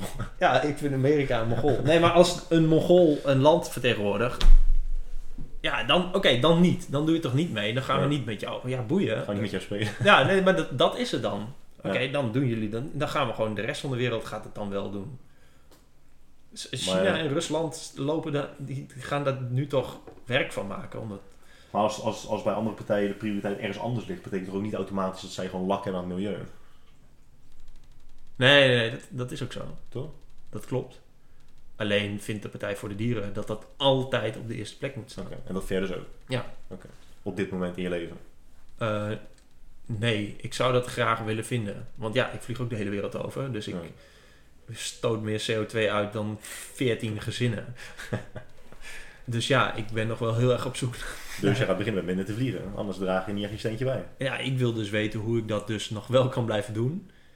Ja. En En jij denkt van, ja, dat vliegtuig vliegt sowieso, dus ik kan net zo goed mee. nou, dat vind ik een kut argument, maar ik zou dat wel kunnen gebruiken. Want je, je wilt het gelijk doortrekken naar vegetariërs. Daar Nee. ik natuurlijk. Wat zeg je? Want je wilde datzelfde argument doortrekken naar mensen die vlees eten. Die zeggen, ja, het is toch al geslacht, dus ik kan het net zo goed eten. Ja, dat vind ik een heel goed argument in dit geval wel. Nee, maar ik ben, er, ik ben heel erg zoekende naar. Maar ik vind het wel heel belangrijk om dat, eh, om dat te steunen. Die, dat, eh, die gedachte. Ik vind het echt heel raar dat, dat dit systeem gebouwd is op groei. Sowieso is het hele politieke systeem is heel vreemd. Dat je, je kiest eigenlijk één persoon of een partij om maar keuzes te maken voor de rest. Ja, er is één partij die vond dat je gewoon per... Per dat je gewoon altijd moet stemmen op allerlei shit. Gewoon met het hele land. Gewoon op per onderwerp. Dat vind ik heel sterk hoor. Maar ja, dan nog steeds, Ja, dat weet ik dus. als het verschil tussen A en B dan klein is, dan maak je nog steeds zo'n fucking grote groep boos. Ja, ja ik, weet niet, ik weet niet of dat slim is om dat te doen. Dat kost veel te veel tijd en moeite. Het kan, ook, het kan ook helemaal niet hoor. Maar als we het nu overnieuw zouden kunnen doen, zouden we het niet op deze manier doen. Als nu alle politieke partijen, alles zou geschrapt zou worden en we zouden overnieuw beginnen, zouden we echt niet zeggen, oké jongens, nou ik hier één, één partij uit heel verschillende partijen en die gaat alles voor ons bepalen. Nee, ja, dat lijkt mij ook niet. Nu zouden we gewoon een influencer gebruiken. Ja, Wij kiezen jou maar de boer. een paar YouTubers. Ja. Wie had dat gedacht? Dat we toch uiteindelijk over politiek hebben gewoon. Ja. Jij wilde graag je standpunt verdedigen voor Partij voor de Dieren. Maar ja, Hebben ze veel zetels ge- ge- gekregen. ja, vijf. En dat, de grap is dus dat bijvoorbeeld een ChristenUnie, dus nu wordt betrokken in een soort van formatiepoging, Ja. met ook vijf zetels. Fucking ChristenUnie. Ja. Nou, we hebben het er net over gehad. Maar Partij voor de Dieren, ja, ik weet niet wat daar de reden voor is, maar die worden daar niet voor uitgenodigd. Oké. En ja, dat, ja, ik vind dat dus heel grappig. Ik, dit, en ik maak me daar wel zorgen om. En uiteindelijk denk ik wel dat alles ooit goed komt. Maar ja, ik vind het heel grappig dat een partij een ChristenUnie heet. Net zoals dat ik grappig vind dat er christelijke basisscholen zijn. Ja, maar 45% van de Amerikanen geloven ook niet in evolutie. Hè? Weet je hoeveel mensen gelovig zijn? Het Ja. merendeel van de, absolute merendeel van de wereld is gewoon gelovig. Ja, staat In God We Trust op de muntjes. Ja. Je kan ook, je God bless America. Ja, het donder lekker op. Je kan ook geen president worden als je niet gelovig bent. Ja, Kan gewoon niet. nee, maar dat is toch vreemd? Ja, maar de wereld is een beetje vreemd. Nou, En we kunnen wel boos worden om hoe het zit. Maar ja, dat is wel gewoon echt hoe het is. God- eh, maar hij heet het God, God Bless America zeggen. Ja, maar dit is toch, het is toch bizar? Ja, ja oké. En, dan, ook, en dan is er opeens een, een god die dat doet. Die is Sowieso. dan, die is dan knet... De hele dag is hij... Is hij, hij gaat, dan gaat, die god gaat dan 's ochtends PT geven. Gaat hij smiddags de hele dag een beetje Amerika zitten Dat blessen. is, gewoon- ja. Dan Ja. is toch gewoon zo? God Bless America. Rot op. Het is best bizar. hè. Als je dus, als je dus gelovig wil zijn. Nou oké, laten we het even anders zeggen. Als je dus ge- als je gelooft in een nieuwe aarde. Dus als je gelooft dat de aarde 5000 jaar oud is. Ja. Nou, dan is het een heel ander gesprek. Maar toch de meeste geleerde gelovigen. Die accepteren inmiddels wel dat de aarde, de aarde een paar miljard jaar oud is. En volgens mij is de consensus nu dat de mens bestaat nu ongeveer 300.000 jaar. En dus, daar, daar geloven ze dan in. Ja. Ze geloven dat de mens 300.000 jaar bestaat. Maar ze geloven ook nog steeds in God. Dat is dus wat geleerde gelovigen denken. Maar als je dat dus wil accepteren, dan moet je dus geloven dat eh, de mensen dus op 300.000 jaar geleden op de aarde woonden. En toen heeft vervolgens God drie, eh, 295.000 jaar gedacht van, nou weet je wat, ik ga mijn handen ervan af, laat ze maar lekker aankloten, eh, aankloten, laat ze maar doodgaan, aan weet ik veel wat allemaal, laat ze elkaar maar afslachten. En dus na 295.000 jaar denkt hij, weet je wat, ik ga ingrijpen door mijn zoon in het Midden-Oosten te plaatsen, waar eigenlijk merendeel van de mensen niet eens kan lezen of, of schrijven. En zo ga ik de wereld helpen en laten weten dat ik besta. Ja. Dat moet je dus geloven. Wil je, wil je gewoon een geleerde gelovige zijn. En dat geloven ook heel veel mensen. Ja. Maar de meesten geloven dus nog steeds dat de aarde 5000 jaar oud is. 5000. dus eh, mensen overtuigen dat ze suikervrij moeten. Geen suikervrij moeten eten. Om Dat een balletje maar weer eens rond te maken. Ja, dat, dat is nog best wel eenvoudig. Ja, nou ja, dat is dus... nou, dan weten we in ieder geval het antwoord op de vraag waarom ik het doe. Omdat ik niet wil dat mensen domme keuzes maken. Ja, maar dan heb je dus wel, dan, dan zeg jij wel dat jij voor iemand anders kan beslissen wat dom is en wat niet. Ja. Klopt. Ja, maar je kunt... Je, kunt ja, je hebt zelf een e-book geschreven, feit of fictie. Je kunt bepalen wat een feit is. Of kan Ja. dat niet? Jawel, maar ik ben me er ook van bewust dat er dingen in dat boek kunnen staan waar, waar we vijf jaar, over vijf jaar achter komen dat het niet waar is. Maar dan zat ik ook wel gewoon mans genoeg zijn om te zeggen: Sorry jongens, ik zat er eh, vijf jaar geleden naast. Hier heb je een nieuw e-book. Hier heb je een nieuw e-book die je kan downloaden voor 18,95. Waarom ben je gestopt met het eh, pushen van je boek? Want je hebt hem ge- gepubliceerd en hoeveel heb je nu nog thuis liggen? 3400. Nee, nee, nee, ik heb niks meer thuis liggen. Ehm, ik weet niet hoeveel eh, er nu zijn verkocht.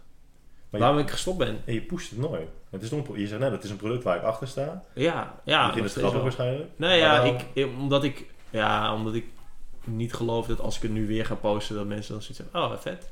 Maar ik zat er dus dat wel. Maar dat is onzin. Ja, en Maar, ik- maar, maar je, je kan niet zeggen over jouw marketing, omdat ik volg jou ook al echt heel lang. Ik weet dat je het boek hebt geschreven, maar ik zou echt geen idee hebben wat erin staat. Gewoon echt geen flauw idee. Ik zou het je echt niet kunnen vertellen. Oké. Ik weet hoe het boek heet Ja, en ik weet dat ik genoemd wordt op de eerste, pla- op de eerste bladzijde. Ja, Wat echt heel fucking grappig is. Ja. Maar nog steeds zou ik je echt niet kunnen vertellen wat erin staat. Echt geen idee. Nee, dat klopt. Ja, ik weet niet waarom. Dat, zou echt, dat is echt een hele goede vraag. Want ik heb natuurlijk ook wel gewoon een ontwerp voor een landingspagina van mijn boek. Hmm. Maar ik heb dat nooit gebouwd. Ja. Wat echt veel, vet vreemd is. Ja, heb ik, ik heb, ja, heb ik geen idee. Ik zou het wel heel vet vinden om bijvoorbeeld een deel van het boek in een podcastvorm te willen uitbrengen. Dus dat de podcast, ik, eh, niet ik weet het niet, Eet Haat krijg een sixpack heet. En dat je dus gewoon op die manier kennis kunt maken met wat ik in mijn boek schrijf. En ja, als je alles wil lezen, dat je dan een boek kan kopen. maar zou het niet kick vinden om nu nog steeds 2000 stuks te verkopen? Ja, jawel. Maar je denkt dat dat gewoon niet kan. Ja, ook wel. Alleen, ik heb... Ik Kan nee, ik zou nu niet een, een reden kunnen geven waarom ik het niet eh, aan het promoten ben. Want je hoopte eigenlijk stiekem gewoon dat als je het zou maken, het boek, dat je in één keer bam 10.000 zou verkopen. En dat je dacht van... Nee, ook niet. Want ik had ook wel verwacht dat het niet een bestseller zou worden. Dus misschien omdat ik mijn verwachtingen niet heb uitgesproken... dat ik nu niet weet of ik moet bijsturen of... Ja, ik ben, ik ben zelf iemand, ik rust niet voordat het loopt. Ja, maar wat is lopen dan? Nou ja, ik kan je voorbeeld geven met parfum. Wij hebben gewoon 1500 flessen ingekocht, eerste lichting. Ja. Al moet ik er 34 jaar over doen. Ik ga er echt voor zorgen dat tot de laatste fles gewoon verkocht wordt. ja. Maar dat is dan weer hoe ik een beetje in elkaar zit. Niet dat ik anders voel, het gevoel heb dat ik faal, maar ja, ik sta er gewoon achter. Dus ik zou het leuk vinden als gewoon 1500 verschillende mensen met een product te maken krijgen. Als ik een boek zou hebben en ik zou 5000 exemplaren hebben, zou ik willen dat 5000 mensen een exemplaar krijgen. Ja. Ja, ik weet Want niet. juist omdat je vindt dat mensen, je, je vindt het belangrijk dat mensen geen onzin geloven, dan moet je toch, toch extra je best doen om jouw boodschap bij hun te krijgen. Ja, dat klopt. Ja, goede vraag. Maar je weet het ook niet, hè? Ik weet het ook niet. Moet jij geen... Ja, je- ga je een boek schrijven?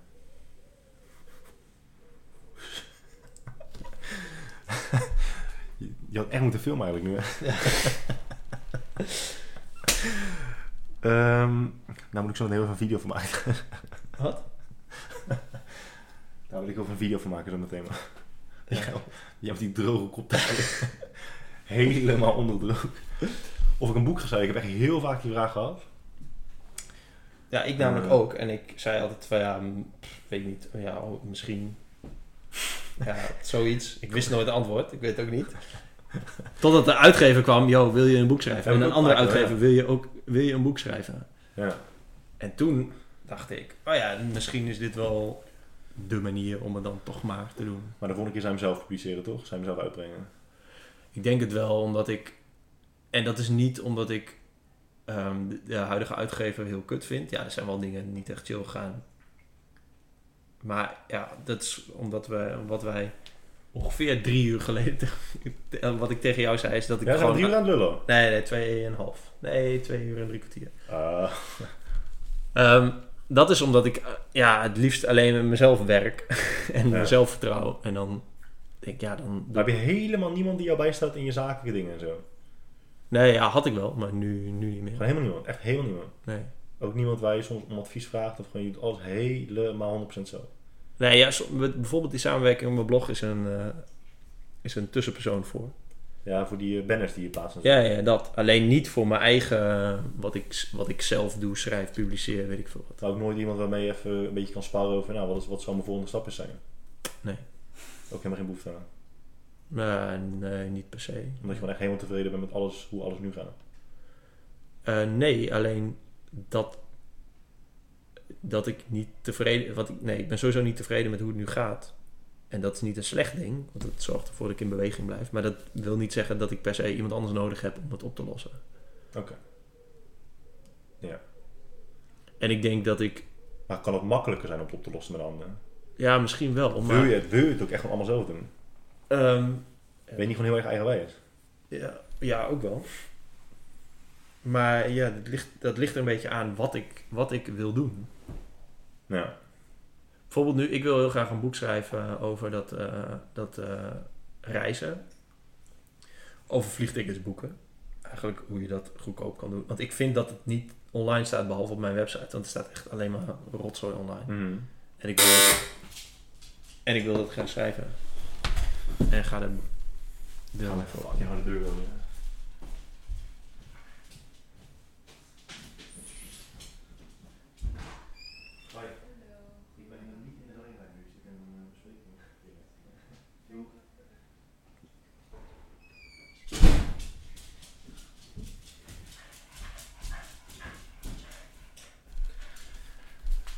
Kwam iemand voor een goed doel langs. Maar ik zei, ja, ik zit in een pod podcast met Jelmer de Boer. Toen zei ze, oh zo, dan laat ik je alleen maar terug. Ja, dat snap ik al. Wow. Je wil een boek schrijven over dat onderwerp. Ja. Engelstalig, Nederlandstalig. Ja, weet ik nog niet. Kan je goed Engels? Mm, nee, niet echt. Nee? Ik zie een mooie business class deal in het Qatar. Maar koop je alleen tickets als je, als je iets eh goedkoops, ja niet per se goedkoop, maar gewoon iets wat eh, echt een, een, een aanbieding is.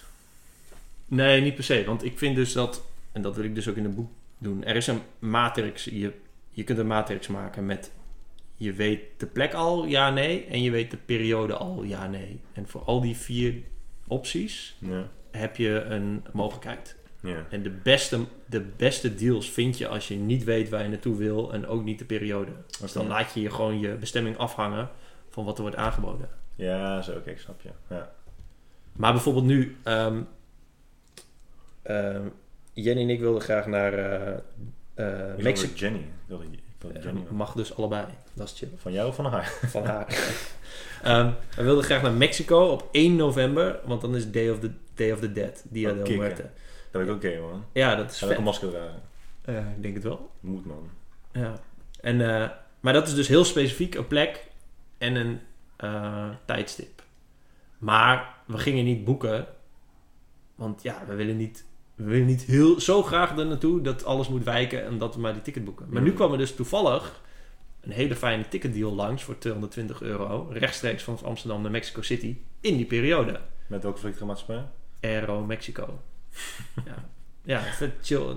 Eerder meegevlogen, vet chille vlucht. Oh, ja? Ja, zo'n nieuwe uh, niet Dreamliner. Boeing. Check je wel of, eh, of eh, vliegtuigmaatschappijen op de zwarte lijst staan? Ja, maar die, die tickets komen niet voorbij. Nou? Nee. Nee, misschien ooit een keer met Onur Air of zo. maar goed, Maar, die kwam dus voorbij.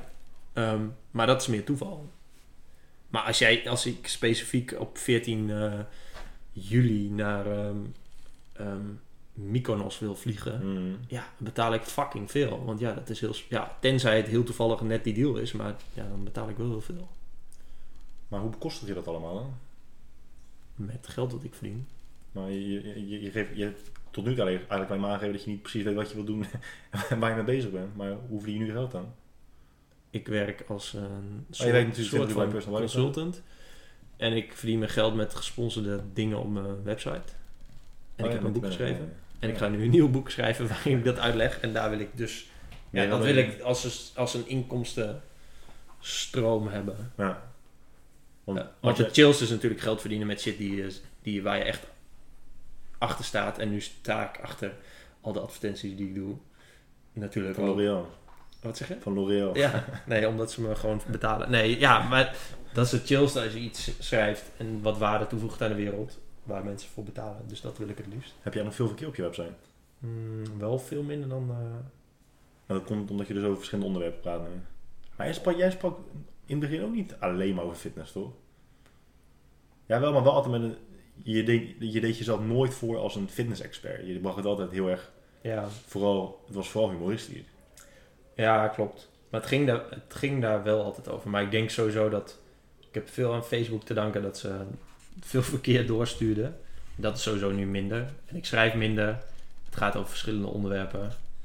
En ik zoek helemaal niet meer die interactie op. Bijvoorbeeld ook niet op Facebook. Ik ga ook niet meer zelf Alleen Twitter. dan. Ja, Twitter ben ik nu wel veel meer aan het doen. Ja, ik heb Twitter toen een keertje geprobeerd. Weet je nog, toen ik een keer online kwam na zeven jaar, Oh, ja. dat ik zei van, eh, gebruikt iemand dit nog? En alleen jij antwoordde. Nee, ja, die volgers daar groeien echt heel hard. Ehm, dus dat is chill. Ehm, dus ja, ik vind dat nog wel eh, fijn. Maar het bereik op mijn blog is wel, wel minder. Alleen dat komt misschien ook wel. Ja, ik, zit ook, ik doe ook mijn Instagram stories die 10.000 keer bekeken worden allemaal. 10.000. Ja. Zo is wel veel, man. En ik zit op Twitter waar ik vet veel interactie heb. En ik heb een nieuwsbrief. heb je dan? Twitter? Op Facebook, op eh, Instagram? Drie- 40.000. 43. Ja, dat loopt wel terug. 43. Ja, En dan heb je 10.000 mensen die story bekijken. ja, Dat is echt veel, man. ja. Een Ja. vierde, ja. Ja, ik heb iets minder dan een vierde. Ik heb 4000 mensen en ik heb 17.000. Ja, dat is iets minder dan vier. Ehm, nou ja, daar heb je dus interactie. En ik stuur een nieuwsbrief iedere zondag. En waar vet veel mensen op reageren. En nog steeds naar 3000 mensen die hem lezen. Echt al 42 weken achter elkaar. Hoeveel mensen heb je in je nieuwsbrief? 3000. Ja. En allemaal lezen? Nee, dat kan niet. Nee, ze lezen niet allemaal. Nee, de open rate is volgens mij de helft of zo. Dat is ook nog steeds heel hoog. Ehm, dus het is heel erg divers. Ja, ik heb nu een podcast. Ik weet heb je wel eens geluisterd? Nee, podcast. Doe je die? Ja. En, eh, dus ja, ik weet, je kunt het niet echt vergelijken. Ja, vroeger had ik alleen mijn blog en dat publiceerde ik op Facebook. Punt. Ja, makkelijk was het toen, hè? Zo deed ik het ook gewoon precies dat. Ja. En toen had ik echt, eh, ja, niet heel veel, niet heel veel keer, tenminste vergelijken met jou niet, wat had ik toen? Eh, ik denk dat ik maximaal zat op 3000 per dag of zo. Maar je hebt toch ook wel eens een bericht wat je post dat het best wel viraal gaat. En je Ja, dus ja. één, twee, misschien soms drie dagen achter elkaar de hele tijd verkeer krijgt van Facebook. ja, zeker. Maar dat is echt als ik gewoon een gaar, een video plaats die grappig is, weet je wel. Niet waardoor mensen denken, oh zo, dat is een echt een interessante kerel. Ik ga eens even op zijn website kijken om te kijken of ik eh, online coachingdiensten bij hem af kan. Nee, nee, precies. Het is meer van, haha, kijk naar deze gast, hij is echt grappig. En dan, nou ja, Ja. dan sturen ze door. Ja, van, nee. Heel Ja, maar dat is ook niet hoe sales werkt natuurlijk. Ja. Ja, dat is zo. Ik ga een video maken van ons man. Oh, je bent nu Instagram stories? Ja, dat ik rook in je gezicht ga blazen. Oké, is goed. en dan moet ik eerst een gare vraag stellen. Hoe ga ik, ik weet niet hoe ik het ga doen. Maar je moet ook... Wat? Mij moet je eigenlijk niet zien. hè. Je hoeft alleen maar jezelf te... Ja. Ja, doe maar. Kom je erbij? Oh. Twee uur en drie kwartier. Oh nee, we hebben, daar moet nog iets bij. Want we hebben Oh, natuurlijk alweer een recording ook. Normaal doen we een podcast gewoon een uur, hè? Echt? Ja, deze duurt bijna drie uur. Maar je- ga je, ga je hem helemaal plaatsen? Alles? Ja, weet ik veel. Ja, anders moet ik hem helemaal terugluisteren. Ook al deze stukken erbij? Ja, ja. Oké, ik zou het gewoon doen nu. Ja. We hebben niks geks gezegd, hoor.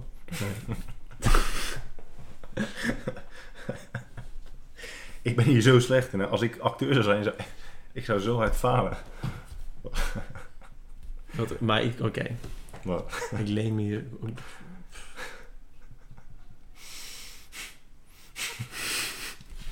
Wat doe je, man? Ja, maar die fucking goed in, man. Oké. Ga je een vraag stellen? Ehm, ja. Wacht even, drie. twee.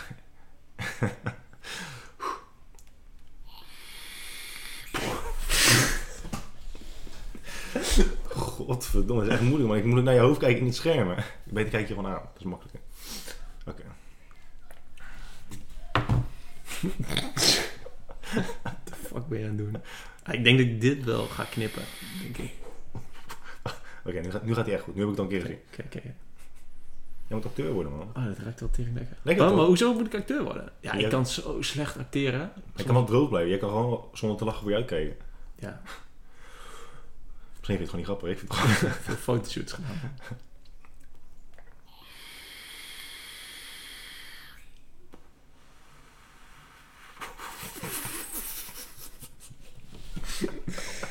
Jezus. Dat ruikt wel lekker. Oh, mooi, hè? Wat is het, appeltjes?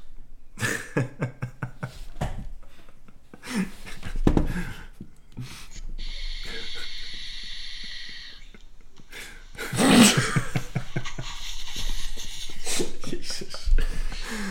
Oh, wat mooi zeg. Zo. Zie je, en daar moet je dus een camera hebben. Ja.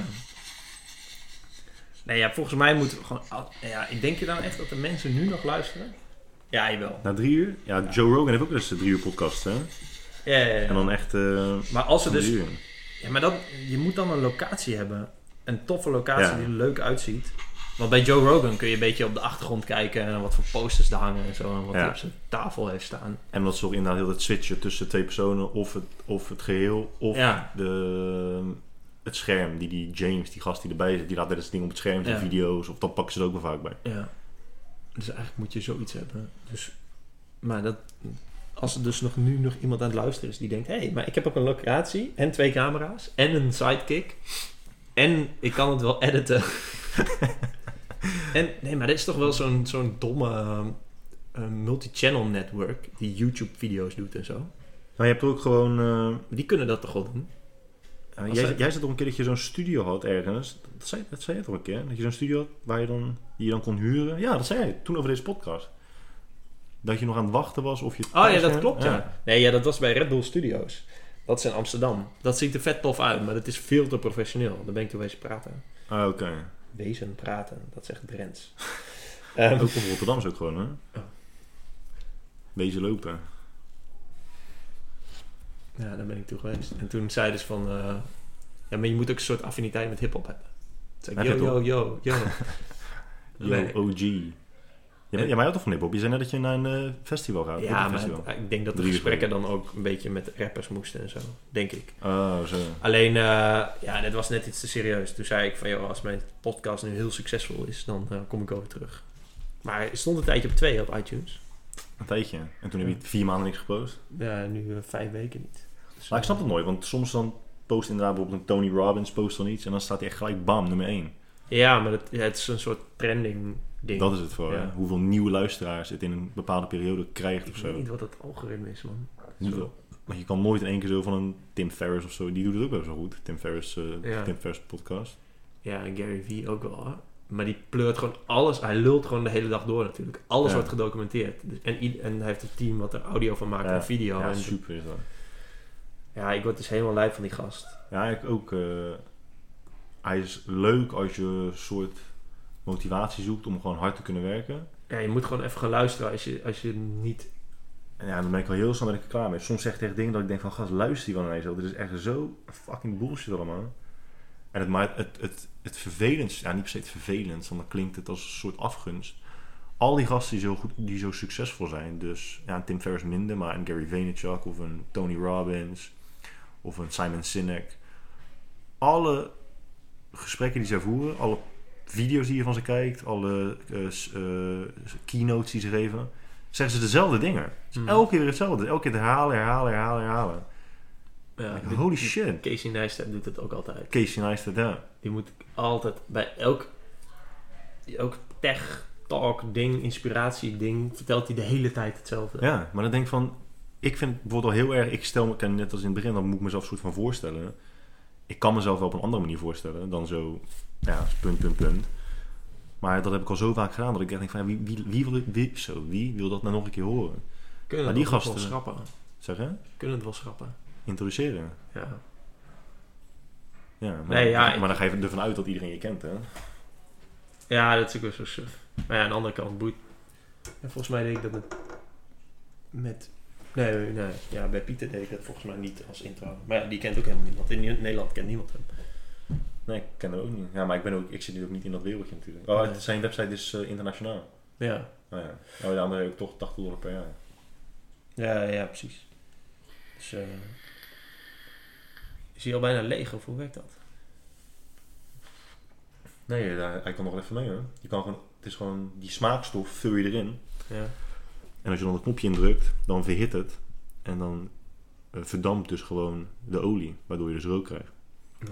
En daar zit een smaakje in. En dan gaat je hele huis zit straks onder de olie. Ja, alles helemaal geel, is alle muren geel.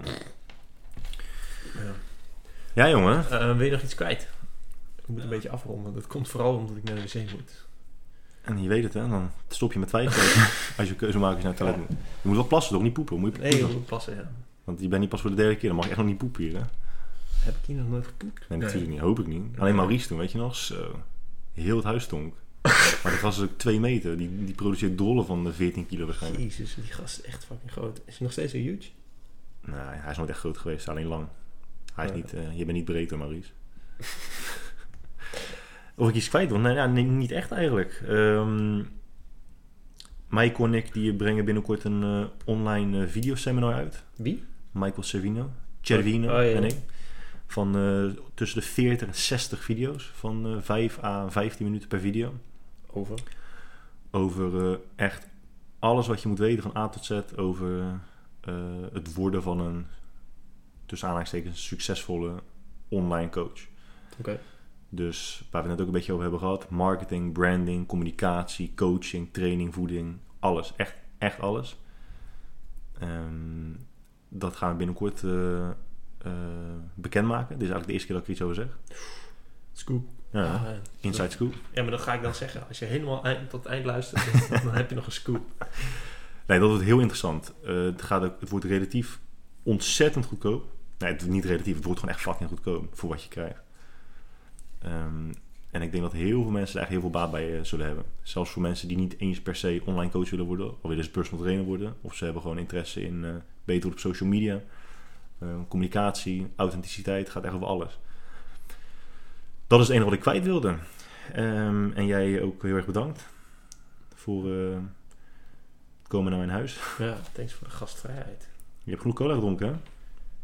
Ehm, ja, en nog een beetje eh, bio, Bionina. Bionina, shout-out. Misschien een sponsor eventueel van Bionina. Het is best lekker. Het smaakt naar eh, San Pellegrino.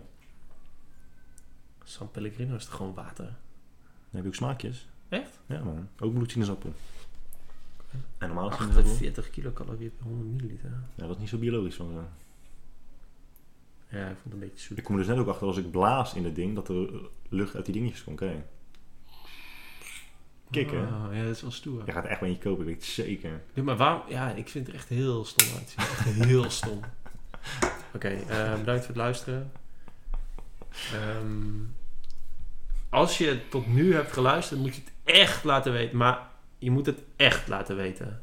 Je mag me deze keer ook mailen. Mail at Ja, maar daar sta ik wel achter. Als, als er echt mensen zijn die het gewoon tot hier hebben geluisterd en nog niet hebben geforward, Ja. dus echt gewoon drie uur hebben geluisterd, dan wil ik het ook echt weten. ja, je moet het wel echt laten. Misschien geef ik die dan gratis eh, iets, gewoon een vaporizer. Gratis iets. Eh, ik geef eh, vijf boeken weg aan mensen die het laten weten. Echt? Ja. En maar dan moeten ze ook zeggen welk stukjes ze het leukst vinden, vonden en waarom. En ik geef niet één iemand vijf boeken. ik dacht dat je dat bedoelde, ja. nee. Ik geef vijf keer mijn boek weg.